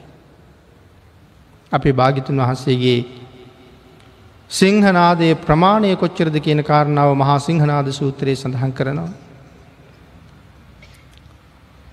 ආස බංටානං ගද මේ ආස බංටානං කියල සඳහන් කර. පිනතින අට පිරිස පොළොව කරලා ඒ මත හිටගත්ත කියන එකයි. ආස බංටහනං පටිජාන අට පිරිස පොලෝ කරලා ඒ මැද හිටගෙන සිංහනාත කරනවා. කවද මේ අට පිරිස පොළොව කරනවා කියලකින් අට පිරිස කවුද. බ්‍රාහ්මණ පිරිස ශස්ත්‍රිය පිරිස ශ්‍රමණ පිරිස මේ ආදි වශයෙන් බ්‍රාහ්මණ පිරිස කියල සඳහන් කරහම බ්‍රාහ්මණයන්ට මොන තරන් හැකියාවක් තියෙන ශස්ත්‍රිය පිරිස කියලා ගැන රජවරුන්ට රජවරුන්ට කොච්චර හැකියාවක් තියෙනවාද. මුලින් සඳහන් කලා රජවරු කියල කියන්නේ රටේ අයිතිකාරයක් කියලා. රටේ අයිතිකාරය වුණහම ජනතාවගෙත් අයිතිකාරය. එතකොට ඒ ජනතාවට රජ්ජුරුවන්ට ඕනෑම දෙයක් කරන්න පුළුවන්. එවුන රජ්ජුරුවන්ට විරුද්ධව නඩුදාන්න කවුරුවත් ඉන්නවද. රජ්ජුරුවන්ට ඉරුද්ධව එරෙහි වෙලා එන්ඩ වෙනත් කවුරුවත් ඉන්නවද. රජ්ජිරුවන්ට විරුද්ධ වෙන්න කවුරුවත් නෑ. එහින්ද රජ්ජිරුවන්ට රටවැසියා සම්බන්ධයෙන් ඕනම දෙයක් කරන්න ඕනම දෙයක් කරන්න පුළුහංකම තියෙනවා. රටවැසියා සම්බන්ධයෙන් රජ්ජුරුවන්ට ඕනම දෙයක් කරන්න පුළුහංකම තියෙනවා. නමුත් රටවැසියෝ රජ්ජුරුවන්ට ඉතාම යටහත් පහත්. නමුත් ආන්ගේ රජ්ජුරුවන්ට භාගිතුන් වහසේ කොතනොත් යටත් යටත් නෑහෙනම් ශස්ත්‍රය පිරිස පාගලයි බුදුරජාණන් වහසේ. ඊළඟට පින්නතිරි සඳහන් කළේ බ්‍රාහ්මණ පිරිස පිළිබඳව. කෞතිතකොට මේ බ්‍රාහ්මණ පිරිස කියල කියන්නේ. බ්‍රාහ්මණ පිරිස කියල කියන්නේ මනාව දැන ඉගෙන ගත්තාය. මනාව දැන ඉගෙන ගත්තාය කියල කියන්නේ. බ්‍රාහ්මණය කියල කියන්නේ හරියට අද හැටියට කල්පනා කරලා බැලුවොත් විද්‍යාඥෝවාගේ පිරිසක්. පුද්දුම විදිහට ඉගෙන ගත්තාය. ඒ එක ශේස්ත්‍රයක්ද හැම ශේස්ත්‍රයක්ම ඉගෙන ගන්නවා. හැම ශේස්ත්‍රයක්ම මනාව දන්නවා. හැම ශේස්ත්‍රයක්ම සම්පූර්ණ කරලා තියෙන්නේ.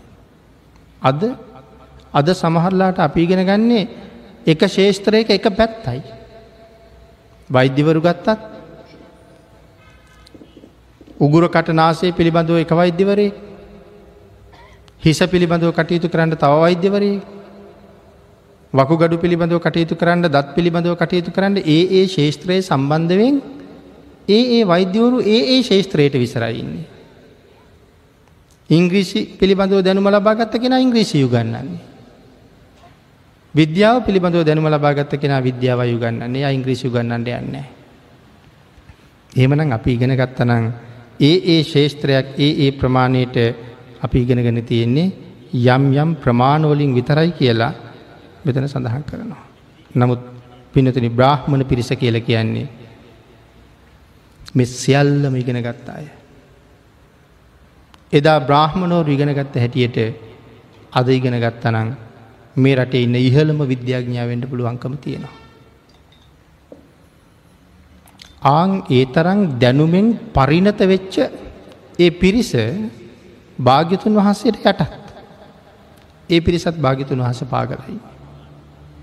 ඊළඟට සඳහන් කළා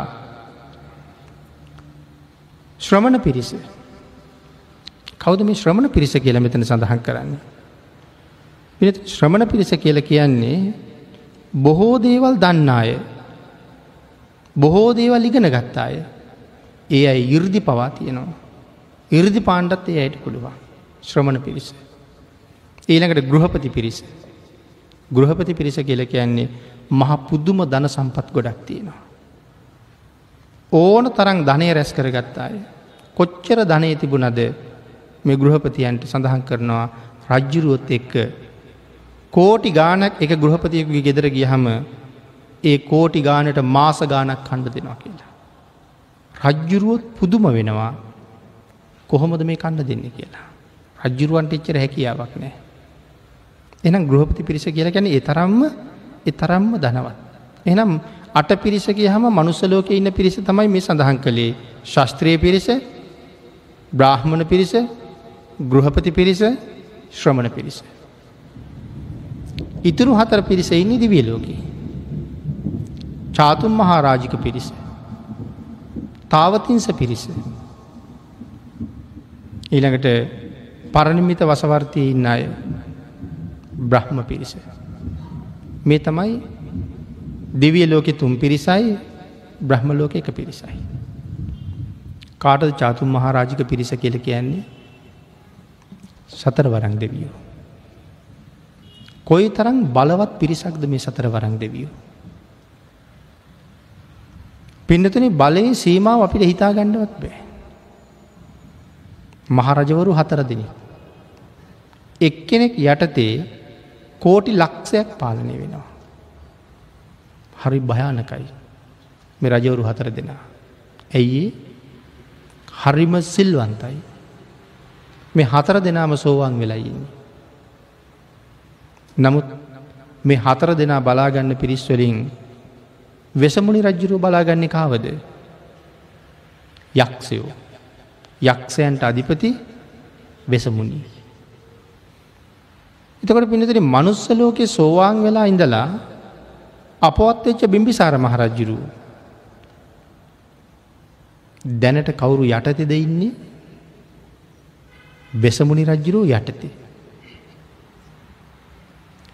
යක්ෂ සේනාධිපතිය කැරියට තමයි ඉන්නේ. එතකොට දැම් මේ අර යක්ෂ කියපු ගමන් අපිට මැවිලපේන යක්ෂයෝ ගැනද මේ කියන්නේ නැහෙමයි ගැන නෙමෙයි. දිව්‍යමය ශරීර තියෙන රැස් විහිදෙන දිලිසෙන ශරීර තියෙන නමුත් යක්ෂ නමින් ඉපදිලා ඉන්න පිරිසක්. එනම් යක්ෂයන්ට අධිපති කියල කිය හම අර අපි හිතන යක්ෂයෝ ගැන නෙමෙයි මෙතන සඳහන් කළේ එහෙම යක්ෂයොත් නැතුව නෙමෙයි. එමනම් ජනවසභ නමින් ඉපදිලා ඉන්නවා යක්ෂ සේනාධිපතිය කැටියට. භාගිතුන් වහස මුණ ගැහෙන්ඩ විල්ලක දවසක් සඳහන් කරනවා ජනවසභ සූත්‍රී තියෙන්. ස්වාමීනි මම බිම්බිසාර ස්වාමීනි මම ජනවසභ ස්වාමීනි මම ජනවසභ. දෙපාරක් එහෙම සඳහන් කරලා කියනවා ස්වාමීනී මම බිම්බිසාර කියලා. ස්වාමීනි මම සෝවාන් වෙලා හිටියේ ස්වාමීනී මම සකදාගාමි වීම සඳහා දැන් වීර්ය ආරම්භ කරලා ඉන්න කියලා කියන. එතකොට ආලවක යක්ෂයා ආලෝකයක්ෂය කවුරු යට දෙදන්නේ. ආලෝකයක්ෂයත් ඉන්නේ වෙසමුණි රජ්ජුරුවන්ගේ යටතේ. දැන් එතකොට තේරුම් ගණ්ඩ පුළුවන් වෙසමුණි රජ්ජුරුවන්ගේ තරම ආලෝකයක්ෂය ගැන කියහම. කොයි තරම් භයානක දාලෝකයක්ෂය ආලෝක සූත්‍රයෙන් පැහැදිලි කරලා තියෙන ආලෝකයක්ෂය කොයි තරම් භයානකත කියලා. බුදුරජාණන් වහන්සේ ආලෝකයක්ෂයාගේ විමානයට වැඩිය කියලා ආලෝක යක්ෂයාගේ දොරටු පාලයා ගිහිල්ල කියන්න ගීපු වෙලාවේ එහෙම මෙයාගේ කටවහල පැත්තකින් තිබා කටවහගනින් මං හැන්දෑව ගිහිල බලාගන්න. එයාට එතනින් එහට කතා කරන්න අයිතියක් නෑ. හැබැයි යක්ෂ සමාගමට ඊළඟට නව තවත් යක්ෂ සේනාධිපතියෝ දෙන්නෙක් ඒ සාතාගිර සහ හේමෝත. මේ යක්ෂයෝ දෙන්නම සෝවන් වෙලා ඉන්නේ. මේ දෙන්න යක්ෂ සමාගමට ගිය හම ආලෝකයක්ෂය ඉන්නවා. ආලෝකට කතා කරලකින ආලෝක අදනං ඔබට මහ යහපත. අපේ බුදුරජාණන් වහන්සේ ඔබේ මාලිගාවට වැඩලා. ඇහුන් නෑවාගේ හිටිය. තවටිකකින් ආයෙත් කිව්වා. තමන්ගේ දොරටු පාලයාගේ කටවැහුවට මේ දෙන්න කටවහන්න බෑනි. දෙතුම් පාරක් කියනකට යක්ෂයට හොඳ ටෝම කේන්ති කිය මේ යක්ෂය හරිට කේන්තියනවා. ගිනි පුපුරුවාගේ කියල ධර්මී සඳහන් කරන්න. දෙතුම් පාරක් කියනකොට කේන්තිගේ ලැව් අඹලගේ බුදු හාමුදුරුව මංගාව කවුද කියලා. ඔච්චර කියවන්නේ කවුද මංගාවයා කෙලෙහවා. යක්ෂය ආහන හැටි. ආං ඒ වෙලාවේ මේ දෙන්න දැනගත් ආලෝකට තරහගියා හොඳටම. තවටිකක් කේන්ති අවුස්සන්ඩත් වගේ සඳහන් කළා ආලෝකොඹ දැනගනින් අපේ බුදුරජාණන් වහන්සේ කේසර සිංහරාජයෙක් නම් ඔඹ ඒ සිංහයා ගාව නිකම්ම නිකං හිවලෙක් විතරයි කියලා. අපි භාගිතුන් වහස කේසර සිංහරාජයෙක් නං උඹේ කේසර සිංහරාජය ගව හිවලෙක් විතරයිකිව. ඊනකට කියනවා ආලෝක දැනගනින්. අපි භාග්‍යතුන් වහන්සේ යොදුන් එකසිය පණහක් දිග මහක් ගුරුලු රාජයෙක් නං ඔඹේ ගුරුල ළඟ නිකම්ම නිකං කපුටෙක් විතරයි කියලා. ආංගේ වචන දෙක කියනකොට නං ආලෝකයක් සැට ඉවසුම් නැතුව ගිය. සමාගමෙන් එලියටාව මනෝසීල පරවතයට එක කකුලක් තිබ්බා. යොදුන් හැටක් උසයි කියල සඳහන් කරනවා කයිලාසකූට පර්වතය මනෝසිලාව මුදන පාගලා කයිලාසකූටයට පැන්න. ආංගේ කයිලාසකූටයට පයිනකොට කයිලාසකූට පර්වතයට මේ යක්ෂයා උහුලගෙන ඉන්න බැරිහින්දා පතුරු ගැලවි ගැලි වැටෙන්න්න ගත්ත කියලා කියෙන මහ පරුති. තැන් තේරෙනවන යක්ෂයාගේ තරම කොහොමද කියලා. යොදුන් තුන්දාහක් ප්‍රමාණය පැතිරලා තියෙන හිමවත වෙවුලන්ට පටන්ගත්ත කියල කියනවා කයිලාස මුදන පාගලා කෑ ගහල කියනවා අහං ආලෝකු මට තම යාලෝක කියල කියන්නේ කෞද මට එරෙහි වෙන්න කියලා. මේ ලෝක තියෙනවා ජම්බුද්ධීපයට මැහි චහඬවල් හතරක්. ආන්ගේ හඬවල් හතරේ එකක් තමයි කයිලාස මුදනීදගෙන ආලෝක කෑ ගහනවා මට යාලෝක කියන කියලා. මුළු දඹදිවට මේ හඬ ඇහෙනවා. අද දඹදිව කියල කිවත් ස්පාඥයෙන් විතර පටන්ගන්න පෘතුගාලයෙන් විතර. සෝවියට රුසියාවෙන් පටන් අරගෙන ස්පාඥය පෘතුගාලය හරහා පැතිරලයින තනි මහද්දීපයට යම් බුද්ධීපය කියල කියන. හිතන්ඩ කොයිතකොට ආලෝකගේ හඬ කොහොමද කියලා. අන්න එවන් භයානක ආලෝ කළත් වෙසමුණි රජ්ජිරුවන්ගේ යටතේ ඉන්නවනං රජ්ජිරුව කොහොම ඇද්ද. එහෙමනං මෙන්න මේ චාතුම් මහා රාජික පිරිස පොළොව කරලා ඉන්න භාගිතුන් වහසේ කියන්නේ ඒ පිරිස මත හිට ගන්නවා කියලා. ඊළඟට තාවතින්ස පිරිසක් දෙවිඳ ඇතුළු තිස්තුනක් වෙච්ච මහරජවරු දෙවි රජවරු ඇතුළු තාවතින්ස පිරිස පරණිමිත වසවර්තය පිරිසත් බ්‍රහ්ම පිරිසත් පොළොව කරලා ඒ මත හිටගන්නවා භාගිතුන් වහසේ. ඒ කියන්නේ ඒ සියලු දෙනාටම වඩා භාගිතුන් වහසි තාම ඉහලින් ඉන්නවා කියන කාරණාවන. ආං ඒ මත හිටගෙන පරිසාසු සිංහනාදං නදති. භාගිතුන් වහසේ සිංහනාද කරනවා මේ අට පිරිස පොළොව කරලා පාගගෙන ඒ මත ඉඳලයි භාගිතුන් වහස සිංහනාද කරන්නේ. ඒ සිංහනාදේ කොච්චර දුරට ඇහෙනවද භාගිතුන් වහසගේ. අංගුත්තර නිකායි තියෙනවා පිනතින සීහ කියල සූත්‍රයක්. ඒ සීත්‍රයේ සඳහන් කරනවා කේසර සිංහෙක් පිළිබඳව. ඊළඟට භාගිතුන් වහසේ මේ සිංහ හැට උපමා කරනවා. කේසර සිංහෝ අදා අපිට දකිින්ට නැහැ. මෙගොලු කොහෙද ජීවත් වෙනවා කියල කියන්නේ. මෙගොලු ජීවත් වෙලා තින හිමාලේ. නිකන් ගස් යට කඳුඩ කේසර සිංහෝ ජීවත්තෙන් නෑ කියල සඳහන් කරනවා. එක්කො රත්තරං ගුහාාවක නැත්තං රිදී ගුහාාවක එහෙම නැත්තං මනෝසීල ගුහාාවක එහෙමත් නැත්තම් මැනික් ගුහාාවක තමයි කේසර සිංහයෝ ජීවත්තෙන්නේ. සීහ සූත්‍රයේ කේසර සිංහයා පිළිබඳව විශේෂ කරුණු රාසියක් පැහැදිලි කරනවා. ආන්ගේ පැහැදිලි කරන කරුණු අතර සඳහන් කරනවා. මේ කේසර සිංහයා තමන්ගේ ගුහාාවෙන් එලියට ඇවිල්ල තුම් පාරක් කෑ ගහනවා කියලා. තුම් පාරක් කෑ ගහලා ගොදුරු හොයන්ට පටන් ගන්නවා. ඒ තුම් පාරක් කෑගහපුම් ඒ හඬ යොදුන් තුනක් ඇතට ඇහෙනවා කියල සඳහන් කරනවා. ඒ ඇන හැතැක්ම නං හතලිස් අට. හතක්ම හතලිස් අටක් ඇතට මේ කෑගහන හඬ ඇහෙනවා. තුම් පාරක් කෑගහලා තමන්ගේ ගුහාාවෙන් එලියට පැනලා මේ සිංහයා දුවන්ඩ පටන් ගන්නවා. දුවල දුවල දුවලගේ යොදුන් තුනක් ඇතට දුවල ගිහිල්ලා නතර වෙලා කන් දෙක උත්සගෙන අහගෙන ඉන්නවා. මොනව දහගෙන ඉන්නේ ගොදුරු කරගණ්ඩ ඉන්න සත්තු කෑගහන හඬද නෑ තමන් කෑගහපු හඬ තමන්ගේ කනට එනකන්. ඒ කියන්නේ ශබ්දයට වඩා වේගෙන් වේගෙන් දුවනවා කියන එකයි. අපි අද අහසෙත් දකිනව මිග්‍යානාවගේ දේවල් යන වශබ්දයට වඩා වේගෙන්. නමුත් කිසිම බාධාවක් නැතු අහසයන්නේ. දැන් හිතන්ටක මේ සිංහයා යන්නෙත් බාධා නැතුවද කියලා. ගස්වලින් බේරිලා කඳුවලින් බේරිලා ඇලවල්වලින් පැනල ගංගාවල්වලින් පැනල තමයි මෙයා දුවන්නේ. දැන් තේරෙනවා දෙතකොට මෙයා දුවන වේගේ එහෙම නං හිතන්ට තියනෙ මිග්‍යානාවකට වඩා වේගවත් කියලා. මෙයා දුවන්නේ බාධක දිවීම. මිග්‍යානාවක් යන්නේ බාධක නැති අහසේ. එතරම් වේගින් තුුණා. ගිහිල්ල තමන්ගේ හඬ කනට එනකං අහගෙන නව කියල සඳහන් කරන්න. දැම් මේ කේසර සිංහයාගේ හඬ කොච්චර ඇතට ඇහුනද යොදුන් තුනයි නැත්තං හැතැක්ම හතලිස් අටක් ඇතයි.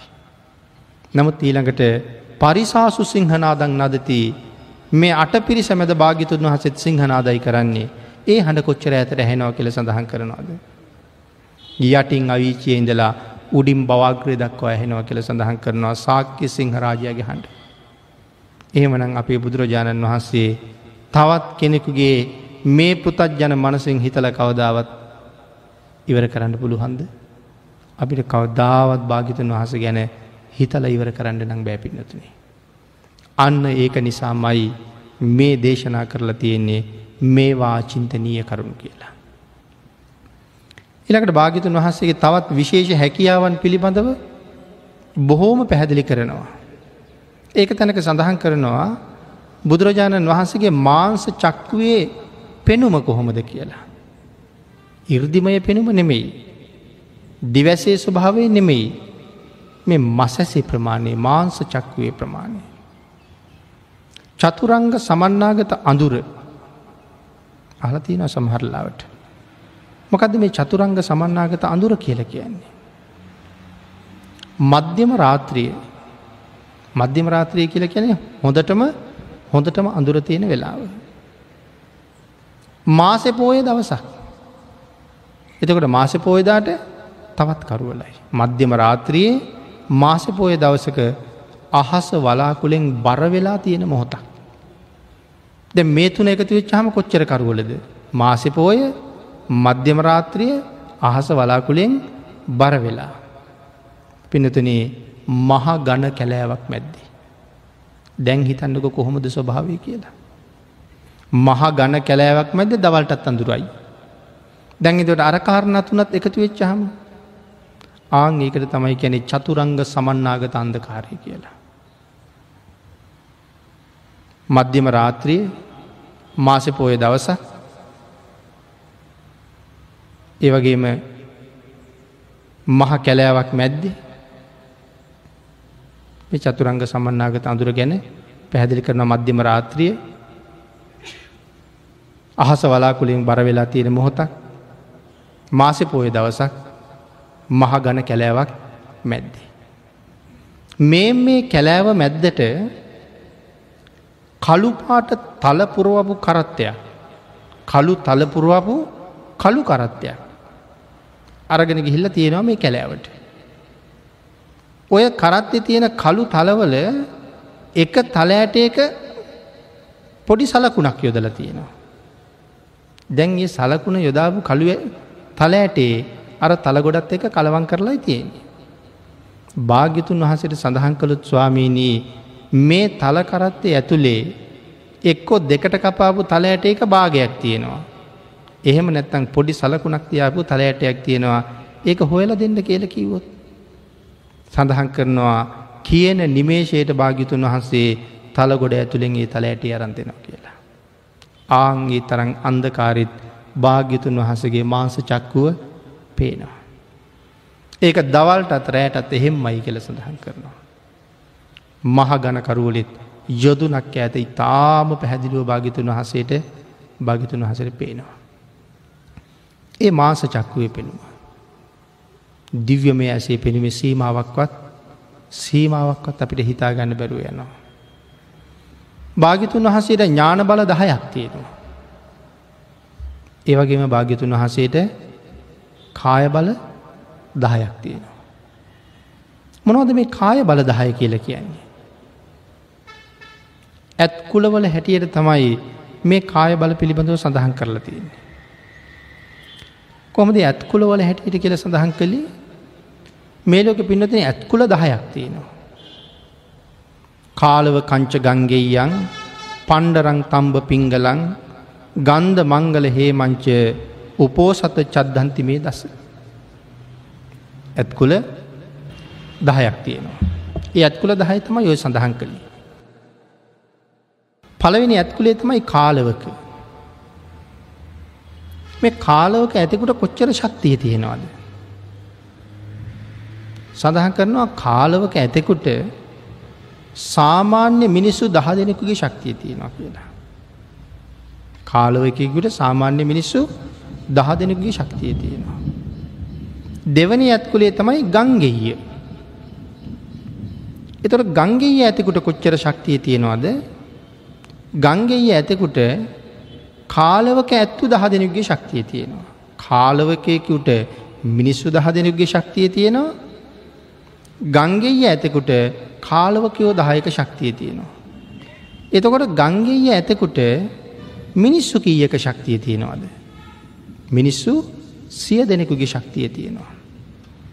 ගංගෙය ඇත්තු දහයක ශක්තිය තියෙනවා එක පණ්ඩර ඇතෙකුට. ගංගෙයෝ දහයක ශක්තිය එක පණ්ඩරයෙකුට තියෙනවා. එතකොට පණ්ඩරයකුට ගංගෙයයෝ දහක ශක්තිය තියෙනකොට පණ්ඩරයෙක්ට මිනිස්සු කියක ශක්තිය. මිනිස්සු දාහක ශක්තිය තියෙනවා. පිනිතුනේ පණ්ඩරයෝ දහයක ශක්තිය තියෙනවා තම්බයකුට. එතකොට තම්බයකුට තියෙනවා මිනිස්සු දහදාහක ශක්තිය. තම්බයෝ දහයක ශක්තිය තියෙනවා එක පිංගලයකුට එතකොට පිංගලයකුට තියෙනවා මිනිස්සු ලක්ෂයක ශක්තිය. පිංගලයෝ දහයක ශක්තිය තියෙන එක ගන්දයකුට එතකොට ගන්ධයකුට තියෙනවා මිනිස්සු ලක්ස දහයක ශක්තිය. ගන්ධයෝ දහයක ශක්තිය තියෙනවා එක මංගලයකුට එතකොට මිනිස්සු කොච්චරක ශක්තියද මංගලයකුට මිනිස්සු කෝටියක ශක්තියනවා. මංගලයෝ දහයක ශක්තිය තියෙනවා හේ මංචකුලේ ඇතිකුට හේම ඇතෙකුට එතකොට හේම ඇතෙකුට මිනිස්සු කීයක ශක්තියනවාද මිනිස්සු කෝටි දහයක ශක්තියනවා. හේමංචයෝ දහයක ශක්තිය තියෙනවා උපෝසත කුලේ ඇතිකුට. එතකොට උපෝසත කුලේ ඇතිකුට මිනිස්සු කෝටි කියක ශක්තියනවාද මිනිස්සු කෝටි සීයක ශක්තියනවා. උපෝසත කුලේ ඇත්තු දහයක ශක්තිය එනවා එක චද්දන්තයකුට. එතකොට මිනිස්සු කෝටි දාහක ශක්තිය. චද්දන්තයකුට තියෙනවා මිනිස්සු කෝටි දාහක ශක්තිය. භාග්‍යතුන් වහසට කොච්චර ශක්තිය තියෙනවාද භාග්‍යතුන් වහසට ශක්තිය තියෙනවා චද්දන්ත කුලේ ඇත්තු දහ දෙනෙකුගේ ශක්තිය. ආං ඒකයි කාය බල දහය දස බල කියල කියන්නේ. එහෙනම් භාග්‍යතුන් වහන්සේට මිනිස්සු කී දෙනෙකුගේ ශක්තිය තියෙනවාද. භාග්‍යතුන් වහසගේ ශක්තිය මධ්‍යම ප්‍රමාණය මිනිස්සු කෝටි දහදාහක ශක්තිය. ආං ඒකටයි කියන්නේ මහා නාරායන සංඝහත බලය කියලා. දැම් මේ අචින්ත්‍ය බවමයි අපි සාකච්ඡා කළේ මේ කාරණාව අපිට හිතන්න පුළුහන්ද අචින්තයමයි. දැම් මේ කාරණාව අපිට සැක හිතෙන් ඇද්ද කෙනෙකුට සැකයි කියල කියන්නේ රිජුවම භාගිතුන් වහස ගැන සැකයි. ඒ සැකය දුරුවෙන තාක්කල් බුදුන් සරණයන්ට බැරුව යනවා. එහෙමනම් අපිට හොයන්ඩ වෙනවා කොහොමද ඒ ශක්තිය ලැබුණ කියලා. භාගිතුන් වහසගේ ශක්තිය හිතා ගණ්ඩ බැරි අපි. පිනතන අපිට දුටු ගැමනු රජ්ජුරුවන්ගේ මහයෝධයාගේ ශක්තියවත් හිතා ගන්න බෑ. එහුවගේ කොහොම අපි භාගිතුන් වහසගේ ශක්තිය හිතන්නේ. කවද දුටු ගැමුණු රජ්ජුරුවන්ගේ මහයෝධය කියල කියන්නේ නන්දි මිත්‍රයෝධයා. නන්දිමිත්‍රට කොච්චර ශක්තිය තිබුණද කිය තිබුණ කියලද කියන්නේ. නන්දි මිත්‍රගේ ශක්තියත් මිනිස්සු කෝටි ගානකට වඩා වැඩි. අන්දි මිත්‍රගේ ශක්තිය මිනිස්සු කෝටි සීයකට වඩා වැඩි. ඒ කොහොමද නන්දිමිත්‍රගේ ශක්තිය සාමාන්‍ය මිනිස්සු කෝටි සීයකට වඩා වැඩි කියල කියන්නේ. මේ යුද්ධයට යන්ඩ ඉස්සල්ලා දුටු ගැමුණු රජ්ජුරුව තමන්ගේ යෝධයන්ගේ ශක්තිය පරීක්ෂා කළා. එක එක් කෙනගේ ශක්තිය එක එක විදිහටයි පරීක්ෂා කළේ. නන්දිමිත්‍රගේ ශක්තිය පරීක්ෂා කළේ රජ්ජුරුවන්ගේ පිනට පහළ වෙච්ච හිටිය ඇතෙක් කණ්ඩුල හස්තියා. උපෝසත කුලේ ඇතෙක් කණ්ඩුල කියල කියන උපෝසත කුලේ ඇතෙක් චද්දන්ත කුලේ ඇතෙක් නෙමෙයි උපෝසත කුලේ. චද්දන්තයෙක් නම් දළ හයක් තියෙන් ඕනේ. චද්දන්ත කියන්නේ ඒකයි දළ හයක් තියෙනවා. මේ මේ උපෝසත කුලේ හස්තියා හොඳට රාපෝල මත් කරලා නන්දිමිත්‍ර ඉස්සරහට එවනවා. නන්දිමිත්‍ර මෙයත් එක්ක පොරබදල දිනන්න ඕනේ. ඉති මේ කාරණාව කොහොමද කියලා අපිටවත් හිතාගන්න බැරුව යනවා. නවත් මිනිස්සුත් බලාගෙන හිටිය මොකින් මොකක් වෙයිද කියලා. යුද්ධයට යන මිනිසුත් එතන ඉන්නවා මේ යෝධයන්ගේ ශක්තියත් එක්ක මේ යුද්ධ තීරණය වෙනවා. සඳහන් කරනවා රාබීල රාබීල මත් වෙලා මේ හස්තිරාජයා හොඳත් උත්සගෙන නන්දිමිත්‍ර දිහාට දුවගෙන දුවගෙන එනකොට නන්දමිත්‍රත් හොඳට මහපොලිය පයතියල පිහිටලා හිටගත්ත කියලා. ඇතා හොඳ උත්සගෙනාපු නිසා ආපු ගමම්ම දල දෙකට මැදි වුණා නන්දිමිත්‍ර. මෙයා ළඟට මාව දල දෙක දෙ පැත්තිෙන් ගිය නන්දිමිත්‍ර මැද්දේ. සඳහන් කරනවා දල දෙක මැද්දෙන් යනවත් එක්කම දල මුලින් අල්ලලා ඇතාගේ දනිස් දෙක බිමෑන්න කියලා. ආන්ගේ වෙලායි සමච්චලයක් කරල ඇතට නින්දා කිව්වා. තිරිසනා මගෙත් එක හැප්පෙන්ඩාවද කියලා. අපේ ජනප්‍රවාදි කතාවක් තියන පොල් ගෙඩියක් හක්කෙ තියාගෙන හිටිය කියලා දවසක ගහල මරන්ට. නමුත් විජිතපුරේ පවුර බිඳින වෙලාවේ ඇතාගේ ඇඟට වැටෙන්ඩාපු මහ කළුගල් පවුර තමන්ගේ උරපත්තෙන් බිඳල විසිකරපු වෙලාවේ ඒ පොල් ගෙඩිය මූුණ දිහා බල්ල බිම දැම්ම කියලා සඳහන් කරනවා. නන්දිමිත්‍රට එච්චර ශක්තිය කොහෙන්ද. සඳහන් කරනවා පෙර ඈත භවයක මහරහතන් වහන්සේ නමකට දානයක් දුන්න කියලා. මේ ශාසනයේ දානය මොන තරං උදාරද. මුව මස් සහිත දානයක් දීලතින්නේ. එහෙම දන්දීලා කාශ්‍යප භාග්‍යතුන් වහසගේ කාලේ බුද්ධ ප්‍රමුඛ මහා සංඝයාර කිරිබත් පූජ කළා. මේ යෝධයෝ එකොළොස් දෙනාම කාශ්‍යප භාගිතුන් වහසලඟ කිරිබත් පූජ කරලා තියෙනවා. ඒගොල්ල එහෙම කර කර එහෙම කර කර ශක්තිය හෙව්වේ ගෞතම බුද්ධ ශාසනය දවසක අපිට රැකලතියන්ට. එහෙනම් මේ යෝධ පිරිස ගෞතම ශාසනය රකින්ඩ ශක්තිය හොයල තියෙන කාශ්‍යප භාගිතුන් වහසගේ ශාසනයටත් එහා ඉඳලා. මොන තරම් බුද්ධ ශාසනය වෙනුවෙන් කැපවෙච්ච පිරිසක්ද. එහෙනම් එහෙම දන්දීලම් මේ යෝධයා එහෙම ශක්තිය ලැබුව නං මහසාගරයේ ජලයට වඩා ලේ දන්දුන්න නං හිස් අහසි තියෙන තරු කැටවලට වඩා ඇස් දන්දුන්න නං මහපොළොය පස්වලට වැඩිය මස් දන්දුන්න නං එක තැනක සඳහන් කරනවා මේ බුද්ධත්වය වෙනුවෙන් මගේ දරු පැටවගේ අත් දෙක ගැට ගහල දුන්න වැල්කන්ද කපල එකතු කරානම් මහමේරු පර්වතයට වඩ අවසයි කියලා. දරුවන්ගේ අත් කැට ගහපු වැල්කන්ත. එහෙම දන්දුන්න අපේ භාග්‍යතුන් වහන්සේට මෙහෙම ශක්තිය ලැබෙනවා කියන එක පුදුමයක් තියෙන දෙතකොට. ආන් එහෙම කරුණු නිවැරදි කිරුවොත් නං අපිට සැක නැතුව යනවා නැත්තං මේ කරුණු හිතන්ඩ බැරි නිසා අපිට සැක උපදිනවමයි. නමුත් බුද්ධ රතනය ගැන උපදින සැකය අපිට සරණ යන්ඩ බාධා කරනවා. ආං ඒකයි කිවේ අල්ප මාත්‍රයක් සැක නැතුවම භාග්‍යතුන් වහන්සේව පිළිගණ්ඩ පුළුවන් වෙච්ච කෙනාට තමයි මේ ලෝකෙ බෞද්ධ කියන අපූරුනාමය හිමිවෙන්නේ. බෞද්ධයා කියල කියන්නේ සතරාපායෙන් නිදහස් වෙච්ච කෙනෙකුට. ඒකේචි බුද්ධං සරණං ගතාසේ නතේ ගමිස් සන්ති අපාය භූමින් යමෙක් බුදුන් සරණ ගියා නං යන්නෑ කවදාවත් අපායක. පහාය මානු සන්දේහන් දේවකායන් පරිපූරෙස් සන්ති. මනුස්සකයින් ප්‍රාණවායුව ඉක්ම යනවත් එක්කම දෙව් පිරිසයි සම්පූර්ණ කරන්න. එහෙනම් බෞද්ධකම කොයි තරං ශ්‍රේෂ්ඨද. ලැබිච්ච අවස්ථාව කොච්චර උතුම්ද සම්මාධිට්ටිකෙක් වෙලා ඉපදුනා බුද්ධාන්තරයක මනුස්ස ජීවිතයක් ලැබුණා.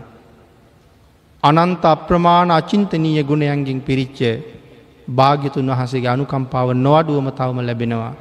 නිර්මල ධර්මරත්නය අපේ නිවන්දොර අරිමින් තව තවත් වැඩ ඉන්නවා. මොනෝද අපිට අඩු.